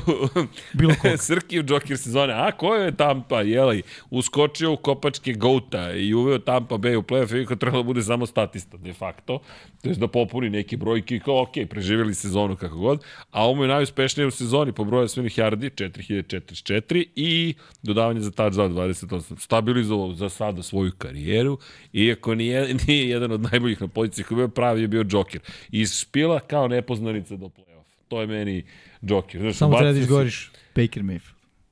Baker Mayfield, nisam rekao koja. Ljudi su prepoznali sa slike. Sa slike su prepoznali, ali mislim da olakšamo ovima koji ne gledaju nego slušaju. Za sve na audio platformama mnogo propuštate, Da. mnogo propuštate. Bukvalno. O, ova epizoda se mora gledati. Da. Znaš Od, kao od duvanja krune do... do, do ovoga, evo ću umrem. Si živ? Ba dobro je da iskašljem što god da treba. Kako bi rekao Charlie Sheen, to i nije pripadalo. Ja, ali imamo još, imamo i tragičar i Imamo novarije. još, Znači. I ruke. zabrinut sam, iskreno sam zabrinut. Ajde vidimo, hoćemo na, ta, na tragičare. I'm afraid, very afraid. Mo, opa, ovo bar je liči. O, okej, Ali dres opa, okej, dobro. Evo. Moj, I Rodgers nikad nije imao ispod oka, ali dobro. Moj tragičan sezone je Aaron Rodgers. Uh, povreda u prvoj utakmicu sezone, on dva playa igra, tri, koliko? Četiri. Četiri playa, okej. Cela sezona i očekivanja Jetsa su otišla nizvodno, opet.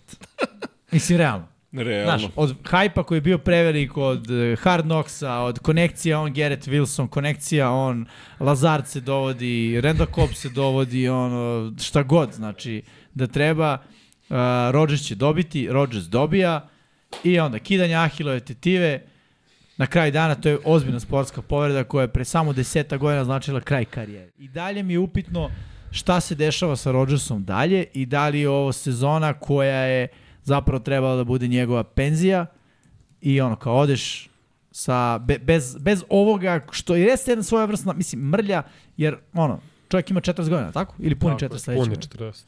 Puni 40 godina. Evo šta će se desiti. Pa, Rodgers ti je šofer jednog velikog autobusa koji se zove poslovi u, u organizaciji New York Jets. On vozi i gde on odveze, s njim će ili svi da odu ili, ili da nastave karijeru ili da odu u playoff ili šta god, ili da odu u otkaz.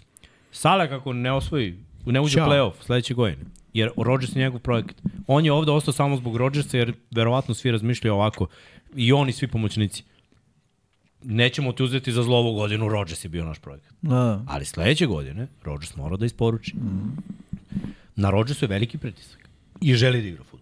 To je jako dobro. Nije ovo Rodgers iz Packersa koji ne želi da igra futbol, kome je dosta. Ovaj. Rodgers se izložio i želi da igra, izložio se na oporavak, da. vratio se vrlo brzo, ovaj Rodgers može da to isporuči. Ali ako se eventualno desi da zbog tih godina divizije, konferencije, batina, ne znam, malo uspori ekipa se suoči sa lošom situacijom i ne uđe u play-off, o, mislim, Ali znaš šta znamo? loš posao za mnoge druge. I znaš šta znamo isto? Pustiti bukvalno sve igrače, mnogi nakon ovoga odlaze u penziju. Randall Cobb odlazi u penziju, Lazar odlazi da bude šesti hvatač negde. I, i to i da to. ide. On je dobar hvatač sa Rodgersom, on je bez Rodgersa. On je dobar sa Rodgersom i kraj priče. To je, to je njegov opis. Šta radiš dobro? Dobar sam s Rodgersom. Koju rutu najbolje trčiš? Koji Rodgers baci? Mislim, to ti je Alan Lazar. Mislim, ni Randall Cobb nije daleko od toga. On van Rodgersa, mislim, Ništa. ništa. Uh, da, htio sam samo na to da dodam još jednu stvar. Viđali smo i Rodgersa sa, iza loše ofenzivne linije. I Pa to je zapravo u. Green Bayu nikad ga nismo vidjeli jer su Pa imali. prošle sezone. Nije bila dobra ofenzivna linija. Realno. Mislim da više komu i ovo hemija sa hvatačeva nije bilo dobro. Ok, i hemija s hvatačima, šta god, ali Rodgers nije imao vremena. Glej, dobra Ovdje ima stvar, dobra stvar sa ovim, sa ovim rezultatom biraće online, to je to. Ako Daj izaberu Bože. nešto drugo, Nije pametno. taj autobus ide niz liticu. Da, da. To- je to. Dobro, ajmo dalje da vidimo tragičare. Dobro. A, pa liči, A, brate, liči. okej, ima hudi. Da, ima hudi. hudi, sve, vidi Vada iskritikovao nas je Pera zasluženo osim Vanje. Rekao, Vanja je jedini poslao linkove. Inače, čak je, čak je i namršten, kao, kao i pravi bil. Druga godina bez play-offa, druga godina bez nađa. Nakon dve decenije uspeha došlo je vreme da i Bill osjeti šta znači imati loš tim gde ni dobar sistem ne pomaže. Zašto ovo kažem? Jer mnogo puta i kad su igrali loše, akcija je pozvana kako treba i situacioni futbol je odrađen kako treba. Samo egzekucija je bila užasna. Što je, mislim, manje više bilo očekivano ove godine od Petrioca u ovom sastavu. Za njega otkaz ili odlazak u novu potencijalno bolju sredinu nije loša stvar, šta više može da juri rekorde, ali ja se pitam da li je došlo vreme da se oprostimo od najvećeg trenera svih vremena. Zašto to kažu? Zato što je on najveći povezano s Petriocima.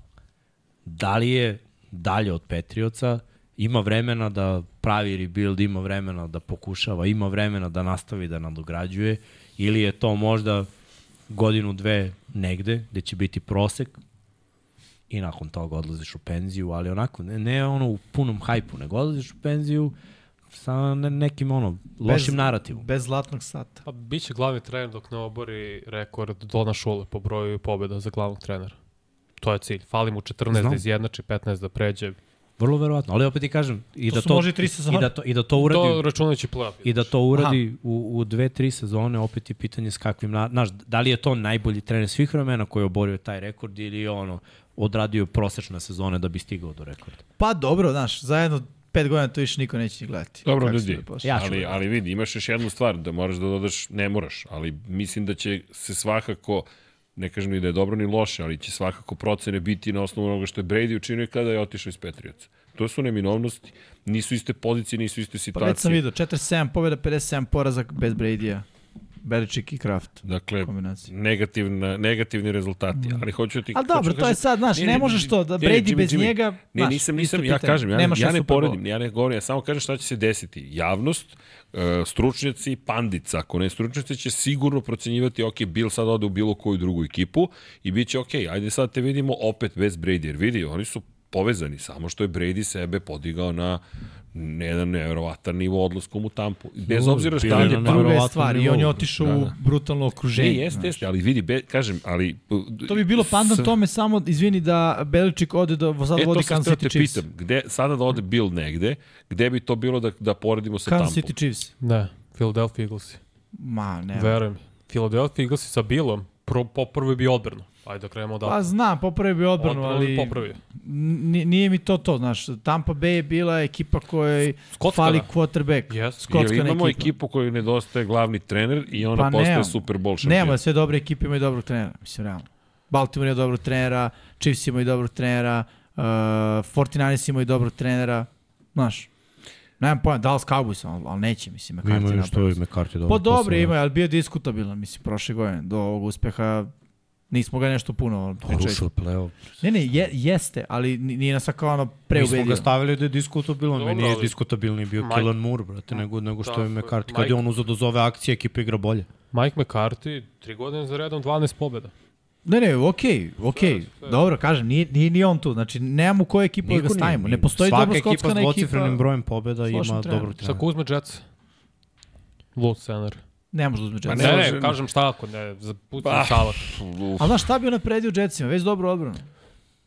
Jetsima fali quarterback, ne fali trener. Dobro, to će će se Pa oporaviti. znam šta bi sigurno uradio bolje od Saleh. Zaposlio bi pravog čoveka da trenira ofenzivnu liniju. To je nešto što to što ne je da. Brady uvijek imao u Patriotama. Ima Ma ofenzivnu nije, nije imao, Nije- Billy je imao dobrog trenera ofenzivne linije. Jeste. Nije, online je bio sklo, Vaše. skrpljen, skrpljavan. I to je Daca koji ima, ne znam, 70, 80, Tako 90 je. godina, čuveni, ja sad Da. sam zaboravio ime, ali on je zapravo pripremao On je ofenzivnu liniju, dobio, neprekidno. on kad je otišao čovjek u penziju, ta se sve promenilo. To, to, to je, Ofenzivna linija je bila uvek ozbiljna. tako je. Ali bukvalno je bilo krpi. Znaš, Imali su Pazi ovo. pro bowler. oni. Giants. Giants. Giantsima fali Da sve. Skaču na vrati draftu tamo. i pikuju quarterback. Chicago Bears. Chicago, Eberflus, Pa, Iberflus. je Već to. Kaže, Sigurno. bio hoću trenera vas, šta će kaže, e pa imam Iberflus. Dobro. Sigurno. Imam i dobro svoj trener. Kakav je tvoj rezim? Pušaj na mail. Pošalji si mi. Iber, brate, šta se čuje kada pustiš vodu? Motivacijono pismo. Ajde sad u maksi i daj mu korpu. Šta je ovo? Daj, bro, ću se smijem još, daj slike. Idemo dalje. Ajmo dalje. E, nema smeha. Sam tražio fer. Di- Titani. Tužan Titan koji, nažalost, tugo je, ne zna šta će više. Sad je u delirijumu, pošto su otpustili jednog od najboljih trenera, sada su ostali bez jasne smernice, ideje i identiteta za budućnost, nedostaje elitni talent skoro svuda u timu, pogotovo u napadu, pritom vrlo verovatno ostaju bez Derika Henrya, koji je bio lice franšize poslednjih pet sezona, Uh, imaju, ja sam tu napravio slovnu grešku, imaju veliki znak pitanja na poziciji quarterbacka, dok u njihovoj diviziji trenutno izgledaju kao najslabija ekipa. I sad će ovo biti blag pad i pakao za Tennessee Titans. Bio si na vrhu 3-4 sezone, bio si jedan od najboljih ekipa u AFC-u, a sada te čeka ozbiljan rebuild. I to koji potencijalno može da traje godinama ako ne ubodeš trenera, a imao si Vrabela koji je stvarno radio veoma dobar posao, da mučio se poslednjih dve godine, u poslednjih 25 utakmica, 7 pobjeda, 18 poraza, ali da li ćeš ti naći boljeg trenera od njega trenutno? Zaista sumnjam. Da li je Will Levis taj quarterback lice franšize? I to je veliki znak pitanja. Šta ćeš raditi sa ostatkom napada? Mix je rekao, vrlo vjerojatno će i Hopkins hteti da ide. Ili potpisao na jednu godinu. Na godinu dana. Ok. Hopkins ide. Ma svi idu. Pa da. To je to. Tako Ostaju da sve iznova krećeš. A i u odbrani isto. Ne bi me čudilo zašto bi jedan Jeffrey Simons, koji je zaista vrhunski defanzivni tackle, odlučio da ostane sa to. Zašto neko mora prodaje dres? Ma bit će tu do početka sezone, on će ga tradovati kasnije kada sezona krene izbrdo u šestoj nedelji. Ili neće. Uzeti nešto. Ili će da bude, evo ti Pa, pare, svoj. ti si nam jedini dobar igrač. Znamo šta će on s parama. Par stvari Više Sad ću ti kažem. Ima tu šta može se uraditi. Sa končanicom Miška. Pare ne kupuju sreću. Da, to je la. Da, evo, A Mr. možeš da Iceman. skijeć. Skarneki je bio trener ofenzivne linije. Da, da, da. Hvala, Mr. Iceman. Ajmo dalje, sljedeći Da tragič. vidimo- Da privedemo kraju ovaj segment. Eh. Lepo. Meni su Cincinnati Bengalsi. Pa dobro. Znači, jedne mačke su mi heroji, jedne mačke su mi tragičari, od ekipe koja treba da se vrati u Super Bowl do ekipe koja ne ide u playoff. Iako imaju isti, isto broj pobjeda i poraza kao veliki broj timova, to je isti je iz, NF, iz NFC-a koji su u play-offu, članstvo u najvećoj diviziji NFL ih skupo koštalo. Pri čemu još jedna povreda glavnog potreba pitanje izdržljivosti za Joe Barrow. Šta ćemo sa... Šta je Joe? Ne, ne, ne znam šta se desilo sa kurcanjem, ali nema veze. Dobro. Sa čime? Kucanjem slova, nema ja veze. nešto drugo. Ja sam to čuo. Uh, Vlado stavlja ono Vidi, samo vas trojica šta ste razumeli sa to Pa, pitanje. Jel Vičingauer, jel. Vičingauer počeo? pa E, šest minuta. poranio si četiri minuta, ali u re- u redu. A dobro, to je ono Pa ne, ali vidi, stojim pri ovome. Znaš, ti Cincinnati svaki godin, evo sad će Cincinnati, sad će Joe, sad će ovo, sad će ono. Pa i bio bi Joe. Ba da, Da, dobro, znaš šta je dobro? U, u svemu lošem. Ovo je jednom je bila noga, sad je ruka. pa da, znaš Svaki šta je sledeće. Da, da. U, glava je opasna. Glava je, vidi, ima tu prostora Ovo je dosta. naivna Rebra. povreda koja je ispala ozbiljna povreda.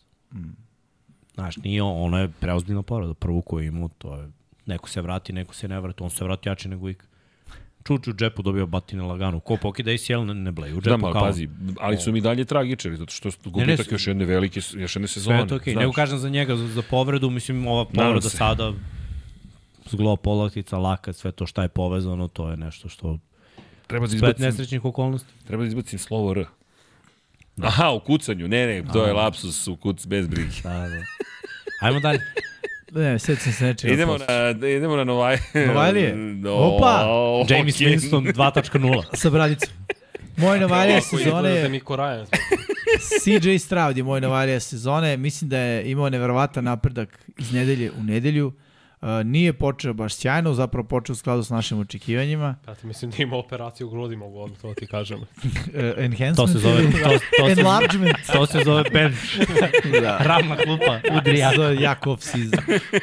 Uh, I bez velikih očekivanja odveo svoju ekipu u play-off i do naslova šampiona Juga AFC-a. Realno, pričali smo o tome na početku sezone. Nismo videli Houston Texans se blizu vrha, oni su do, došli na sami vrh svoje divizije. I ceo sezonu igrao pre kao veteran nego kao, kao Novajlija. Stvarno, taj nivo uh, do, dobrog donošenja odluka, taj nivo malog broja interception. Do koje nedelje nije imao interception? Sedme, osme? Nije, imao je tri interception od utakmi, ne, imao je dva do, do nedelje kad je ubacio tri u jednoj utakmi. E, E, to je tamo tačno, bilo na tačno, polovini tačno. sezona, ali ima ti... Tako da, ono, brutalan posao. ali sve vreme najbolje od svih quarterbackova. Da, da. A Novajlija. Ruki. Da. Tako da Baš za mene je on stvarno. Novajlija sezone. Ono, bom, bom. Može dalje. Miksi Novajlija sezone. Puka na kua. Cooper Cup, čovječe. Bez E, brada. 1486 yardi, što je četvrto mesto u ligi, računajući sve hvatače. 105 hvatanja, što je u top 10, računajući sve hvatače i postigao je šest touchdownova. Solidan bloker, rekao bih jako dobar bloker, pouzdan hvatač, efikasan kad zatreba, da je Stafford igrao sve utakmice, vrlo verovatno da bi statistika bila i bolja, ali svakako imati najbolju ruki sezonu ikada, nije mala stvar, niko ovo nije video. Momak je top 5 legitimno od svih hvatača, što je za rukija uvek uh, impresivno. A igrače koje je on prestigao za najbolje ruki sezone, to su nam uglavnom top 10 hvatači svima, ako ne svih vremena, onda sada, trenutno, pošto su JJ i Chase tu u priči. Bravo, bravo i za Remse, ovo je bio ono, jedan briljant. Kao što su Peta iskopali, iskopali Kupera Da, Kapa, runda. tako su iskopali i njega. Mislim, Samo Kap nije bio toliko kasno izabran, ali opet bravo. Izvini, ja ne mogu da čitam komentare više, znači nije mi dobro. Ajde, imaće, bit će još komentar. Kaže Ajde. kuka pa kao. Puka na kua from AliExpress. A, To je bilo ono, Vanja je jedini ozbiljan ovo shvata. ako naručite u narednih pola sata, dobit ćete i pravi broj, Dobit znaš. ćete i grudi. To je bilo za mog, sidi strava. Grudi su bile gratis. A, dobro. Ajmo, Ajmo ajmo, ajmo, ajmo, da vidimo. Vanjin. Vanjino Ilija sezone, ajmo. Jalen Carter, Koliko prsti 33 ima on, obaranja. Da. Pogledaj ovo, bre. Zašto misliš da je dominantan na liniji skrimidža? Ovaj sekove ne propušta. Koliko ima intercepcija? Aj, krilo, brat. Ima specijalan potez. Slap to the face. Illegal use of fingers. Koristio je sedmi prst. Njega šaljemo po pivo. Vidi, da ne igra u NFL-u bio bi dobar konobar. Aj, može dva incera da drži u ruci, bez problema. Vanja, pročitaj brzo da ova slika nestane. Ja, bože. Uf. Ajdemo iz početka. Sa svih sedam prstiju. 33 obaranja, 6 sekova, više čovjek ima manje sekova. 33 baranja, 3 prsta plus 3 prsta. Ja, dva isforsirana fambla, jedan defanzivni touchdown. Najbolje ocenjen defanzivno Bajlija. I peti na svojoj poziciji. Peti, nije šesti. Nije.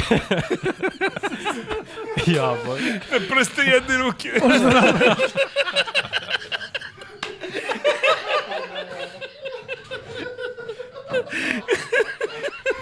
Jer ima broj Bakera Mayfielda u ruci.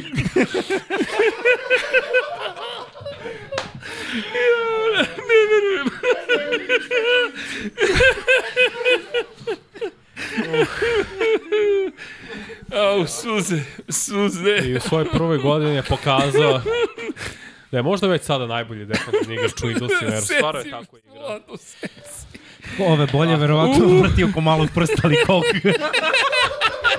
Seci, lado. Ja, pa, glava se vola. Kako zove ona vodka? Two fingers. Six fingers vodka. I ako ste gledali Gataku film, imaš uh, simfoniju za 12 prstiju, stvarno imaš 6 prstiju. Ne Znamo koji mogu da svira pola te simfonije. I jednu ruku. Da li si kako bi zbunio, znači, On ima šest bez palca. Jaj, čovjek. Uh, Ajmo on dalje, može sa 99 Tvoj, yardi iz dve ruke da pokaže. Kirk Cousins, čoveč. Ovo ti je Eli Mannings. ili? Ovo je neki lebdeš. Jimmy Garoppolo. 889 yardi hvatanjem uz 10 hvatanja za touchdown u debitanskoj sezoni. Postao jedno od najvažnijih oružja Detroita i četvrti najuspešniji tight end u cijeloj ligi po hvatačkoj statistici za Kelsey Hawkinsona i Kitla. Sklanjaj. Samo Samo nisi izbrojimo ruke. Ima tri ruke, ali ne veze. Sam Laporta. U, Sema Porta, izvinjavam se. Dipsovao sam ga već pre nekog Dobro, vremena. gotovo sa slikom. Gotovo sa slikama. Prošli smo najave utakmica, prošli smo sve, malo smo Samo pretumbali. izvini. Ward Do, pravo došli u se. Q&A, pitanje. Kaže, svaki Bradyjev prsten stavi na šaku jedne ruke. To iz Petrioca. Ne, pa ima sedam. I ima Pa da, sedam ali i ima šest iz. Petrioca A možda ima palac koji je sakrio. To, a nema, ono su bili... E, playoff slika. Komu je sponsor? Seven Up.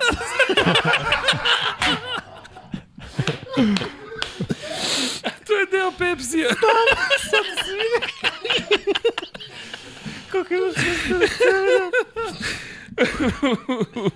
Ja. Omiljena ekipa 76. Oh. File. 77, Lab 76. Znaš ko može 7, može 6, ne znam. Uh, dobro. Pero, Dobro, ajmo imamo playoff sliku, ovome. tako? A da, Ono što smo videli, naša predviđanja za playoff. E, da. To je ostalo. Ajmo. Ovde nema fotke. Moja playoff slika izgleda ovako. Eaglesi pobeđuju Buccaneerse, Ramsi pobeđuju Detroit Lionse, Cowboysi pobeđuju Packers. Što dalje znači što se NFC-a tiče da LA ide u San Francisco, odnosno gledamo divizijsko rivalstvo u divisional rundi. Uh, Ramsi protiv 49ersa, 49ersi to dobijaju, Cowboysi pobeđuju Eaglese kod kuće. Jedino I- su domaćini ovde.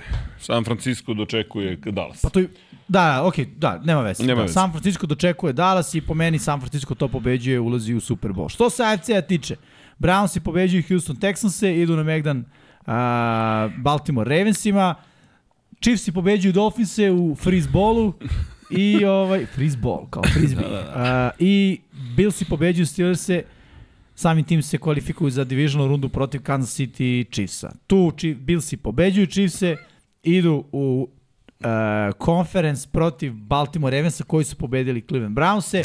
Billsi prave iznenađenje, pobeđuju, gledamo Super Bowl među Billsa i 49ersa. Billsi all the way. Opa! A? Opa, a?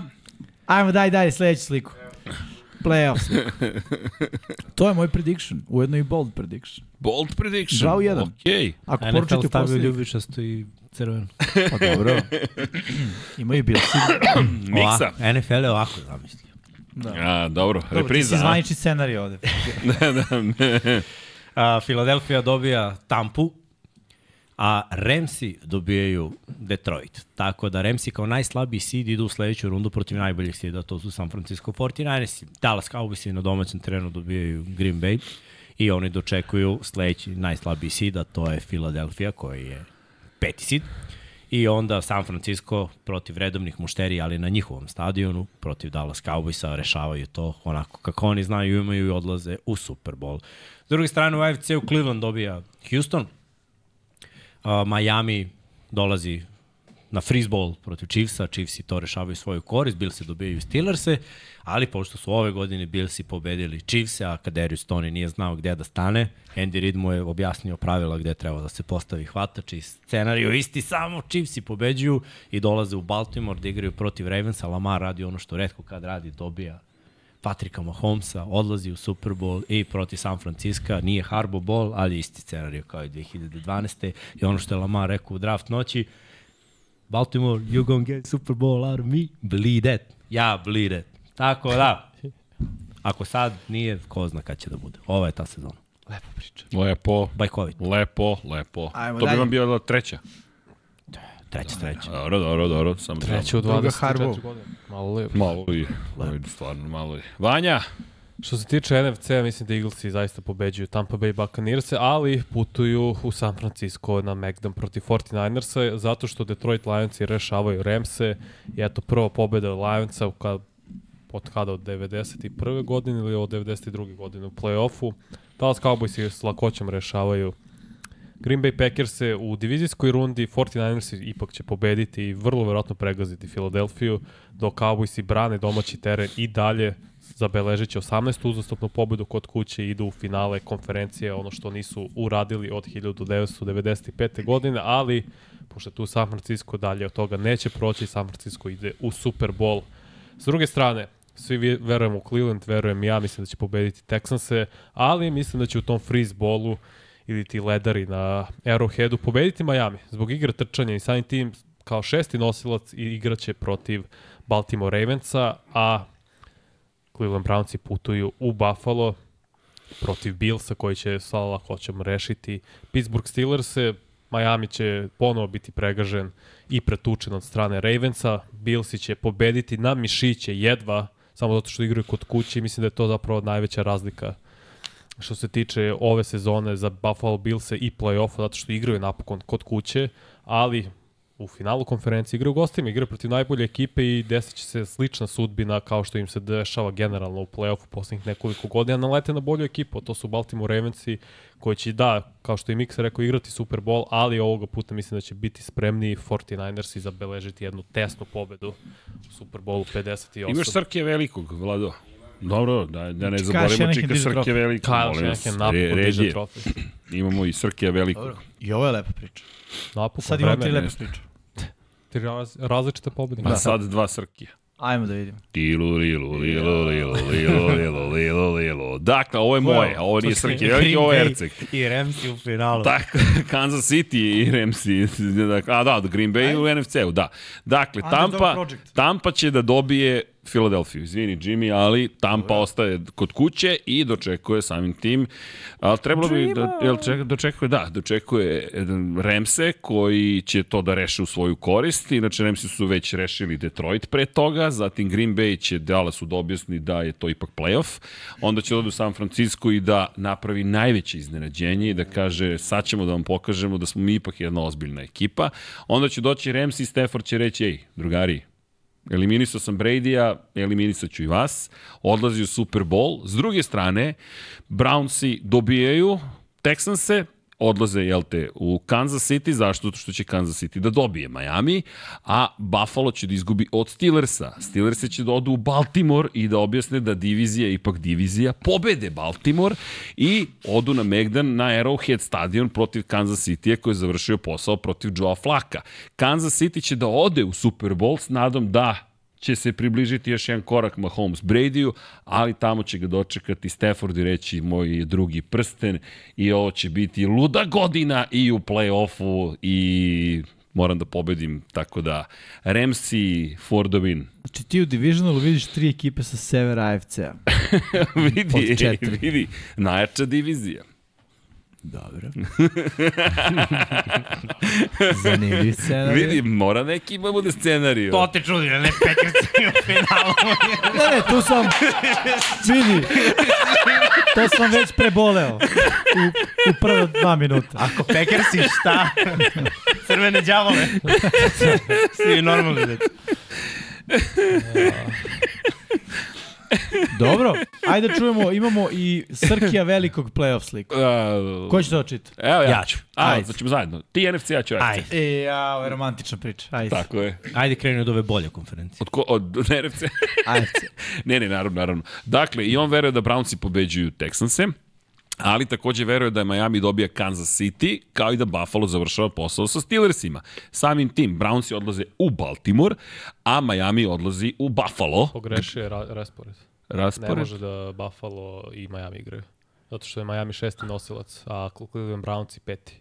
Miami mora da ide u Baltimore. Dobro, da. da Miami ide u Baltimore i ne znam šta će tamo da se desi, pošto je...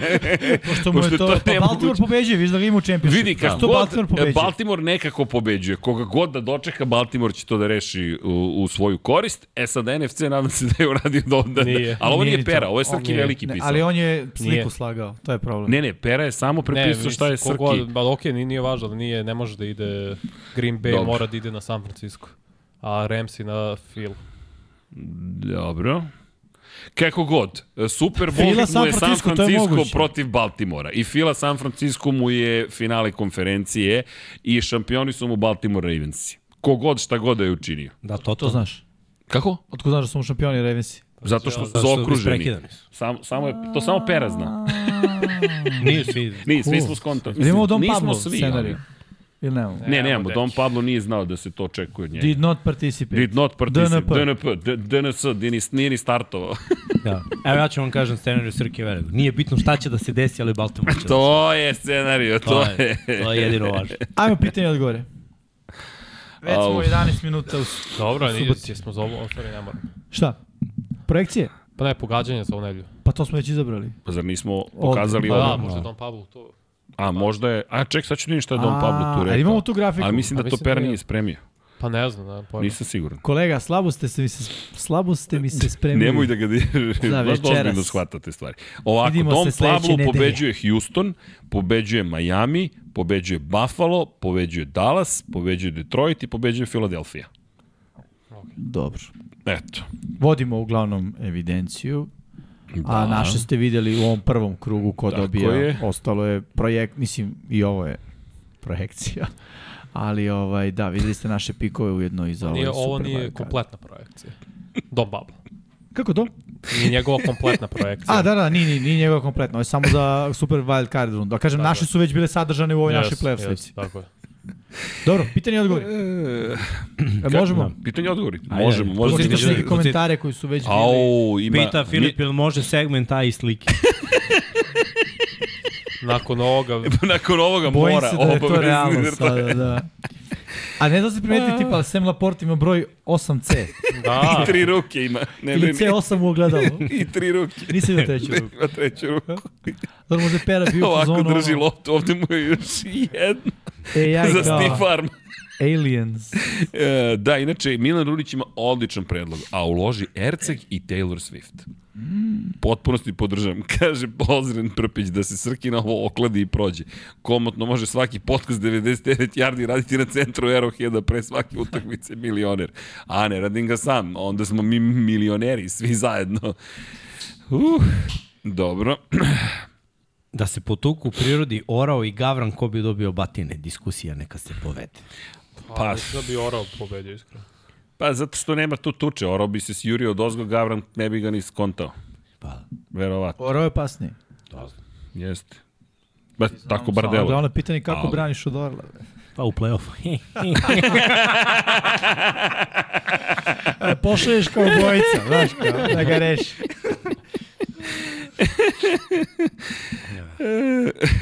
Dobro, e, sledeći podcast da se urede naše AI fotografije, nema nekakvih Nema, problema. to smo probali. Već. Pera Koraks. Funkcioniš.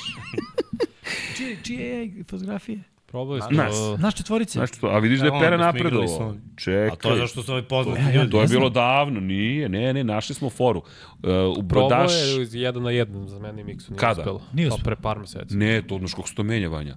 Veruj mi, kad je bilo pre par Ne, ozbiljno, u svetu uh, papagaj inteligencije, to, pošto to, to su papagaji veliki, to nema inteligencije, uh, mnogo su napredovali. I novi Mid Journey, kad mu daš fotografiju na kojoj osnovu koje praviš uzor, može da ti generiše vrlo zanimljivo rešenje. Čekaj, to će To to... bre može, ima one aplikacije, može to i Mid Journey, sigurno. Ne, ne, ne, Aplikacije, daj mi mene u biznis varijanti. I on ti izbaci sređenog, super. No, ne, stvarno imaš... Imam i ja, imaš, brate, takvu sliku sa boob job. A, dobro, too much information, poznat koncept ili ti TMI. Evo da vidite šta sam ja radio sa Samom Laportom. Evo, Da ste uradili? japanski stil Sam Laporta. To je trebalo da ide. da. Japanski stil. Ozbiljno, pa da, nešto sam Poslednji ludo. sam morao, brate. Bio je Semla Porto. Vi ste se samo Gospodin zezate. Semla. Evo, vidi, vidi, vidi, vidi, vidi ga. A? A? Dosta je to... Um, Evo Evo. šta on radi dok mi ovde pričamo o ozbiljnim temama. Ne, nisam to on sad kao nešto radio, to- kuca, Da, da. kao mislio, Kao- pregovara neke Kao, dilove, vidi ga, rešava dinastiju, Da, a on on Reš- Sam Laporta. Sa advokatom sam na. Drift. Japan. Jel imamo slike za dinastiju?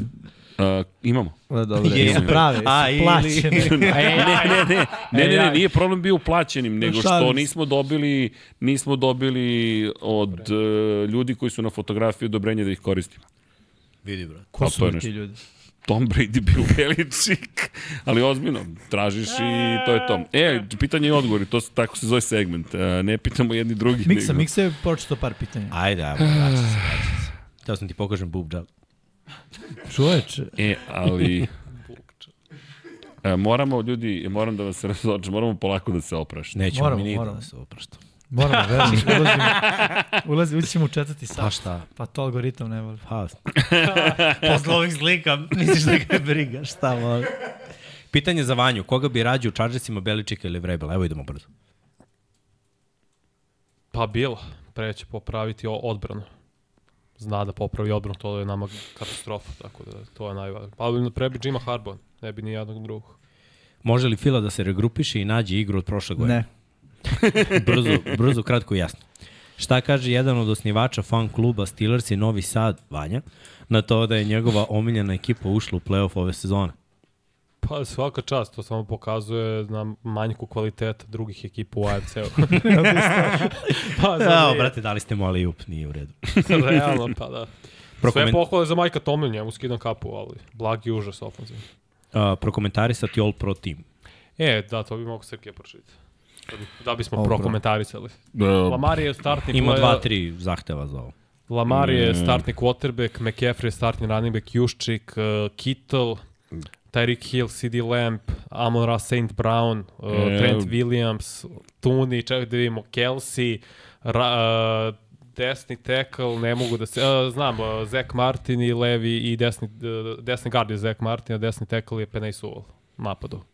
To. Jel treba ja nešto da čitam? Od, odbranu ne znam. Edge rusher, Miles Garrett, TJ Watt, interior lineman, Aaron Donald i Chris Jones, linebackeri, Fred Warner, Rokon Smith, Quincy Williams, uh, cornerbackovi uh, Daron Bland, Sauce Gardner i Trent McDuffie je slot cornerback, safeties Kyle Hamilton i Anton Wilfield Jr., place kicker Brandon Aubrey, AJ Cole je punter i kick returner Kaizen, Kaizen Nixon. Eto, Kaizen pravda za Wilsona.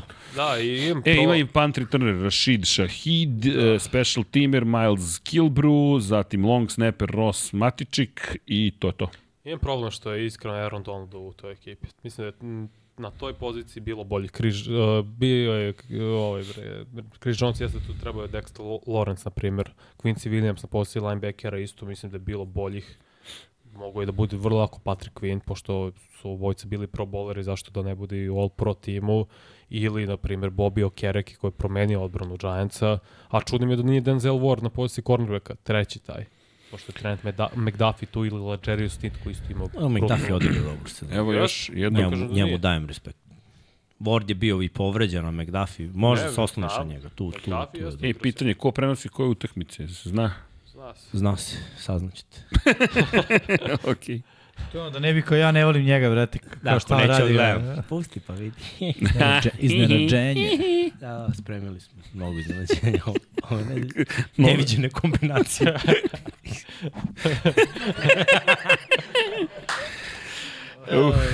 Dobro. dobro, dobro, dobro. Pa da li je Liga otišla skroz u napadačke umove za head coacha? Pa da. Ide u tom smeru. I Da. to, to mi smeru poslednje dve godine. Ko su defanzivni orijentisani treneri u play-offu trenutno? Play-offu? Da. Sean McDermott, A, ovaj Todd Bowles, Todd Bowles, tako je, Mike Tomlin, Mike Tomlin. Harbaugh je specijalni tim više, mislim on je, Da. nije ni tamo ni vamo. Dan Campbell i... Pa Dan Campbell nije ni napad. Nije, Pa, mislim, da. On je Više naginje Ja ka napadu, ali nije... Ja bih upisao odbranu obojicu. Pa ne. Čisto for. Opa, Opa, ode. Jesmo pukli?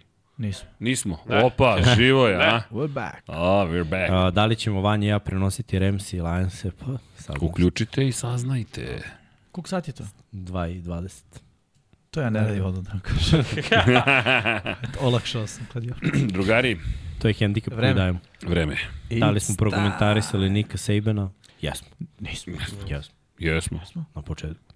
Danas? Sedam Da. titula sa dve, dva različita koleđa, jedan od dvojice, samo je, o, dve osobe su uspele to da urade u, u ikada u istoriji koleđ futbala, uzeo jednu sa LSU-om, šest sa Alabamom, zaista promenio taj sport i otiže u pravo vreme. Te tektonske promene u koleđ futbolu nisu dobre. Koleđ futbol nema konstrukciju, nema nadređenih lica tamo, nema neko ko je glavni, koji daje neke smernice, pravila, NIL je sve promenio previše para, odjednom sada ulazi, iako je to pre bio problem, zašto nema para, sad je to postao problem u suprotnom Treba smeru. postoji cap.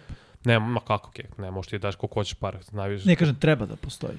Pa, da i ne, ne znam, zato što to previše koleđa i sada imaš sve manje konferencija, sve se pretvara u dve velike konferencije i pametno je što je otišao sebi, neće više se muči čovjek, se maltretira da njemu Smo je otišao u odlazi. penziju, da to Da, kažem. da, Nije kao penziju. Beličik ono otišao, nego Ne, otišao otišao u penziju. Neće više koučovati. Može u životu. Da, Realno. Da, dokazao se, Sad ga zaradio živi, pare. realno. Sad je, sad je Koji vreme. penzioneri, ide Znaš što je putuje najjače, malo. bez? Što je došao sutradan 8 ujutru na univerzitetu. Zbunio se. Ne znam, došao. Alarm nije ugasio.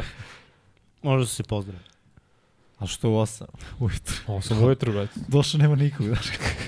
Pozdravio se sa, univer- sa zgradom. Šali se nije. Možda i njegov sat, sat vremena ranije. Mislim, dobit će on neku možda počasno mesto. Nemam pojma. Ne, pa dobit će sigurno i našli su novog trenera, Kejlena Debora, koji je bio trener Washingtona i čovjek koji je odradio sjajan posao s Washingtonom i otišao u pravi moment. Washington od, odlazi quarterback, odlaze najbolji hvatači, malo je tu raspad sada, manjka talenta, dobro došao u Alabama. To. Ali igrači Alabama, portal. Dobro, otišao je ovaj hvatač koji je bio, Bond. mislim, otišao, nije otišao u portal, James samo Bond. je bio komitovan i rekao neću sad idem A, na Alabama. njega misliš na srednje škole? Williamsa, da, da. Da, da. Ali ovo ostalo, tu su i dalje igrači, zato što Alabama odradila brz posao, odmah doveli novog trenera, kvalitetnog trenera, stvarno je Debor radi sjajan posao i ima samo 12 poraza, stoji nešto pobjeda, tako da je veoma kvalitetan trener. Biće zanimljivo. Dobro, to bi bilo to što se tiče pitanja i odgovora. Mi polako, ali sigurno zatvaramo radnju. Uh, Vlado, spremi se za tvoj deo posla. Mislim, vi biste mogli čak i što je kraj emisije, nema veze, malo like, subscribe, subscribe malo više, jer procenti ne govore nam u korist, to nam se ne sviđa. Sad kad Vanja bude krenuo da vam izlači statistike, napredne generacije, koliko gledate ovo, ne lajkujete, ne klikćete, Uf, nije Ceo to- segment ima šest papira da spremi. Za svaki od prst sledeće nedelje. Tako da, to bi bilo to. Šest prstiju, sa sedam prstiju, tri ruke, dve šest glave. prstiju sam presekao sve lopte. Sada da. 14 prstiju. E, a da li ima na desnoj ruci isto sedam ili pet? Nikad nećemo znati. Zamisli, je, a ja mislim da je fora ova, ima 10 ukupno. Pa ti rasporedi. Šta to kao JPP? A, ovdje ima trozubac. Petar da mu prebacila na levu ruku. Ovo je Dobro, već to dark to je već, Ovo je da, crni da, klub. ali Pa pa dobro, ušli JPP se ne... E, ali Viking, ima ljudi da. koji su naučili na osnovu njegovog primjera. Ne kažem da je to želeo, ali... Nisu svi, nažalost. Da, nažalost nisu svi, ali o, vidi, on je posle toga bio svojio titulu i bio je... To, koristio nam je prošle godine. Jeste. Čekić. Dobar je. Dobar, Dobar je. JPP. JPP, on, on, on, on je li izgubio ikad u play-offu? Jeste. Jeste, da, prošle godine. Da, S vama. s vama. Zahvalit ćemo se Romanu i Huntliju. Ali prošli su ti dani. Prošli su ti dani, sad je vreme za bolja vremena. Gasi. e, može šestica, Vlado, da se pozdravimo kako dolikuje. Ljudi, ovo je, ko je, 168. izdanje, mm, tako? Je. 160... O, vidi, spremni smo. Sa verom u Baltimore. Dobro, imamo dva predstavnika u play-offu, Jimmy i Miksu, nas dvojica pa... Vanja, Ja sam zato. Sledeće bolji dani. Ja sam ovime zato. Better luck next time. A, dobro. Vanja ima krun, šta ja imam? A ja ću sada vas porazim u imaš Super Bowl, sad ću veliko play-offu. srce. hvala, Jimmy, hvala, Imaš Jimmy. Rodgersa na klupi. Imam da, pa i to je nešto. A? No, vidi, to je nešto. Makar je bilo zabavno u predsezoni. Imali ste najbolju odbranu i najgori napad. Čekaj, e, pa jel su, jel Hard Knocks bio loš? Pa Hard Knocks je sad postao standard. da, da. Nit, nit Dobro, smrdi, nismo nit bili miriši. toliko loši u Hard Knocks. Miami je Hard Knocks i dobar, iskreno. Ovo među sezonu, to je u toku sezone. Imali su dobar moment. Dimi samo ove ozbiljne stvari. E, šalu na stranu, e, samo želimo da se zahvalimo, pretpostavljamo nismo se ni dogovarali, ali završen regularni deo sezone, ljudi, ima ovde puno pozdrav, puno, to jest, e, i ajde, pozdrav što ih zabavljamo sve ljude tokom, jel te, svakog petka.